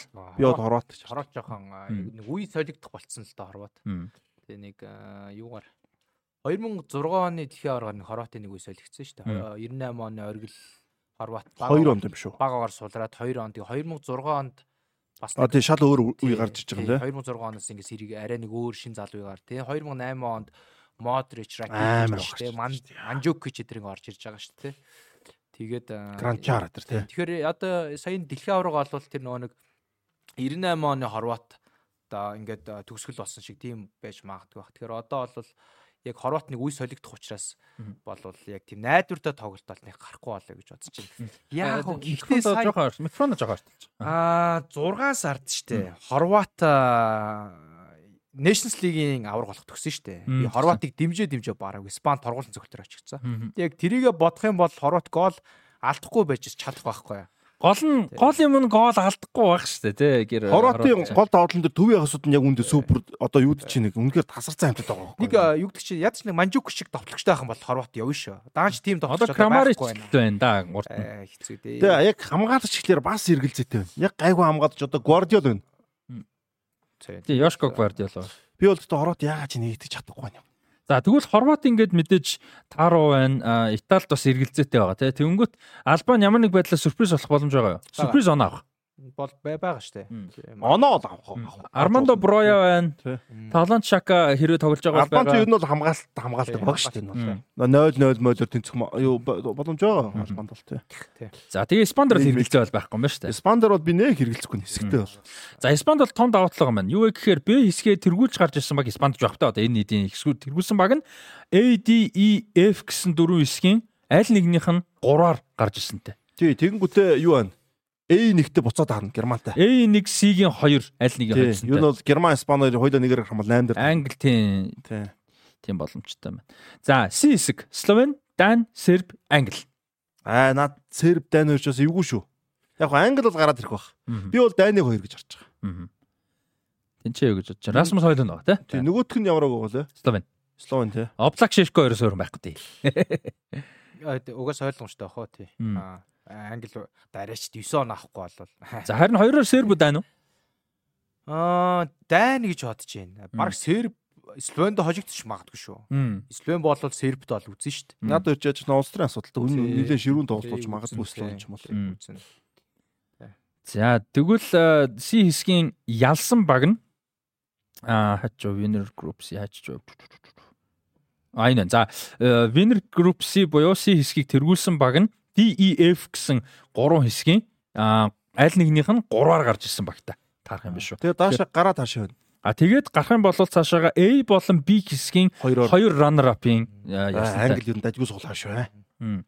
Энэ ихтээс жоох сонирн болч тээ. А яагаад тэгэхээр чи 3-аар гарсан хамгийн сайн үзүүлэлтэд дөрөв баг үлдэх ёстой шүү дээ. Тийм. Тэгэд ягаад заавал ингэ зааж өгöd байгаа юм бол те. Шууд э, нөгөө нэг э, аль альных нь одоо юугаар гарсан гэдэг зааж л нөгөө нэг өөрийнхөө өөрийнхөө хэсгийн багтаа таарахгүй тааруулахгүй гэж байгаа байхгүй тий. Буцаа таарахгүй финал хүртэл таарахгүй л гэсэн л юм. 8 дээр дарж бол бас хэцүү юм да тий. Герман одоо Унгароор гарч ирэнгүүт шүгэн 8 дээр таарч тий. Тий. Тэгхгүй л гэж тэгж байгаа тий. За D хэсэгт за плей-оффын pass A дээрх winner А за энэ дээр pass дээр бол Posh энэ байгаа. Posh Wales хоёр илнэх бах та. Posh Финланд Эстон дөрөв байгаа. За энэ дөрөв нэг. За тэгээ Нидерланд, Австри, Франц. За Польш ч юм уу Вэлс орж ирүүлийн үхлийн хэсэг гэдэг нэр өгч болох уу? За энэ энэ гурвага барахгүй баха. Австри сайн байгаа шүү дээ. Яг үхлийн хэсэг гэдэг дөрвөн амир биш ядаж гурван амир байд. Тийм. Франц, Нидерланд хоёр одоос. За Франц бол угаас асуудал нэг байх байлгүй тийм ч юм да тий. Тэгээд а Нидерландтай ачаан Австри тий нөгөө хэдийн нэг гэхээр бас Австрид би бол ингэж харж гурав ороод юу гэдэг чинь те за Вэлс ч юм ороод ирэхэд Вэлс Австри Нидерланд гурав бол бас нилээн бужигнант юм болж магадгүй л. Нидерланд бол шууд айхтар юу ахгүй те доминант гэж бодохгүй те. Тажигач Европын ороор гоё хэлдэг шин. Энэ жилийн Европын ороор Итали товтлол Нидерланд хамгаалт нэг яг үнэн бохгүй. Одоо Нидерланд бол хамгаалал сонголтгүй болсон шин бол угаасаа товтлоос бол угаа штэ юугаар явна? Сөрөг давталгаар явна. Тий, ер нь бол тий хамгаалалтаа аягүй сан зохион байгуулалт Нидерланд бол боломж байна. Тэгээд боломж гэдэг нь эсгээс гарахыг яриаггүй шүү дээ. Цаашаа явах те. Австри их сайн байгаа. Ягаад Австри гэхээр Австри өмнөх Европын ордор бол ерөөхдөө бүр тийм юутэй баг байгаагүй шүү дээ. Супер байгаагүй. Ерөөхдөө бас нэлээд чардааж эсгээс гарч ирдэ шүү дээ. Гарч ирээд Италид очигддаг баг шүү. Италитай тэнцээ те. А одоогийн Австри ягаад илүү давуу талтай болчихно? Одоогийн Австри илүү довтлолтой Австри болчиход байгаа. Аа. Австригоос хамгаалж чадна. Тэгвэл одоо энэ тэр үед сул байсан лаймерч айгу гайгүй тоглож чулаа гараад ирлээ төвийн хас дээр. Забицер байна. Забицер байна. Забицер одоо яг тэрний дараа гайгүй болоо буцаад яг тэр үедээ баг ирчээд дээ. За тэгээд Алаба бол одоо голдоо найруулд Алаба бол бүхээр л тоглон заяа. Тэгээд Европын оргоор Алабаас бүхээр л бас тэгээд яг Алабагийн зүгүүрээр явж байгаа тоглоомод шаал өрсөн дээ Европын оргоор. Тэгэхээр энэ лаймер Забицер гэдэг энэ урд нь Забицер Алаба хоёр л байсан дээ энэ бол. За тэнгууд одоо энэ энэ 3 болчихж байгаа. Тэнгууд урд нь хэн байгаа? А сэлгэнээс Арнадовж орчиж байгаа. А тэнгуүтээ хэн баг? Өө өндөр довтолж байгаа шүү дээ. Саша Клажич лөө. Клажич. Тий, Саша Клажич үзүүрийн довтолч нь болчихж байгаа байхгүй. Ингээд харахаар энэ Астер энэ бас давгүй болчиход байгаа байхгүй. Хамгаалт угаасаа сайн байгаа наа гэж. Тэгэхээр Нидерланд шууд хожим тул хэцүү Австрик бол. За Францыг хэсгэс нэгээр гарна гэж таамаглаж байгаа гэхэд буруудахгүй. За хоёроор Нидерланд, Австри, за магадгүй Вэлс, Пош. За Нидерланд гарна. Яс. Тийм байгаа л гэхдээ. За Нидерланд л гэж бодож байна. Австри арай барахгүй. Харин яа тийм л бараг тэнцээд Нидерланд нь гэхдээ мөнгөний зүрхэр ч юм уу энэ эвгүй тоглолт болно шүү. За тэгээд D хэсгийг тэргүүлсэн баг нь F хэсгийн хоёроор орсон. А багтаа шүгийн 16-д таарах юм байна. А тэгээд цаашаага E хэсгийг тэргүүлсэн баг тэгээ 3-аар гсэн нэг багтаа одоо шүгийн 8 дээр хайтсантай таарах юм байна. За E хэсэг тавдах хэсэг. За Бэлэг, Словак, Румын за тэгээ плей-оффын пас B буюу Да ер нь нэлээд чанга гэж хийж болно доо. Пас би дээр бол Израиль юу Исланд, Порс, Босния, Украин гэсэн баг тоорно. Энэ Украин чанга ш тэр нь бол чанга. Украин баг Украин ирэхээ авчуул. Украин орж ирээд өөрөө хамгийн гоё хэсгээр орчих гээд байна. Дэгүнд хамгийн сууд хэсгийн хэсэг байгаа ш тэ. Тий, харин. За эндээс Бэлэг ер нь бол нэг их тийм гоё залуу бүрэлдэхүүн бас болцоод эвтэйгэн шилжлээ ш тэ бас тэ ер нь тодорхой хэмжээнд. А Жеремит Доку гоё байж гин. Йохан Бакаяко гэдэг залуу их мундаг ОПС Айнтховнд одоо тэр супер Айнтховны ч гол голчны нэг байгаа. За тэгээд дээрэс нь мэдээж чин байгаа. Аа Лукапакио байгаа. Онана тэгээд Лукаку за ирлээ. Тросар супер байгаа. Мэдээж Тилеманс голдоо тоглолчин тий. Де Бройн эргээд ирнэ гэдэг ч юм уу. Де Бройн хин хоёр Кортуа хоёр хоорондоо зодтолдохгүй байх юм бол тэгээ одоо энэ бүрэлдэхүүн бол эвгүй болох гэдэг шүү. Зодтолт энэ хоёр ч бас хэцүү юм шиг байна. Энэ хоёр ч зодтолдог тийм. Манай үдч зарим мэдэхгүй дээ нөө нэг бүсгүй сайн байсан тий. Тэгээд нэгнийх ихнэр нэг наваас уцсан. Одоо эхнэр юм уу найз зөвхөн шүү. Эхнэр шүү. Одоо үргэлжсэн гэх юм. Үргэлжсэн хүн те тэрнээс болоод жоохон бас хэцүүтэй нэг. Офсал өрөөний нэр чи хоорондоо зодтолдож мадалдаад бас боо юм болчихсон. Үнч зодон болох уу тийм тэр бол угаасаа. Тэр тэр бол асуудалтай. Кортва эргээд ирчих واخо тэр үед бол тийм. Хамгаалт бол за хамгаалт Вертонгийн хивээр л тоглож ирсэн. Loud Face хоёр. Яа, Face бол гарах баг. Вертонг нь зөвөр хөнгөө байх гэхэлэр чи Бельгийн хамгаалт муу л. Вицэл зодог тайлцсан. Вицэл Атлетико төв хамгаалагч тоглоод байгаа. Зодог тайлцсан байгаа. Зодог тайлцсан тийм шишээс. Вицлийг уцаага авч байгаа нь болж байгаа байхгүй. Шинэ дасгалжуулагч юм чинь дасгалжуулагч ярьж болно шүү дээ. Вицлэний тоглолцгоо төвдөр те. Яг үндэ Вицэл Фейсер тоглож бас шал өөр тоглож шүү. Вертонг нь гоё хамгаалагчлаа. Гэтэ яалчгүй одоо бас явчлаа шүү дээ. Тэгээ Вицэл тэр хоёр насны зөрүүд гэтэ яг нэг амар их байх уу? Бага бага. Вицэл 3 4 байгаа юу те? Вицэл арай залуу шүү. Вицэл арай залуу. Тэгээд жигүүрийн хамгаалт дээр яг Кастан байгаа. Нэг дээр яг зүүн дээр одоо тэгээд яах юм байгаа л гэдэг байна л да. Я төв төв болгоо болчихж байгаа шүү дээ. Онона дефенсив дээр тоглолчин. Тэгээд Телемас Дебройн гээд ороод ирнэ те. Тэгээд хоёр жигүүр дээр нь Доку бол ойлгомжтой болчлоо шүү ерөөхдөө зүүн жигүүр. Тийм тийм Доку болоод. Жереми Доку ойлгомжтой, үзүүрийн довтлол Лукаку ойлгомжтой. За ерөөхдөө баруунда Лука Бакайо гарах юм шүү. Лука Бакио юу, Бакайоко юу? Лука Бакиог сүүлд илүү их тоглолоод байгаа. Тийм Лука Бакио. Тэгээ Бакайоко ч гэсэн их сайн шүү. Би сая холиод хэлчих юу гэж. Хойлыг нийлүүлээ. Тийм.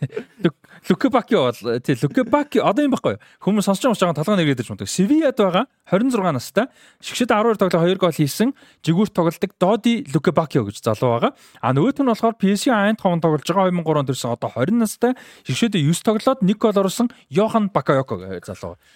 Одоо ингээд харахаар нөө цэнгэл дөрвөөс ш нөө Жерми Докугээс нөгөө талд нь явах жоохон бөмбөг барьдаг дүү юм байлаас зүгээр тий.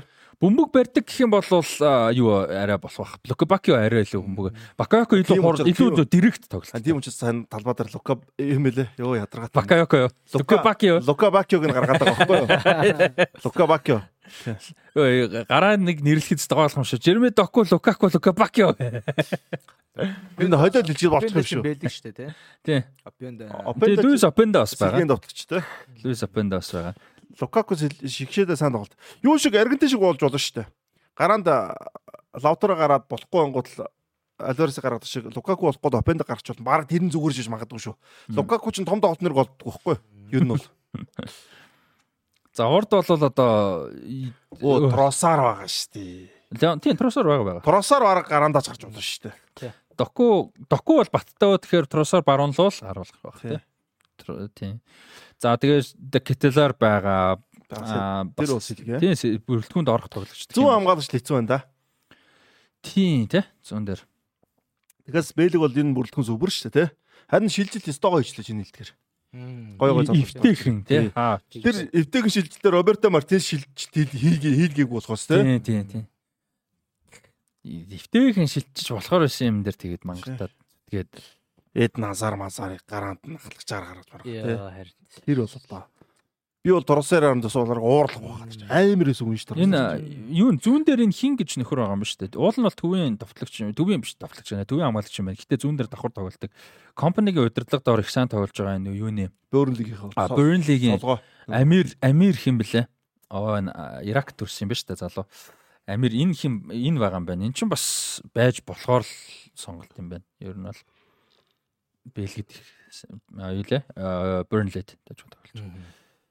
За Румын Словак те. Тийм, Румын Словак болон магадгүй Украин. Магадгүй. Яруу би явал наа чи Бэлгийн нэгээр гараад Украин орж ир Украин хоёр гарна. Хоёр гарна тийм. За Украин ирэхээ авахгүй байх ямар нэг юу байгаа юу? Одоо мэдээж яг онлайн боломжтой гэхдээ зүгээр бүдэр нэг үл юу гэж бодож байна. Гайгүй юм шүү. Гайгүй. Гүрж байгаа өстэй. Хамгийн гайгүй. Израиль гүрж. Аа, гүрж биш. Юу, Босны талбай дээр дараа нь Израиль Исланд хорой хийсэн тань. Нөө гайгүй ш төг нь бол. Гайгүй сонсогч. Уг нь их л сул байгаа бүрэлдэхүүн шүү дээ. Станд бол нэг хэсгээ байхаа Босны чинь бүр Люксембург төжигдод байгаа шүү дээ. Тийм, Босны муу байгаа. Тийм, Израиль яг тийм байхаа санахгүй байна. Босны айгүй муу байгаа шүү дээ. Ер нь бол муу байгаа. За. За дараагийн хэсэг. За тий, тий Бэлэг нэгээр гарах уу? Тий. Тий. Украин орвол Украиныг орсноор удчих 2-2 тий.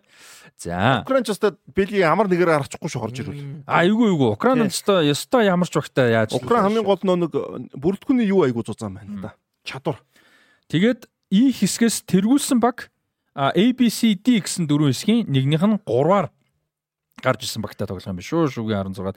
А тэгээ шүгийн 8 тэрөө гарах юм бол D хэсгийн ялсан F хэсгийн 2-т орсон багуудын нэгтэн. Тэгэхээр Францтай тарах одоо тий магадгүй боломжтой гэсэн. За тэгээд F хэсэг За Эфесиг бол Турк орсон байгаа. За тэгээд Туркээс гадна нь бол плей-офф winner C гэж байгаа. За тэн дээр Гүрж талбай дээр Люксембург, Грек талбай дээр Казахстант. За энэ чэнэс бол одоо нэг нь хожиж гарч ирээд хэсэгтээ орно. За тэгээд Португал, Чех. За эхлээд плей-оффын нэрч Гүрж талбай дээр Люксембург, Грек талбай дээр Казахстан. Грек орч ирэх хоо. За Люксембург, Грек, Гүрж хожижлоо гэхэд Гүрж, Грекийг барах ямар нэг юу байгаа юу? Би бол Гүрж, Грекийг л хараад байна ер нь бол. Грек гэд хамгийн эвгүй нь баг Казахстан л аа. Казахстаныг хожих юм бол гүрж илүү амархан гэж бодож байна. Илүү сул тийм. Казахстан сая юу яасан шүү дээ. Аа Даниг хожлоо. Талбай дээр Даниг хожлоо. Тэгсэн. Аа тэгээд Словентэй хоёр удаа маш ойрхон тоглолоо. Финландыг талбай дээр нь хожсон. Аа. Тэгэхээр чин тэ Даниг хожсон Финландыг хожсон байна шүү дээ. Тийм амар өршлөгч бол биш. За тэгээ грек орлоо гэж хэдүүлээ бод. За турк греконд яа эйгүү тоглох юм шүү. Баахан жоо политик те. За турк грек одоо зарим арлаа учир нь болоог байгаа санагдаж байна. Одоо энэ ч болоог байна. Э битүү асуудалтай. Одоо хүртэл. Киприйн асуудал байна. Ядах нөгөө нэг далайн хэрэг дээр нөгөө газрын тос олдоо. Тэгээ одоо бүр тэрнээс ч бол амар юм болж. За турк грек португал чех гэсэн дөрв байна. За португал бол эргэлзээгүй нэгээр хэлбэл те. За хоёр дээр ч амар болсон шүү. Турк грек чех наач алаан болох. За Чех хэн яд яд юм доо. Патрик Шик. Патрик Шик а Сучек Цуфал гэдэг Вестим хоёр шүү дээ. Бас ууг нь голын боломж бас. Болгондоос нь гайг гайг хүмүүстэй болчиход байна. Чех болол тий. Бас боломж бол байна тий. Өстө цэнгэлэлэр шугам шугамд гайг үнэтэй очиж учиртай шүү. Шугам дээр 2 3 үнэтэй болол тэгэл бүр Украин Украин чи тэгээд ивгүй болчиход байгаа байхгүй юу? Турк бас их гой бүрэлдэх юм байна. Туркууд угаасаа би бол хоёр турк гэж харж байгаа шүү. Их залуу гой бүрэлдэх юм ба. За F хэсэг тэргүүлсэн баг бол юунаас а ABC гэсэн эхний 3 хэсгийн 3-аар гарч ирсэн багтаа. Тэгэнгүүтээ гарч ирээд EF чи хоорондоо байгаа хэвээр. А тэгээд санийх ч F-тэй үгүй. А DE-гийн 2-оор гарсан 2 багийн хоцсонтой юм байна. Тийм. DE-гийн 2-оор гарсан 2 тань. Одоо тэгэхээр одоо магадгүй юу гэдгийг одоо Украин Нидерландын хоцсон ч юм уу те. Жишээ нь хэдүүлэнгийнх нь харж байгаагаар бол. Иймэрхүү юм гарах нь байна. Тэгээд аятайхан тоглоод тэгээд Франц нэгээр гар дээрээ гарчих юм бол Португал хагшэр үер нь бол зам гайгүй те. Амархан хурж баг. Юу англи харагдчих шүү дээ. Англи Португал өөрөө зам их гоё харагдаж байгаа хгүй. CF 2 бол. Би сая юу яадаг вэ? Нэг мөсөн бүр нөгөө нэг бөглөдөг юу бэлдчихдэг ус. Тэгээ итгэлээ ингээ гас гаснаа нэг гэж дөхүүлж байгаа бүгд гоё хаа. Дөхүүлж байгаа тэгээ за ингээ энэ дундаасаа аврагын татралаа. Дөхүүлж байгаа хэдүүлээ юу вэ? Яг Европын аврагын өмнөх нь нэг дээ. Урдчлаад те тэгвэл. Угаасаа Европын авраг эхэлдэг 7 хоногт чинь хэдүүлээ яг сизны өмцөн дугаар дуусна. Яг хоёр дахь. Тий, тэгээд юу яаж байгаа байхгүй чинь. Одоо бол бас өөр. Тэр үед өөр юм чинь. Гэмт хагасчны дараа цоорон моором тий. Тий, шал өөр болно чинь. Өөр болно, өөр болно. За сүүлчийн дугаар дээр барыг тэрийг ярих юм. Сизон финал дээр тэрийг ярих нь шээ. Сизон 2 финал дээр тий. За тэгээд 2 дугаар хэсэг юу ячаа? Еврото холбоотой ганц нэг мэдээлэл юмнууд өгчээ. За 3 сарын 21-нд саяны плей-оффын шүгэн дөрвийн бүх тоглолтууд яв зэрэг явагдана. 3 сарын 26-нд бүгднгийнх нь финал. За өөрөөр хэлбэл 3 сарын 26-нд дуусахад саяны дутуу 3 баг л тодорчно гэсэн. За тэгээд нээлтийн тоглолт 6 сарын 14-нд хаалтын тоглолт буюу финал шигшээ тоглолт 7 сарын 14-нд. А Монголын цагаар шүүн болж байдаг шүү. 14-өөс 3 цагаас. Тийм 14-өөс хоёулаа 6 сарын 14-өөс 10 сар сарын 14-өөс нь 15 шилжих шүүн 3 цагаас. Нээлтийн тоглолтууд уг нэртэл болчиход энэ одоо германчууд нэрээ хатахгүй тийм. А тэгээд final хуваар гарцсан байлээ. UEFA-гийн сайтаар ороод тийм PDF-ээр татаж авч болохоор. Юуг нь арчих? Эртний тоглолт хамгийн эртний эдээс нь харж байгаа. Аа за би тэрийг жоо маж харч. Ямар ч байсан 8-аас эхлэх байхаа та. Наваар 8 9-оос эхлэн тий. За Германда бол 12-оос шөнө 3-аас гэх тийм 3 тоглолт. Аа Германда за жоо хамгийн эртний тоглолт 18 10 15 цагаас байна. Хамгийн 9-оос гэсэн үг байхгүй 29. Тий 29-оос 5 цагийн 6 цагийн зур. Юу нь бол 9 12 3 бохгүй тэгэхээр. Тий 9 12. 9 12 3 бохгүй. 15 дээр 5 8 8-аас юм байна. Юу л ям 9-оос ч үлээ. Тий 9-оос юм байна. Тийм. О 100 цаг солигдно. 100 цаг биш лөө 6 цаг шүү дээ. 100 солигдоо 6 болно тий. Тий тий тий. Одоо одоо 6 байл шүү дээ. Сая 6 байсан шүү дээ. Сая зүрүү тий. Би сая нөгөө нэг шүн нэгээс яасан шүү дээ. Тэгэхэд чинь 6 байхадсан юм шүү дээ. Сагийн зүрүү. Өө тэгвэл наашлал бүр сайн биш. Тийм тэгвэл нэг ядаж нэг цагаар наашлах. Нэг цаг чи амар том цаг хөлөг үтэн чи. Тийм. За яг одоо төхөөд ирэх. Юу нь бол ийм юм шүү дээ. 9 12 3 нэг бол 8 11 2 гэх юм шүү дээ. Тийм тэр хацаа. 8 11 2 ч гой сонсгоо. Тэгвэл шүү дээ зүгээр шүү дээ. Зүгээр шүү. Одоо ажиллах хүмүүс өглөө өөрөөр гэртээ арай би чинь гонгонд орсон шүү дээ.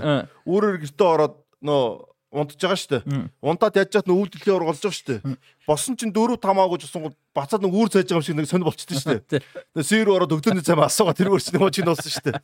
Танаа бриквест гарч ийна марж ирж гайгаад хүмүүс. Хүмүүс чи бүгд ажиллаа дараа гэж байгаа хүмүүс байгаа шүү дээ. Би босч байгаа ш нь өвөл болцсон. Тийм нэг онгоод орсон чи хоёр шуудаад өгсөн шүү дээ бүр. Ингээд ядарсан манарцсан. Эхнийх нь бол ер нь бол Европын авраг эхлээд 2 3 оноо л Танаа өглөөний цаг гарч ийн байгаа юм тэгвэл чинь гайхаад юу өглөөний цойлоо хаа энэ ч одоо өглөөний цоодоог нь гарахгүй гэж чи. Би гайхаад гарах ёстой штэ хостой штэ бараг тиймэрхүү хилээгүүдээ дотроо бодож байгаа юм. Ямар сони ч өглөөний цаг гардгүй ямар сонин юм юу хооны юм бодсон чинь би өөрөө дөрөв цагт бараг ингээд үүр цааж юу лээ. Гигэ тасарж явах үед орцсон байгаа байхгүй. Судлаантай шүү наач бас. 100 болохоор гайгүй л дээ. Тий 100. Тэгээ дээрэс нь одоо энэ чи 18 оны дэлхийн аваргаас хойш яг ингээд 100 том тэмцээн байгаагүй, тухтай тэмцээн байгаагүй. За одоо олимп бол чинь ковидтэй үеэр таарсан. За дэлхийн аварга өвөл таарсан гэдэг ч юм уу те. Аа иймэрхүү зүйлүүд байсан учраас энэ дэлхийн аварга биш энэ евро бол бас ихний нэг юм гоё зум болж байгаа. 21 он евро ч бас эвгүй байсан шүү дээ. Ковидтэй тий. Тий, эвгүй байсан, эвгүй байсан. Гадуур мадуур үзүүлэхгүйгээд одоо бол энэ еврогоор бол бас сайхан. Тий, тухтай байхгүй. Одоо бол ч та яг гоё тухтай. За тэр дараагийн дэлхийн орцод алхаараа л дээ байна тийг шүн ажилтаа ажилтаа очих юм биш шин. Тэг нь бүр яг Америк тэг ядж байгаад чинь Америк Мексик Канад мангар өргөн ийм юм дээр хоорондоо цагийн зөрүүд нэх. Зүгээр нэг ганц ч биш. Тэгэхээр дэр чинь өстө жинхэнэ утгаа. Үүрээр орог ажил эхэлж дээ. Яаж орог. Зүрийг бүр зааварсан юм. Тэгээд чи хоорондоо мангар а яг хасагтгаас жоохон гайг бол. Жоохон гайг бол. Гэтэ ер нь бол ажил 8 баг штэ. Тий ажлын очих цаг маг чинь шөнийн 2 цаг магт ажилдаа очижсэн үгүй. Тий 26 дэлхийн аваргаар бол нөгөө тайлбар мэлбэр нэвтрүүлэг юм хийж байгаа хүмүүс бол шууд нойроо солилцсон дэр. Нэг мөсөн бүр ингээ фул бүр зорж солиод амраа ажилд амьдэрчүүл баг Америк зориулж тий Тэгэхгүй бол ч одоо тэр үед олон тайлбарчтай болчихгүй л үдэ энэ ч одоо 48 тоглолт тослоо юу 48 2 жил хагас хугацаа байна да тий За Раст зингэд хоёр мань ажиллаарай. Тэгээ тоо ч ажиллаагүй шүү дээ өмнөх ороогоор. Тэгэхгүй бол одоо мань хэд явдсан шүү дээ тэнцсэн зүгээр шүү дээ. Өө бурхан мэн зүгээр шүү дээ. За тэгээд еврогийн мөнгөн шагнал нийт 331 сая еврог бол одоо шагнал болгож бүгдээрэнд нь хувааж өгөх юм байна. За оролцож байгаагийн шагнал гээд 24 багт 925 сая евро өгөх нь байна. За нэг тоглолтод хожих юм бол 1 сая евро, тэнцэх юм бол 500 сая евро өгөх нь байна. Шүүгийн 16 шалгарсан баг А 1.5 сая шүүгийн 8 шалгарсан баг 2.5 сая шүүгийн 4 шалгарсан баг 4 сая а мөнгөн медаль авсан баг 5 сая бол төрүүлсэн баг 8 сая евро. За одоо төрүүлсэн багт мэдээж хожил болгондоо одоо саяг мэдээж авж байгаа оролцгоо авж байгаа. Тэгээ ингээд шат болгондоо аваа явж байгаа гэсэн үг. Шат болгондоо ажлын сая авах юм уу? Тэгээ ерөөсө хоцсон хожил болгонд 1 сая. Бүр тийм бичсэн байна уу тийм? Тийм тийм. Тэнцэн болгонд 500 мянга. Тэгэхээр одоо юу гэдэг хасад шатанд тэнцвэл яах юм? Хасад шатнд тэнцээд э, одоо пеналтаар хожих юм бол магадгүй хожлын сая юм. Тэрийг сайн мэдгүй. Наа чи ингэдэж штэ. Зүгээр хэсгийн шатнд л хожилж байгаа. Тэнгүүтээ 16 шалгах юм бол тэтгэл тэгэл болоо. Энд чинь матч бонус ерөөсөө хожил бол энэ бүр яг өөртөө бүр UEFA-гийн өөртөөх нь яасан юм байхгүй. Ерөөсөө матч бонусны хожил 1 сая тэнцэл 500 мянга. Тэгэхээр зөвхөн групп стейж гэж бичээгүй. Тэгэхээр ерөөсөө хожил бол наа чи групп төр групп төр. Тэнгүүтээ 16-гийн өөр болчихж байгаа байхгүй наа чи. Тэгтээ аврууд лиг бас тэгдэг байхгүй. Тэнгүүтээ 16 дөрөнгөтэй 8 дөр үлдэнгүүт тэт тэгээд юм өсөө явчих. Тэгээд наа чи нэг нэг 30 саярууд өгөх юм шүү. Төрүүлвэл. Тийм бах өгөх бах өгөх бах. Тийм чин шатаас аваа мөнгө авчиж байгаа шүү дээ. За еврогийн ийм байна. 6 сарын 14-өөс 7 сарын 14-ний хооронд юм бэ шүү. Хүмүүс наадам дуусгаж байгаа. Яг амралтын дундуур наадам болж илээ дээ харин аа. Наа ч яста бодлуулах 12-нд бүх мөхөө үзээд бас унтахгүй шүү дээ наа чи. Тийм бах те. За гэхдээ юу яаж болох юм аа? Бас одоо юу гэдэг лээ. Дундуур нь засварлах юм аа тий. Тийм дундуур нь засварлах. Би Европтой холбоотой нэг жоохон сонж шилжчихв. За. Аа, Европын аваргын тоглолт нөө сонгуультад авчихдаг байхгүй Монголын. Тэгээ Монгол сонгуультад авчихсан. Тэгээ нөө 7 сарын 1-нд болсон 2008 онд. Тэр нь Европын аварга бас болоод хүмүүс айгүй хүзээд шүнжэнгөө. Тэгээ 7 сарын 11 дээр бас хүмүүс нь би нэлээд бас одоо очиг хүмүүсээс арай бага байсан болооч боддیں۔ Одоо манитээс эхлээд би чинь тэгэд залуу байсан шүү дээ. Яг тийм сонгуулийн юм дээр очих одоо юутэй нас ахгүй миний хувьд бол 21 21 22 ч юм уу те. Цэнгэл мэнгэж байгаа юуг төгсчихсэн шүү дээ. 10 10 жилээ төгсчихсэн те. Тэгээд нөө Европын аварга болоод унтаад босоод босоод ирсэн чинь нэг тиймэрхүү юм эхэлсэн те. Энэ жил сонгуул хизээ байгаа лээ 20 6 сар. Ер нь бол яг Европын дундуур л болт. 6 сарын хэдэнд 20 хэдэнд. Тийм 6 сарын хэдэнд. За яг еврогийн дэ сүүлийн шат руу орчих үед дарахгүй. За тэгээ еврогийн нээлт дундуур сонгуулааг наач бас Атланта юм болдсон шүү бас нэ. За тэгээ нээлт бол юунд Альянс аренад шгшээ тоглолтол Олимпиа Берлиний Олимпиа стадионд болно. А тэгээ дээрэс нь Альберт гээд юу танилцуулж байлаа те. А одоо маскот маскот те. Альберт тэгээд гурван дуучин Тийм, гурван уран одоо артист те. Тийм, нэг нь болохоор Medusa гэдэг DJ, а нөгөөх нь болохоор One Republic гэдэг хамтлаг. А тэгээ нөгөөх нь аа эмгтэй өө юм билээ. Харин тийм нэр юм. Калифорниад одоо based гэдсэн шүү дээ, тий. Тийм, Германда ер нь том. Европод One Republic гэж амар том хамтлаг. One Republic бол амар. One Republic бол эднэр дундаа угсаа хамгийн том хамтлаг. Тийм, энэ юунууд яах юм бэ? Грэмми дээр авч ирсэн юм лээ шүү дээ бүр тий. Тийм, тийм, тийм. Олон Грэмми. Хаанхын хамтлаг? Америк хамтлаг уу? Ер нь том хамтлаг. Яагаад те нөгөө нэг э, too late to apologize энэ төр гэдэг чинь тэр штэ энэ штэ айл 8 8. Too late upon. Ээ яа тэр тэр дууг нь мэддэм шүү дээ. Тэр Ryan Tedder баггүй. Супер producer. Дүүл баг хамтлаг юм байна. Би ч бас хамтлаг дуу сайн мэддэггүй тэгээд яг мэдэн гэхдээ бас нарийн мэддэггүй юм чи бас тэгээд One Republic хэлэн One Direction-дээ бас андуурж мандуураа тэргүй чи нэг юм болсон. За тэгээд бөмбөг нь болохоор Fußball Liebe гэж нэртэй одоо Love of Football гэж орчуулж байгаа тийм ийм бөмбөг бол Adidas гаргасан байлээ. Тэгээд энэ дэр бас яг одоо юу яаж байгаа? Шин технологи connected ball technology гэж юм технологитой одоо бөмбөгийг бол ашиглана гэж байгаа. За энэ дотроо бол ийм одоо GPS-эрхүү технологитой бөмбөгн дотроо. А тэгээд энэний ачаар бол одоо offside болон одоо бусад зүйлүүдийг шийдэхэд бол одоо AI ашиглаж бүр илүү нарийн шийднэ гэсэн юм юу байгаа юм байлээ. А тэгээд дээрэс нь үнний одоо ийм юу орж иж байгаа учраас технологи орж иж байгаа учраас Европын хэлбэрийн албаны хүрээнд ажиллах одоо мэрэгчлэлт officials буюу одоо шүүгчтэй шүүгчд бол нэмэлт одоо юу яаж байгаа бэлтгэл ус хийж байгаа юм байна энэ дээр сургалтанд орж байгаа техникийн техникийн сургалт хийж байна гэсэн үг тийм. За юм бэлээ. Тэгээд еврогийн хувьд бол ийм байна. Манайд бас энэ бол 17 дахь удаагийн евро. Тэгээд бас favorite еврогуудаа хуваалцаарай. Ямар баг таамаглаж जैन те. Одоогийн байдлаар 6 сар дутуу байна. Тэгээд чинь еврог нэг дэлхийн оргын өмнө нэг юун дээр ярьдаг шиг еврог ярьчих юм шүү. Юг? Еврогийн юу болгонуудыг тэр ярьчихлаа. Э, түүхийг үү? Яг нэг сүртэй яриаг яг жоохон төхүүлж байгаа. Дэлхийн аврагыг бол ярьсан билүү? Дэлхийн авраг ер нь бол яг ерөөдөө ярьсан ярьсан. Яг 2 дугаар сэтрээ явандаас юу очиж болох юм шүү дээ. Тий, евро евро орцолж ярьж байсан шүү. Яг нөгөө 60 оны еврог яриад 64 оны еврог яриад. 88 амч одоо бас амар шүү дээ. Ер нь хоошоогоо бүр амар шүү дээ. Тий, бас ярьж. Хоошоогоо ерөө цэнгэл нанжтууд дугаар бол ер нь чийж ялгаагүй дээ. Дуусахгүй дээ. На чамаа нөгөө хөдлөж болохоор тэгээд хошоороос дээ. Тийм ээ. Би бол яг 2000 оны еврогоос хойшоо илүү сайн мэдээ. Ер нь бүгд адилхан шүү дээ. Бүгд адилхан 2000 шүү дээ нүүд тэр. 2000-аас хойш л ерөөсөө бүгдийн баа байггүй. Өстой сонирхолтой тий. Тий, өстой одоо нэрэ. Ягаад нөө 2000 оны еврог чинь үдцсэн шүү дээ бид нар тий. Үдснээс гадна нөө ихтлгүүр нөө юун дээр гардаг ус. Нанжит дээр тэрийг аягүй хүздэг ус юм лээ. Ихт таарж байгаа үгүй л нөө. Ихтлгүүр нөө ямар телевизлээ зардаг ус юм чинь. Тэнгүүл тэр телевизийн нэг юун дээр нь гардаг зурагт гардаг. Зурагтаа нь битүү Европын аваргын гол гарна. Бид ихтлгүүр орох холондоо тэрийг үзчихин. Яаж чад мангар удаан гарна. Тэгээд мангар удаа өнгө үзэж суучих шүү дээ. Зогсоол ингээд. Тэгээд Европын аваргын бүх гоолууд гараас тэ 2000 оны бүх юм гар. Тэнгүүл нөгөө зарим хүмүүс нэрэд зуртаа онторч байна. А зарим ч тоохгүй л тэ бүгд үзчихэж гэж бодд юм. Тэгээд би ч тэгээд үзэж зогсчдаг гэсэн байхгүй чинь 2000 хэд онд юм бэ?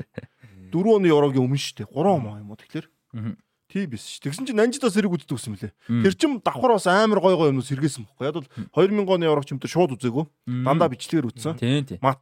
Санахгүй юм байдаг. Тэнгүүд яг тэр ихтлгүүрийн дээр нөө номингийн юу ч юм амар гой тод. Тэгээ бүх баг гоолууд нь харуулдаг байгаа ихэнх нь. Сто зогсч төгсөн тэгэл. 2000 оны Европын оргон тэмцээнийг яг нэг бүх цагийн түүхэнд хамгийн шилдэг тэмцээнүүдийн чигсаалтанд бол бүгдээ яг нэрлэдэм байлээ. Яг яг зөвхөн тоглолтуудын нэр гэж нэг харах те тухайн тэмцээнд ямар тоглогчд байсан тоглолтууд нь ямар чанартай байсан эдрийг харах юм бол үнэ үнэ үнэ супер 2000 оны евро үнэхээр бас амар болсон. Ч одоо тэгээ зохион байгуулагч Нидерланд Бэлг хоёр байсан тий. Тий. Нидерланд амар үргэлжлүүлдэг байсан тий. Йоо бурхан. Яг яг яг 10 2004 2000 оны еврог бодонгууд бас угаасаа багууд нь ч супер а тоглогчд нь ч гэсэн бас ингээд аюу жигд таарчихсан. Тэгээд тоглолтууднаас үзүүштэй гоё Европ. Бодлоо. Нидерланд Италитай тоглолтын донд хоёр торгуулийн зохиолт алдсан гэж юу гэсэн үг юм бэ? Тэгээд дахиад торгуулийн зохиолт зохиод ахаа хожигдож байгаа шүү дээ. Анхны юу байсан? хамтарч зохион байгуулсан евро. Ер нь ер нь тэмцээнүүдээс дараа нь Японоос тоглосон болсон шүү дээ. Яг дараа нь, бүр яг дараа яг тухай зарлцсан байсан тийм. А тэгээд одоо евро дээр товчхон мэдээлэгчид эхний 5 удаагийн евро 60-аас 76 хүртэлх евро бүгд дөрвөн баг орж ирсэн. А тэгээд 80-аас А 92 оны хооронд 8 баг орж ирсэн 96 оны Англид болсон хэдүүлээ нөө Тербен бас дээр байсан тий. Тинчнээс хойш одоо 12 оны Польш Украины дэлхийн авраг биш уучлаарай Евро дуустал 16 баг байсан бол 2016 оны Францаас хойш 24 баг ордог болчих. За тэгээд дараа жилийн Евро бол мэдээж Германд болно. За өнгөрсөн жилийнх одоо аль бисны брендинг нь 20 боловч 21 он одоо өмнөх нь тий болсон. За энэ бол Европ гэдэг юм нэртлэр явсан. За гэхдээ гол тоглолтууд Англид болсон. За тэгээ 28 оных бол UK and Republic of Ireland гэж байгаа. Англи, Хойд Ирланд, Ирланд, тэгээд Шотланд, Уэльс гэсэн. Умард Ирланд бас орж байгаа. Тий, Хойд Ирланд тий. Умард Ирланд. За ингээд 5 улсд орж байгаа бол 32 оных Итали, Турк гэсэн ийм одоо газардуудын тэгсэн ийм болцсон дээ бүр болцсон тий албасаар зарлцсан. Ийм сонирхолтой хойроод бол гарчихсан байгаа. Турк руу битүү гэж үзсэн дээ Монгол. Итали, Турк, Итали, Туркийг бол өстой жиггүй битүү үзсэн. Аа тэгтээ 8 жилийн дараа юм юм өөрчлөгч чинь дөө тий. Турк засаг гайг болцсон байгаасаа та. За одоо яаж геополитикийн асуудлууд ихтэй маа Турк мөрк. За дараагийн бид нэг орчих гол үү тийм. Харин тэгвэл яалчгүй тэгэл холбот болчихсон. Өнөөдөр ч бас гайг байна. За сая юу яасан? Индонез улсад 17 хүртэлх насныхны дэлхийн орон шалралт тэмцээн дууссан. За тэгээд шүгийн дөрөвт Аргентин, Герман а юу Франц, Мали хоёр таарсан байсан. А тэгээд Аргентин, Германы тоглолтод амар тоглолт болсон. А Аргентин, Германы тоглолтын дээр эхлээд юу хийж байгаа? Герман нэг хийж байгаа. За тэгээд дараа нь Аргентин 2 хийгээд За тэгээд 58 дээр Герман тэнцүүлээд за тэгээд 69 дээр Герман 3-2 болгоод за тэгээд за ер нь Герман хожижлаагаа явж ич эрд дээр нэмэх долоо дээр Робертого давтагч нь хэтрик гэж тэнцүүлээд эрд дээр нэмэх долоо дээр тэгээ экстра тайм явсан. За тэгээ экстра тайм яваад пенальт болоод пенальт дээр Герман 4-2-оор хожиж болол одоо Герман шгшээ тоглолтод шалгарсан. За Аргентин бол ингээ хожигдсон. За Франц Малигийн тоглолтын дээр эхлээ Мали хийсэн. Эхний үеийн төгсгөл 45 дээр дөрөв дээр энэ одоо дэлхийн аварган бол хоёр сүрприз багийн нэг нь Мали байсан. Нөгөөх нь Узбекистан байсан. За тэгээ Мали Диара нэг хийгээд хоёрдугаар дөнгөжлөө удааг бах Франц нэг нэг нэг болгоод 69 дээр 2 1 болгоод за тэгээ ерөөхдөө тэнцэнээс хойш Мали боломж гарч чадлагүйгээр Франц бол хоцсон. За хүрэл медалийн тоглолтын дээр Аргентин 3 тэгэр хожигдсон. Мали 3 тэгэр Аргентиныг буулгаж аваад одоо хүрэл медалийг авсан байсан шүү. Мали 8 жилийн дараа 6 6 юм уу 10 жилийн дараа дэлхийн ороод орж ирхэн дээ. А эвгүй шүү. Тэгээ олон баг орно. Угаасаа ган нэгээр дээр бүгд тэгсэн. Яг энэ замыг туулсан байхгүй юу? Яг залуучууд юунууд дээр сайн тоглоод. Одоо 30 оны дэлхийн аваргаар хэдэр чи яг амар болно шүү. Тин ч дөнгөж 16 17 Мали чинь тэгээд нэг ганц хоёр гайгүй гайгүй хүмүүс үе байж байгаа л гараад ирдэг шүү дээ. Одоо канотой манотой. Одоо тийм энэчнээс чинь нилээн хитэн нөгөө евро дуруу скаутууд харж байгаа гайгүй гайгүй. Мамадууд яараа байд өнөө Реалд идэх чинь. Мамадууд яараа. Мамадууд яараа. Тэр мэргээ дандаа Малигаас чи үе үе нэг одод гарч ирдэ шүү. Сэдүкета ч юм байлээ те. Мали шүү дээ. Тийм Сэдүкета ч амар гой тоглож байсан шүү. Тийм Сэдүкета ч юм байли Барса байсан. Севияд байсан те. Севияд бүр амар байсан шүү. Янз янз янз янз. Барса зүйлдээ төвөө хасаж зүүн хамгаалагч болж. Барса зөндөө тогсон янз. Копедлэр гол мол хийгээд. За тэгээ финалт Герман Франц очоод таарч тоглосон а Норвег шүгшүүлсэн юм байна. 13 мянган үзэгч үзсэн байна. Одоо Luton Town Bournemouth-ийн цэнгэлтгэс том цэнгэлтгэд тоглож олон үзсэн байна шүү дээ.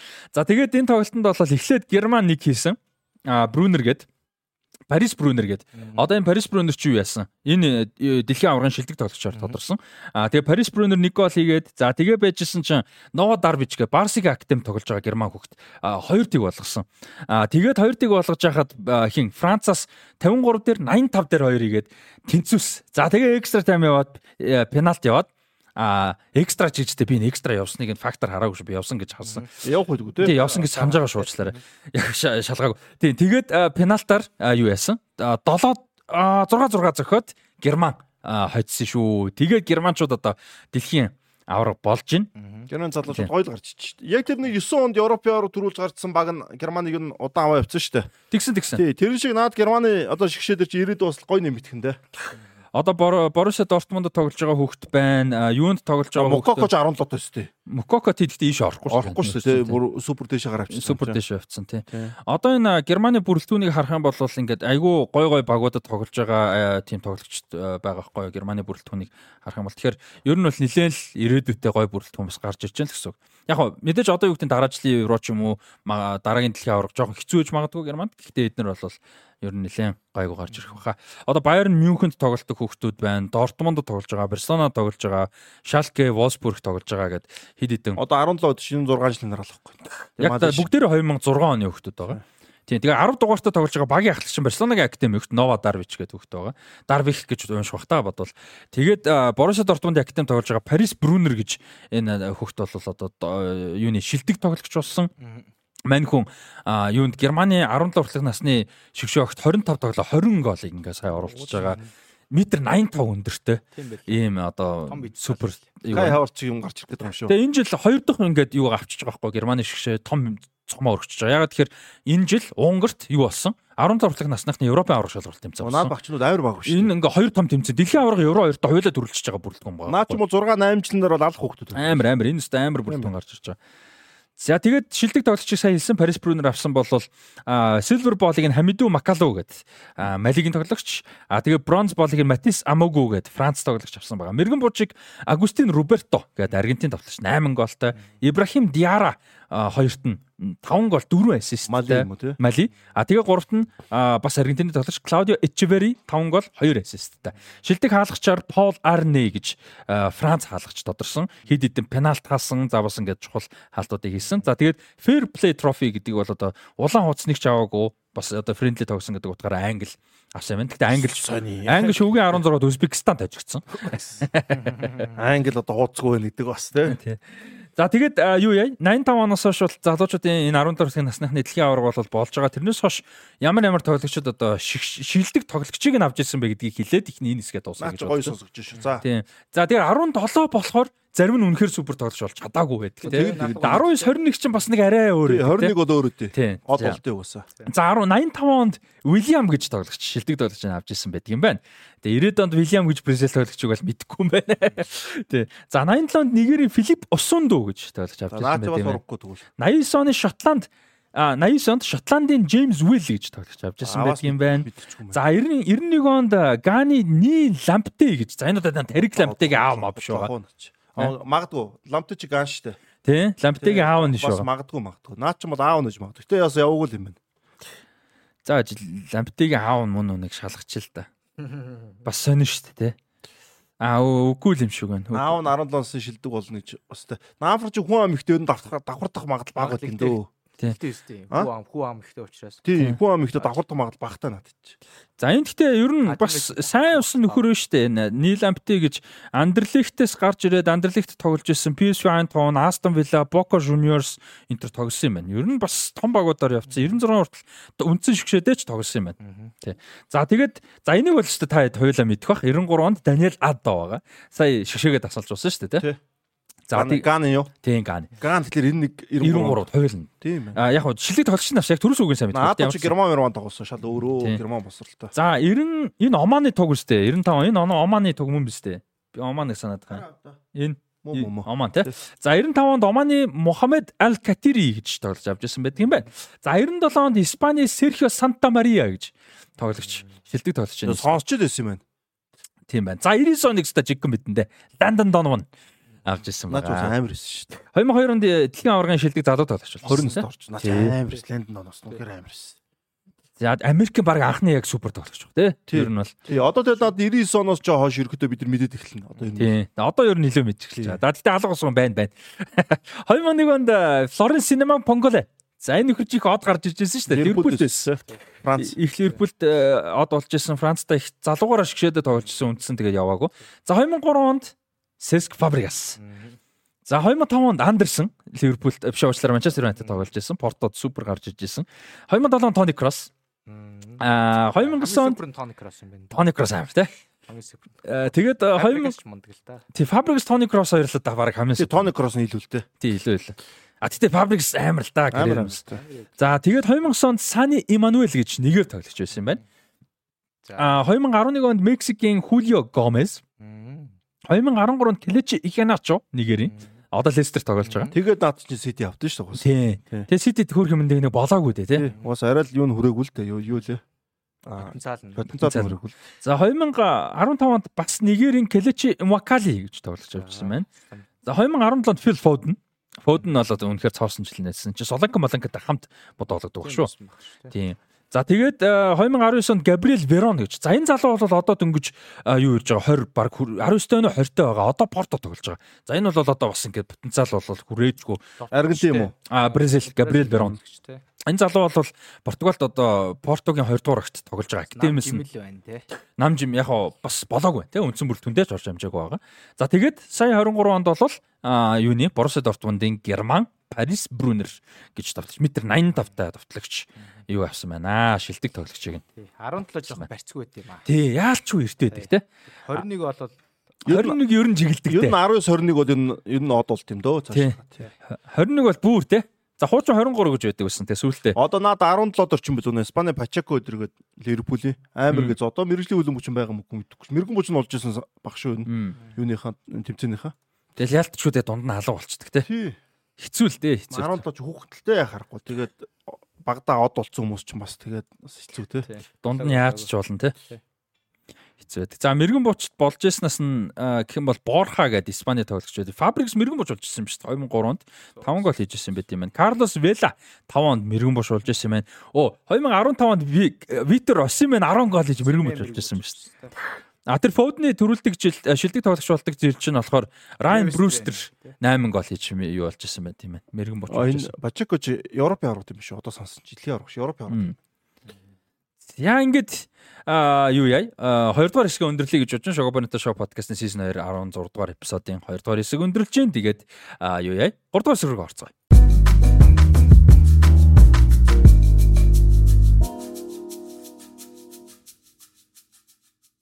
За ингээд Өнөөдрийн дугаарын сүүлчийн хэсэг буюу story time эхлэх гэж байна. За тэгээ өнөөдрийн сторигоор бол сайн аврагууд лигийг товчхон ярьсан. За тэгээ аврагууд лиг энэ одоо бидний мэдж байгаа форматаар дуусж байгаа тий шинэ формат эхэлж байна. 36 багтай лиг шиг формат тий. Тэгээ хоорондоо 5 5 тоглоод ингээ явдаг. Ийм формат эхлэх гэж байгаатай холбогдол одоос одоогийн аврагууд лиг ихсэнтэй холбоотой нэг тийм story маягийн ярих гэж утсан. За анх бол Европын цом гэдэг нэртэй тэмцээн байсан.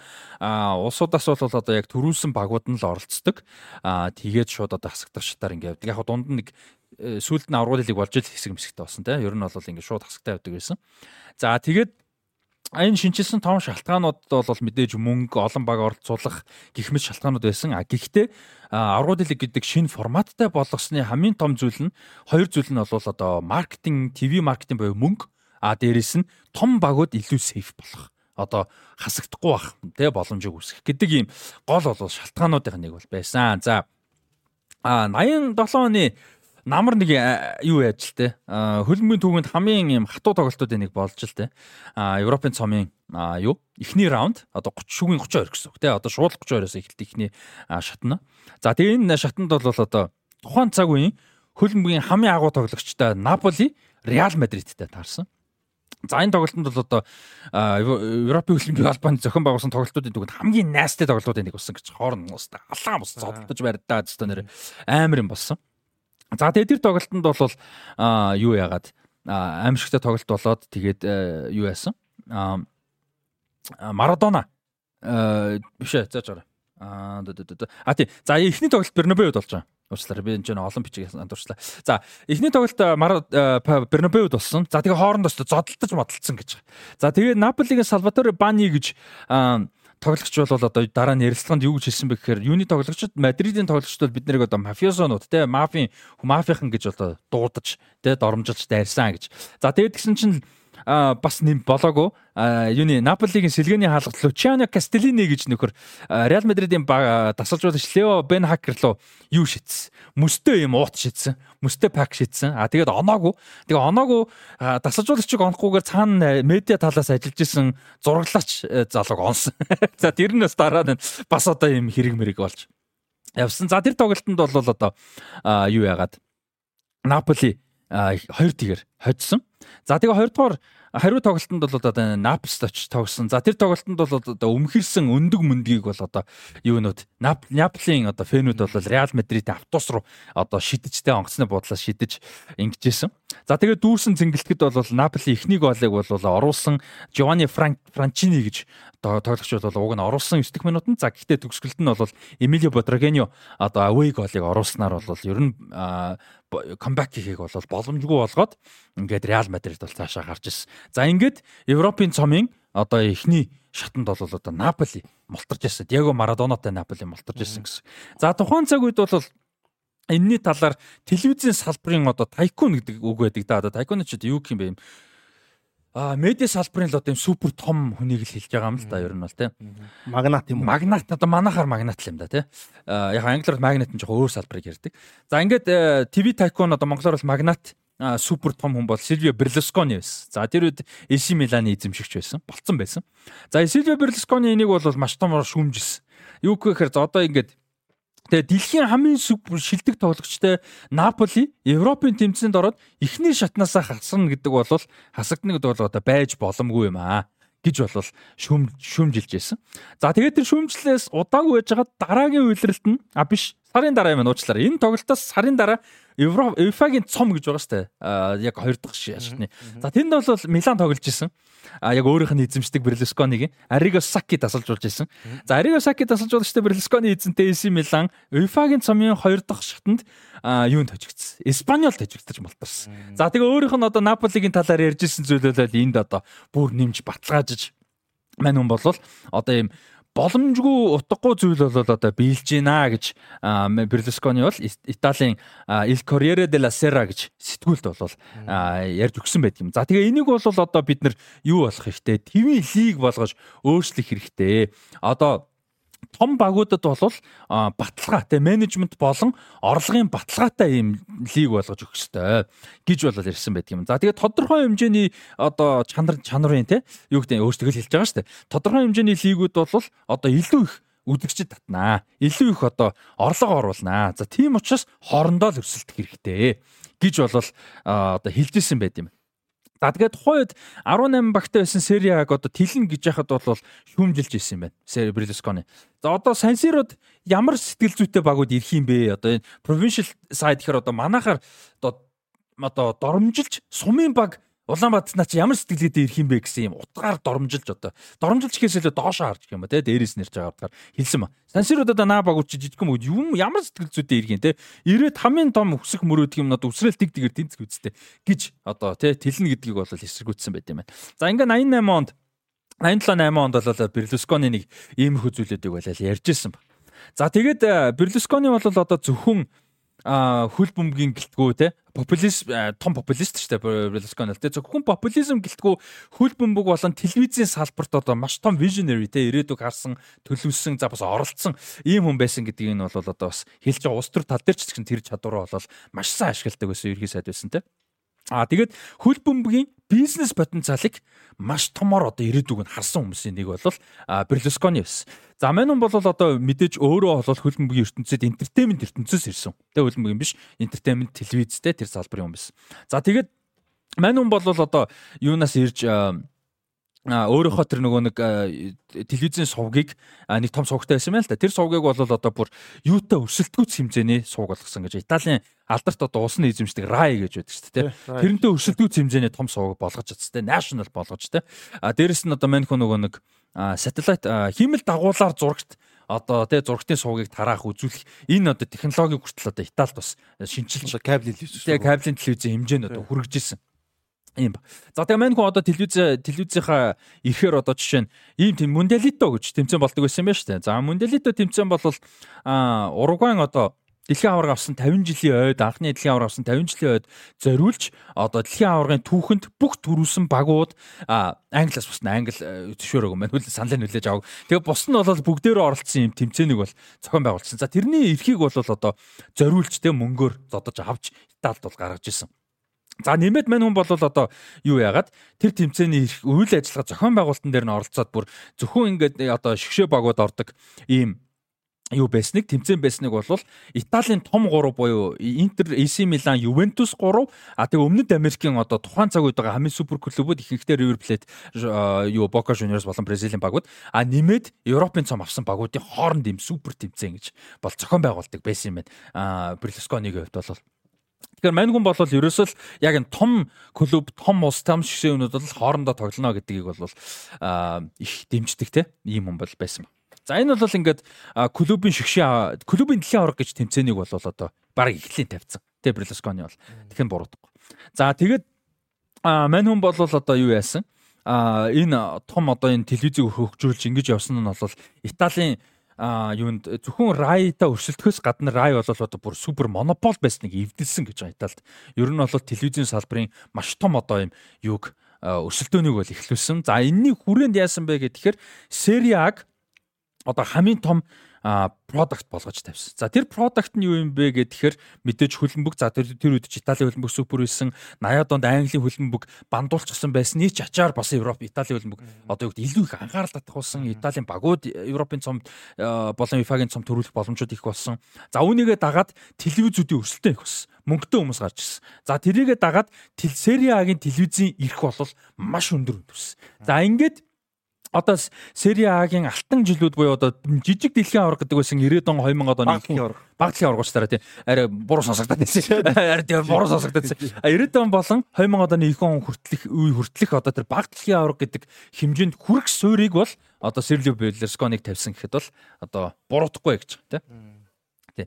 За тэгээд ингэж одоо эхлэлүүд тавьсны дараагаар бол одоо яг Берлусконигийн хэлснээр одоо Берлусконигийн ч баг адилхан FIFA-гийн том тэмцээнүүдэд хоёр хоёр тэмцээн байсан те. Энэ тэмцээнүүдэд нөгөө Италийн том багууд нь 1 2 дугаар шатандаа мултраа байсан те. Мултарна гэж бол байхгүй. Яг аргууд лиг бол хоёр дараас нь шат нөгөө хэсэг мэсгтэй гэж нэг хэсэг янз бүр явдаг байсан те. За ийм болсон. За юунууд FIFA-гийн тэмцээнүүдэд Италийн багууд ч төрүүлдэг болсон. Милан бол одоо чинь Европын цомыг дараалж те өргөсөн гэдэг ч юм уу. За гэхдээ мань хүн бол одоо илүү орлого өстой, илүү бизнес болох өстой гэдэг сэтгэл нь бол хിവэрэ байсан гэж. Тэрнийхээ дараач гэсэн тийм.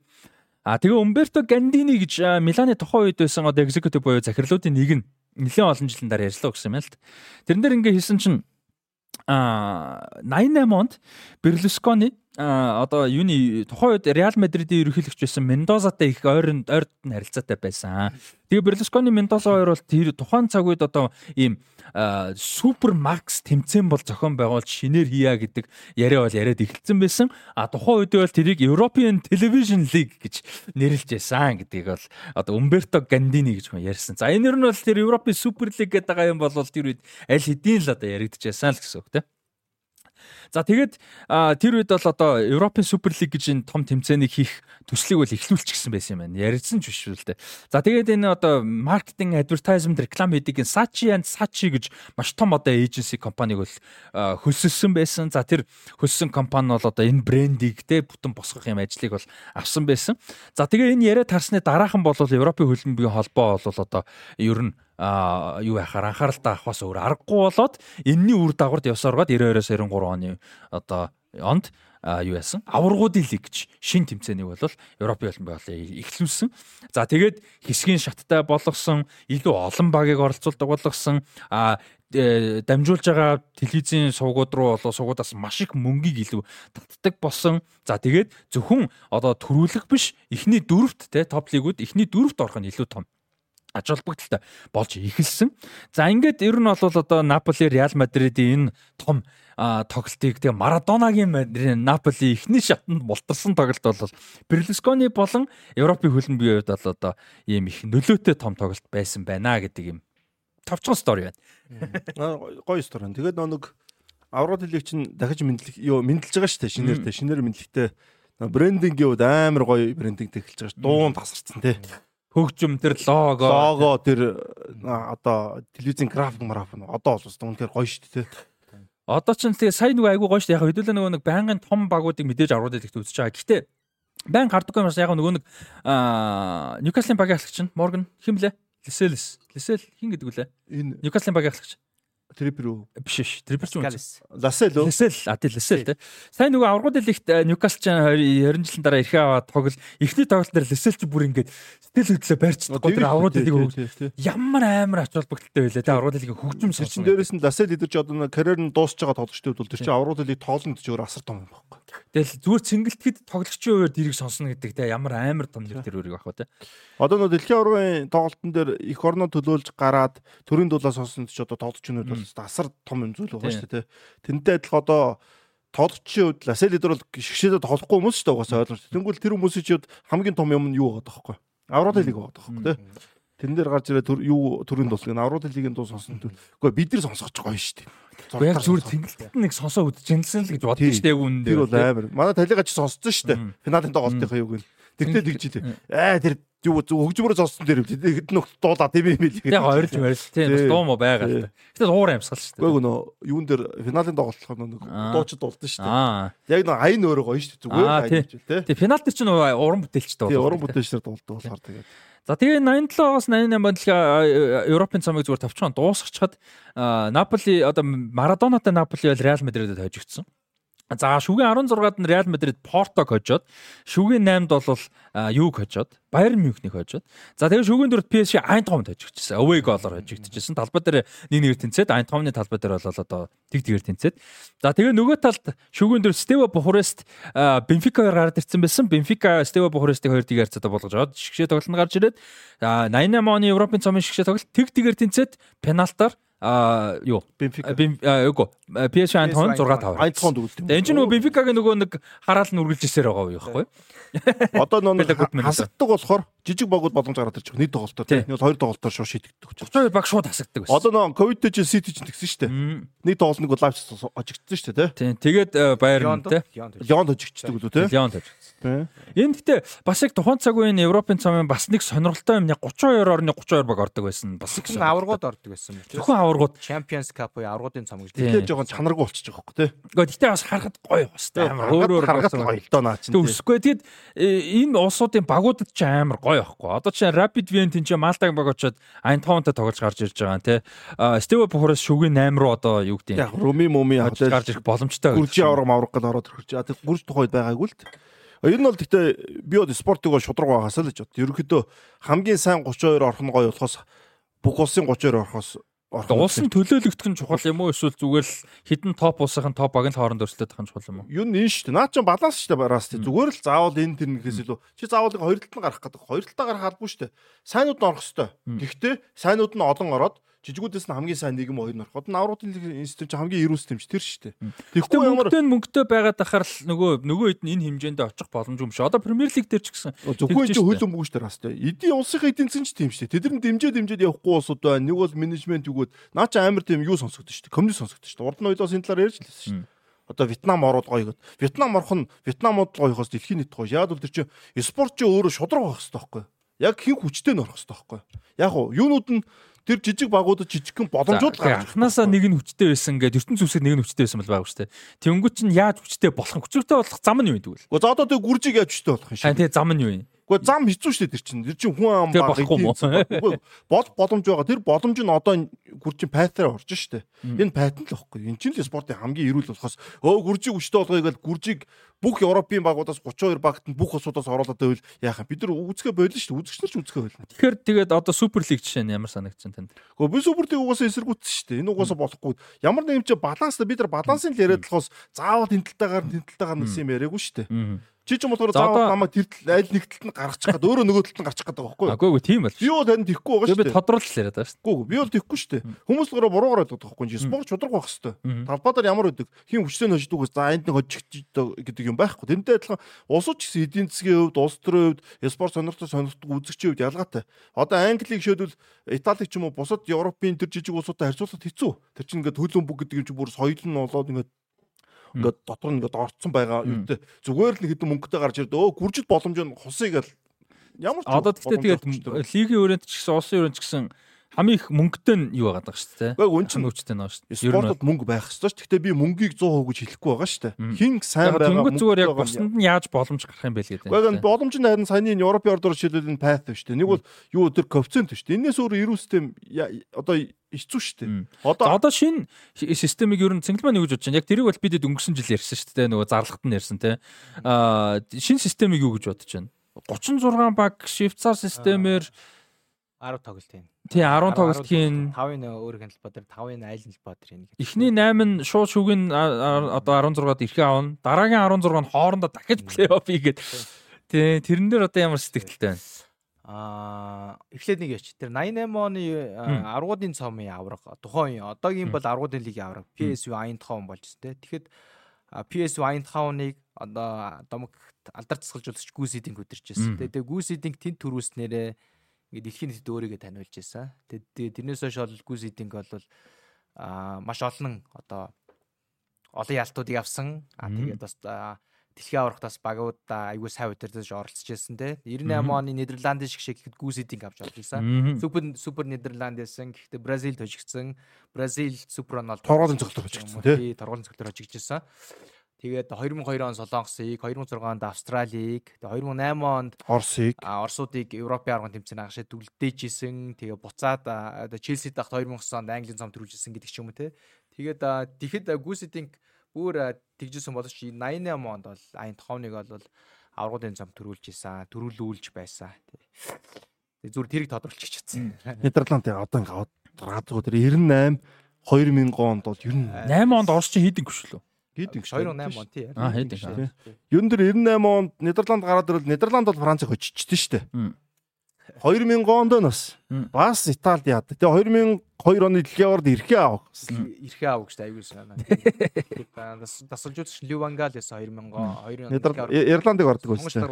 Одоо энэ дээр ч бас нэг юм биш үү? Сая ингээд нөгөө Берлусконигийн юу шиг Томчууд нь эрхээ авахгүй бах нөхцөл гардаг те. За тэрэн дээр одоо шудраг байна сте. Эрхээ аваагүй нөө. Тэр шудраг шүү. Тэнгүүт одоо яах юм бэ? Тэнгүүт системийг нь өөрчилчихээд байгаа байхгүй юу? Аа ингээд make sure хийгээд томчууд нь ерөөсөө баталгаатай орох болгож өөрчлөлт байгаа юм байна. Эсэргүүцсэн баха. Одоо нөгөө нэг юуны а уйфогийн одоо нөгөө нэг түүхэн амжилтыг нь үнэлж оноо өгдөг гэдэг тэрийг болиулсан санагдаад байна. Коэффициент үү? Тий.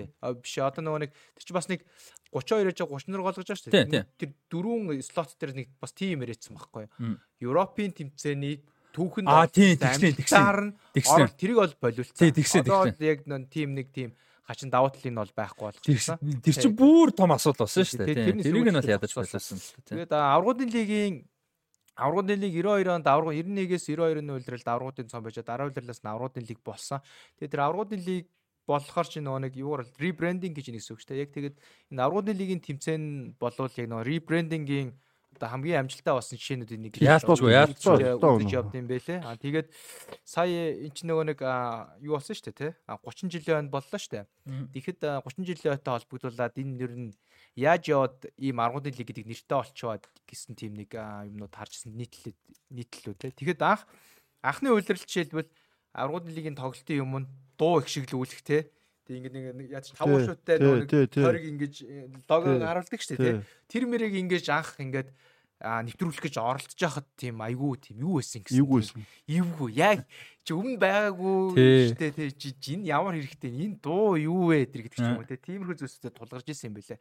Тэгээд э, энэ зүйлсүүд яа за нэг 3 жил 4 жилийн дараагаас эхлээд одоо тэр аврагуудын лигийн лого байгаа штэ тий. Тэр бол Европ даяар хүмүүст хоногшсон гэж байгаа. Аврагуудын лигийн айс. Одоо тэгээд бид нар ингээд 30 жилийн дараа харахад бол аврагуудын лигийг таних гол тэмдэгэ бол лого байгаа байхгүй. Тэгээ хөгжим те. Тэгээ ай яагаад байгаа. Ай бол амар. Амар амар аяжтай юу ярих те. Нөгөө нэг яг ребрендингийн хамгийн амжилттай жишээнүүдийн нэг гэж ер нь бол явдсан байлээ. Тэгээ янз бүрийн бизнес кейсүүд Apple Apple юу шүү дээ. Тий. Энэ бол айгүй мундаг тим ребрендинг хийсэн. Тэгээд амар амар юу. Хай нэг тэр тоглолтуудыг бодж л ялаа л да. Тэр 6 6-аар нь эхний шат нь 4 хэсэгтэй, 2 дугаар шат нь 4 хэсэгтэй. Тэр тэр 4 2 дугаар шатнаас 8 баг үлддэг гэсэн шүү дээ лигийн систем. Тэгээд 2004-өөс 5 оны улирлаас хойш илүү дээ. 3-аас 4 оны улирлаас илүү шүгэ 16 таа болгоцсон шүү дээ. Тэр нь гоё болсон тий. Тэгээд тэгэхэд яагаад шүгэ 16 таа болгосон бэ гэд тэгэхэд гол шалтгаануудын нэг нь тоглолтын тог цөөлж исэн гэдэг шалтгаан авчихсан байхгүй.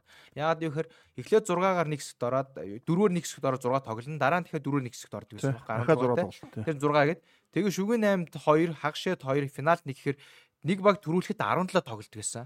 А тэрний тэрнийг цөөлөд 13 олголоо гэж тухайн үед шийдвэр гаргаж ирсэн. Ууг нь тий. Айгүй сайн одоо айгүй тос санаж байна.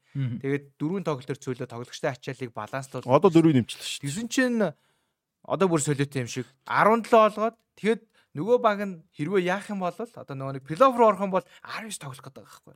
Тэгээ нийт тэмцээнд 19 тоглож тоглоно гэхэр чи одоо юу гэсэн. Лигийн талд тоглож шүү дээ. Энэ бол бүр ингээд яг одоогийн ийм шигүү календартай нөхцөл бүр ингээд арай хитрхи дэндүү тэмс одоо олон тоглолт болчиход байгаа. Одоо нөө юу штэ 8 сард эхлээд 19 сард тусч штэ 19 тоглолт лиг. Яг л энэ шиг юм болчихсон шүү дээ. Харин тэнцэнтэй хагас одоо лигийн 38 тоглолтын дээр дахиад нэг лигийн хагасыг авчиж тавихаач нөгөө тоглогч чинь бүр мууч шундын байгаас хүн тий. Тэгээд энэгээр бол амар их шүмжлэлт агуулж байгаа. Тэгээд мэдгүй зүгээр амжилттай болчихыг мэдгүй шүү дээ. Нэг үсэн чи тэрэндээ дасал батсан байж байхыг үгүйсэхгүй тийм. Тийм учраас 3 жил гэж байгаа л да тэр чинь. Нэг жил мэдхгүй л дээ. Тэгээс яг өмнө нь нөгөө нэг ингэж байгаад 17 бэлгснээ 17 тоглолт байсныг а цөөлөөд 13 болгоч зөвлөөр гаргаж ирсэн. Магадгүй одоо яванд энэ 36-аг за энэ юу н хэцүү байна гингүүтээ тоглолтын цөөлөх шидэрч гарах магадлал гэсэн байхгүй. Тэр үе ч гэсэн дараа жилээс нөгөө нэг системүүд нь явна. Тэгээ тоглолтын ачаал мачаалнаас яах нь харцгаая те. Тэгээ явж идэл нөгөө нэг Сауди Арабт өвлийн дэлхий арга болно шүү дээ. Тэр хоёр юу ч болох юм бүү мэд яг үндэ болоод тэрийг жоохон дөхүүлж байгаа юм. Тэгээд ийм ачаалттай үед дундуур нь өвлийн дэлхий арга дөрөх бол баларх. 10 тоглохыг болиулсан юм шүү. Юу 4 4 тоглохоор болсон юм шүү. Тийм шүү. 8 матчтай. Наадах чинь бол хэдүүлээ юу вэ? дахиад нэг хараа. Би одоо ч юугаар бодож байгаа. Сая энэ сая нэг хавар хуралцсан шүү дээ. Тий, тэгсэн тэгсэн. Хавар хавар хуралцсан дарах нас хойш би ингээ шалгааг өгч байгаа. Харин би бас би бас 10-аар нь бодоодсэн. Тэгсэн чинь одоо бол ийм байл зэдүр тавчаа ирчээ те. League stage гэж байгаа. Одоо хэсэг гэж байхгүй те. League stage-ийн 8 тоглолт 9 сарын 17 8-нд ихний тойрог нь яваад 1 сарын 28 9-нд матч day 8 явна гэж байгаа байхгүй. Тэгээ сар болгон байгаа. Тэгэнгүүтээ нөгөө плей-офф нь 2 сарын 11 2-ын 2 сарын 18 9-нд явна гэж байна. Үлийн амралтаар ячиж байгаа юм шүү дээ. Тоглолт болох байхгүй байна шүү дээ. 1 2 сард аврагуудын лиг чинь нөгөө тоглолтгүй байсан юм аа тоглолттой болгож байгаа. А тэгээ 3 4 5 сар гээд ингээд явж байгаа юм байна. Алийн царай 8 байна. Тэр жоохон шахуу ойрхон болох нь шүү дээ. Нилээн шахуу болж байна. Тийм. А тэгтээ Евроос бол гайгүй юм байна л да. 16-аас хойш бол тэгээд нэлээд гайгүй. Тэг нөгөө нэг юу агаад байгаа ш тэ 20 19-өөс 24-ийг плей-офф бич нугалдаг нь хэвэндээ байгаа зү. Тийм. Тэр нь болохоор 2 сарын 11-нд 2-нд 2 сарын 18 9-нд тэгээд. Тийм. Тэгвэл одоогийн байдлаар бол зөв макс тоглолтыг а одоо 17 байсан бол биш 13 байсан бол макс тоглолт 17 болох магадaltaй гэсэн үг. Яг тэр одоо 13 дээр одоо нөө 8 хэсгийн 6 байсан бол 2 нэмэгдээд 15 болчих нь нөгөө баг нь 9 дугаар руу ороод тэгээд даврагууд тоглолт нэг юм бол дахин 2 тоглолт илүү ихэд 17 болгочих гээд шүү дээ. 17 тоглолт байх боломжтой. 15 юм 17 тоглож иж хожин л гэсэн үг байна. Авраг болох нь шүү дээ. Тийм. За тэгээ өмнөх плей-офф qualifying энэ төр оруулахгүйгээр шүү дээ. Харин. Тийм. За тэгээд энэ week mic нь яаж өөрчлөгдөж байгаа ч гэнэ бас нэг хэдийн юм байна. За тэрийг тэгээд дараа нь дөхүүлж байгаа 100 бол нэг том юм ярих юм байна. Дараач тийм. Тийм. Дараачлын аврагуудыг эхлэхэд гарсан юм. Системүүд бол тэгэл ер нь бол зөвхөн байнга л өөрчлөгдөх юм. Синхронлог ойлгохоор. Системүүд бол ерөнхийдөө байнга байнга л цаашдаа өөрчлөгдөж угаасаа явах бах тий. Тоонуудыг өөрчлөх ч юм уу тиймэрхүүнүүд. Тэгээ яг энэ одоо том систем бол нэг дахиж өгөө. Одоо энэ би бол ингэж хараад байна. Одоо ингээд урд нэг системүүд дандаа сайжирч явдаг гэсэн шүү дээ. Одоо ингээд ерөөхдөө хамгийн гайгүй системүүдээ хүн төрлөختөн бас ингээд спорт орчил олчлоо шүү дээ энэ бол тий. Энэ л зүгээр юм байна ингээд. Одоо энэс лөө гайгүй систем гаргаад нь л хэцүү. Би одоо харж байна. Одоо байгаа системийг илүү зүгээр гэж бодож байна уу? Хэсэгтээ те 32 баг. Одоо эсвэл энэ Swiss системэн дээр гэж бодож. Энэ одоо бас Swiss системэнд бид нар амьдрал дээр туршааг болохоор бас яг хэлэхэд хэцүү юм те. Тийм бас яг нэг талаар зүгээр сонирхолтой байж магадгүй. Одоо жишээлбэл нөгөө нэг том багууд жишээлбэл илүү хоёр тоглолтыг хүн талаас нэлээд болох байхгүй. Тоглолт бол гайгүй сонирхолтой болох байхгүй. Ягаад гэвэл юу гэдэг чинь хэсгээс 3-аар гарсан гарах нь тодорхойлцсон баг сүүлийн тоглолт нь жоохон сул хандах ч юм уу те. Тэнгүүт энэ ч нөгөө нэг 9-өөс 16-г 24-г хооронд нугалан нэгэнгүүт бас 9-өөс 24 доторх байрлалуудаас амар том шалтгааллах байхгүй. Хойшлоо тусмаа эвгүй багтад таарна, урагшлах тусмаа гайгүй багтад таарна гэхээр нөгөө тоглолт болгоны илүү сонирхолтой болно гэдгийг тэр зорилгологоор нь ойртох гэдэг юм шиг байгаа. Тэр нөгөө бүх багуудад ер нь бол аль болох дараагийн шат руу шалгарх нь магадлалууд нь байсаар байна. Тэгээд тэрний араас нөгөө тоглоно гэдэг ч юм уу те. Тэр нэг тиймэрхүү зүйлсүүд ер нь бол байж магадгүй юм шиг байгаа да. Тэгээд яг зөв харж л бай. Тийм тэгээд өмнө нь яг энэ аврагын лигийн форматыг ер нь бол за нэг 7 8 жил дээр нөөцлөд явуулсан ба сая энэ 2002-оос 3 оны улирлаас 3-аас 4 оны улирлаас хойш гэж бодож байна. 3-аас 4 оны улирлаас хойш энэ улир формат баг 20 жил явчлаа шүү дээ. Энэ бол хамгийн урт явсан формат байгаа байхгүй. Тэгэхээр яг зүгээр харж л бай. Өмнө нь бол 92 онд тийгээд ингээд байн тогтмол өөрчлөгдөд байсан л да. 16 байсан бол 32 болол 32-ын дотроо бас нэг 2 хуваагдчих юм хуваагдал янз янз байдаг байсан. Гэтэ яг үний хэд тэр хагаад 32 дээр ирсэн байсан бол 16 дараа хасагддаг бол зөв ч гэсэн яг үндэ тэр гараад 16-ад дахиад дөрөвс бол төс тэр бас гоё идэв стандарт том багууд. тэр өстой яг үндэ ингээд үзэгчийн хувьд гоё байсан байхгүй том багууд ингээд 16 баг гарч ирээд бүгдээрээ 4 4-с дөрөв дахиад хэсэгтээ тоглоно бол бас яг үзэгчийн хувьд бол гоё байсан шүү. Тэгэл тэр 16-аас 8 руу гарахс нэлээ хатуу шалгууртай тийм Яса жинхэнэ алдсаж гарч идэх гэсэн юм чинь. Тэгээд 3-аас 4 оны үлрэлээс эхлээд шууд плей-оффт болох. За 16 болох тий. Тэгээд яг хуу яг 8 гэвэл бас яах вэ арай л учиртай. Гэхдээ л тоглолтын тог нэмжээ болохоор сонирхол тий. Сайнурэд өндөрлөхөө. За тэгээ. За ингээд Шоу Бонто шоу подкаст season 2 16 дахь дугаар өндөрлж байна сонирхолтой байсан гэж найдаж байна. Сэтгэлээ хуваалцаарай. Европ хөлбөмбөгийн холбооны Евро аврагын лиг гих мэт сэдвүүдээр нэлээд яриа. Өрнөлөө лигүүдийн талаар яриа өнсөн таалагдсан тоглолт, таалагдсан гол за тэр шүүгчийн асуудал гэдэг ч юм уу те зүйлүүдийн талаар суглааны талаар сэтгэлээ хуваалцаарай. Аа тэгээд Шоу Бонто шоу подкастын дараагийн дугаар уулзлаа. Баяр та.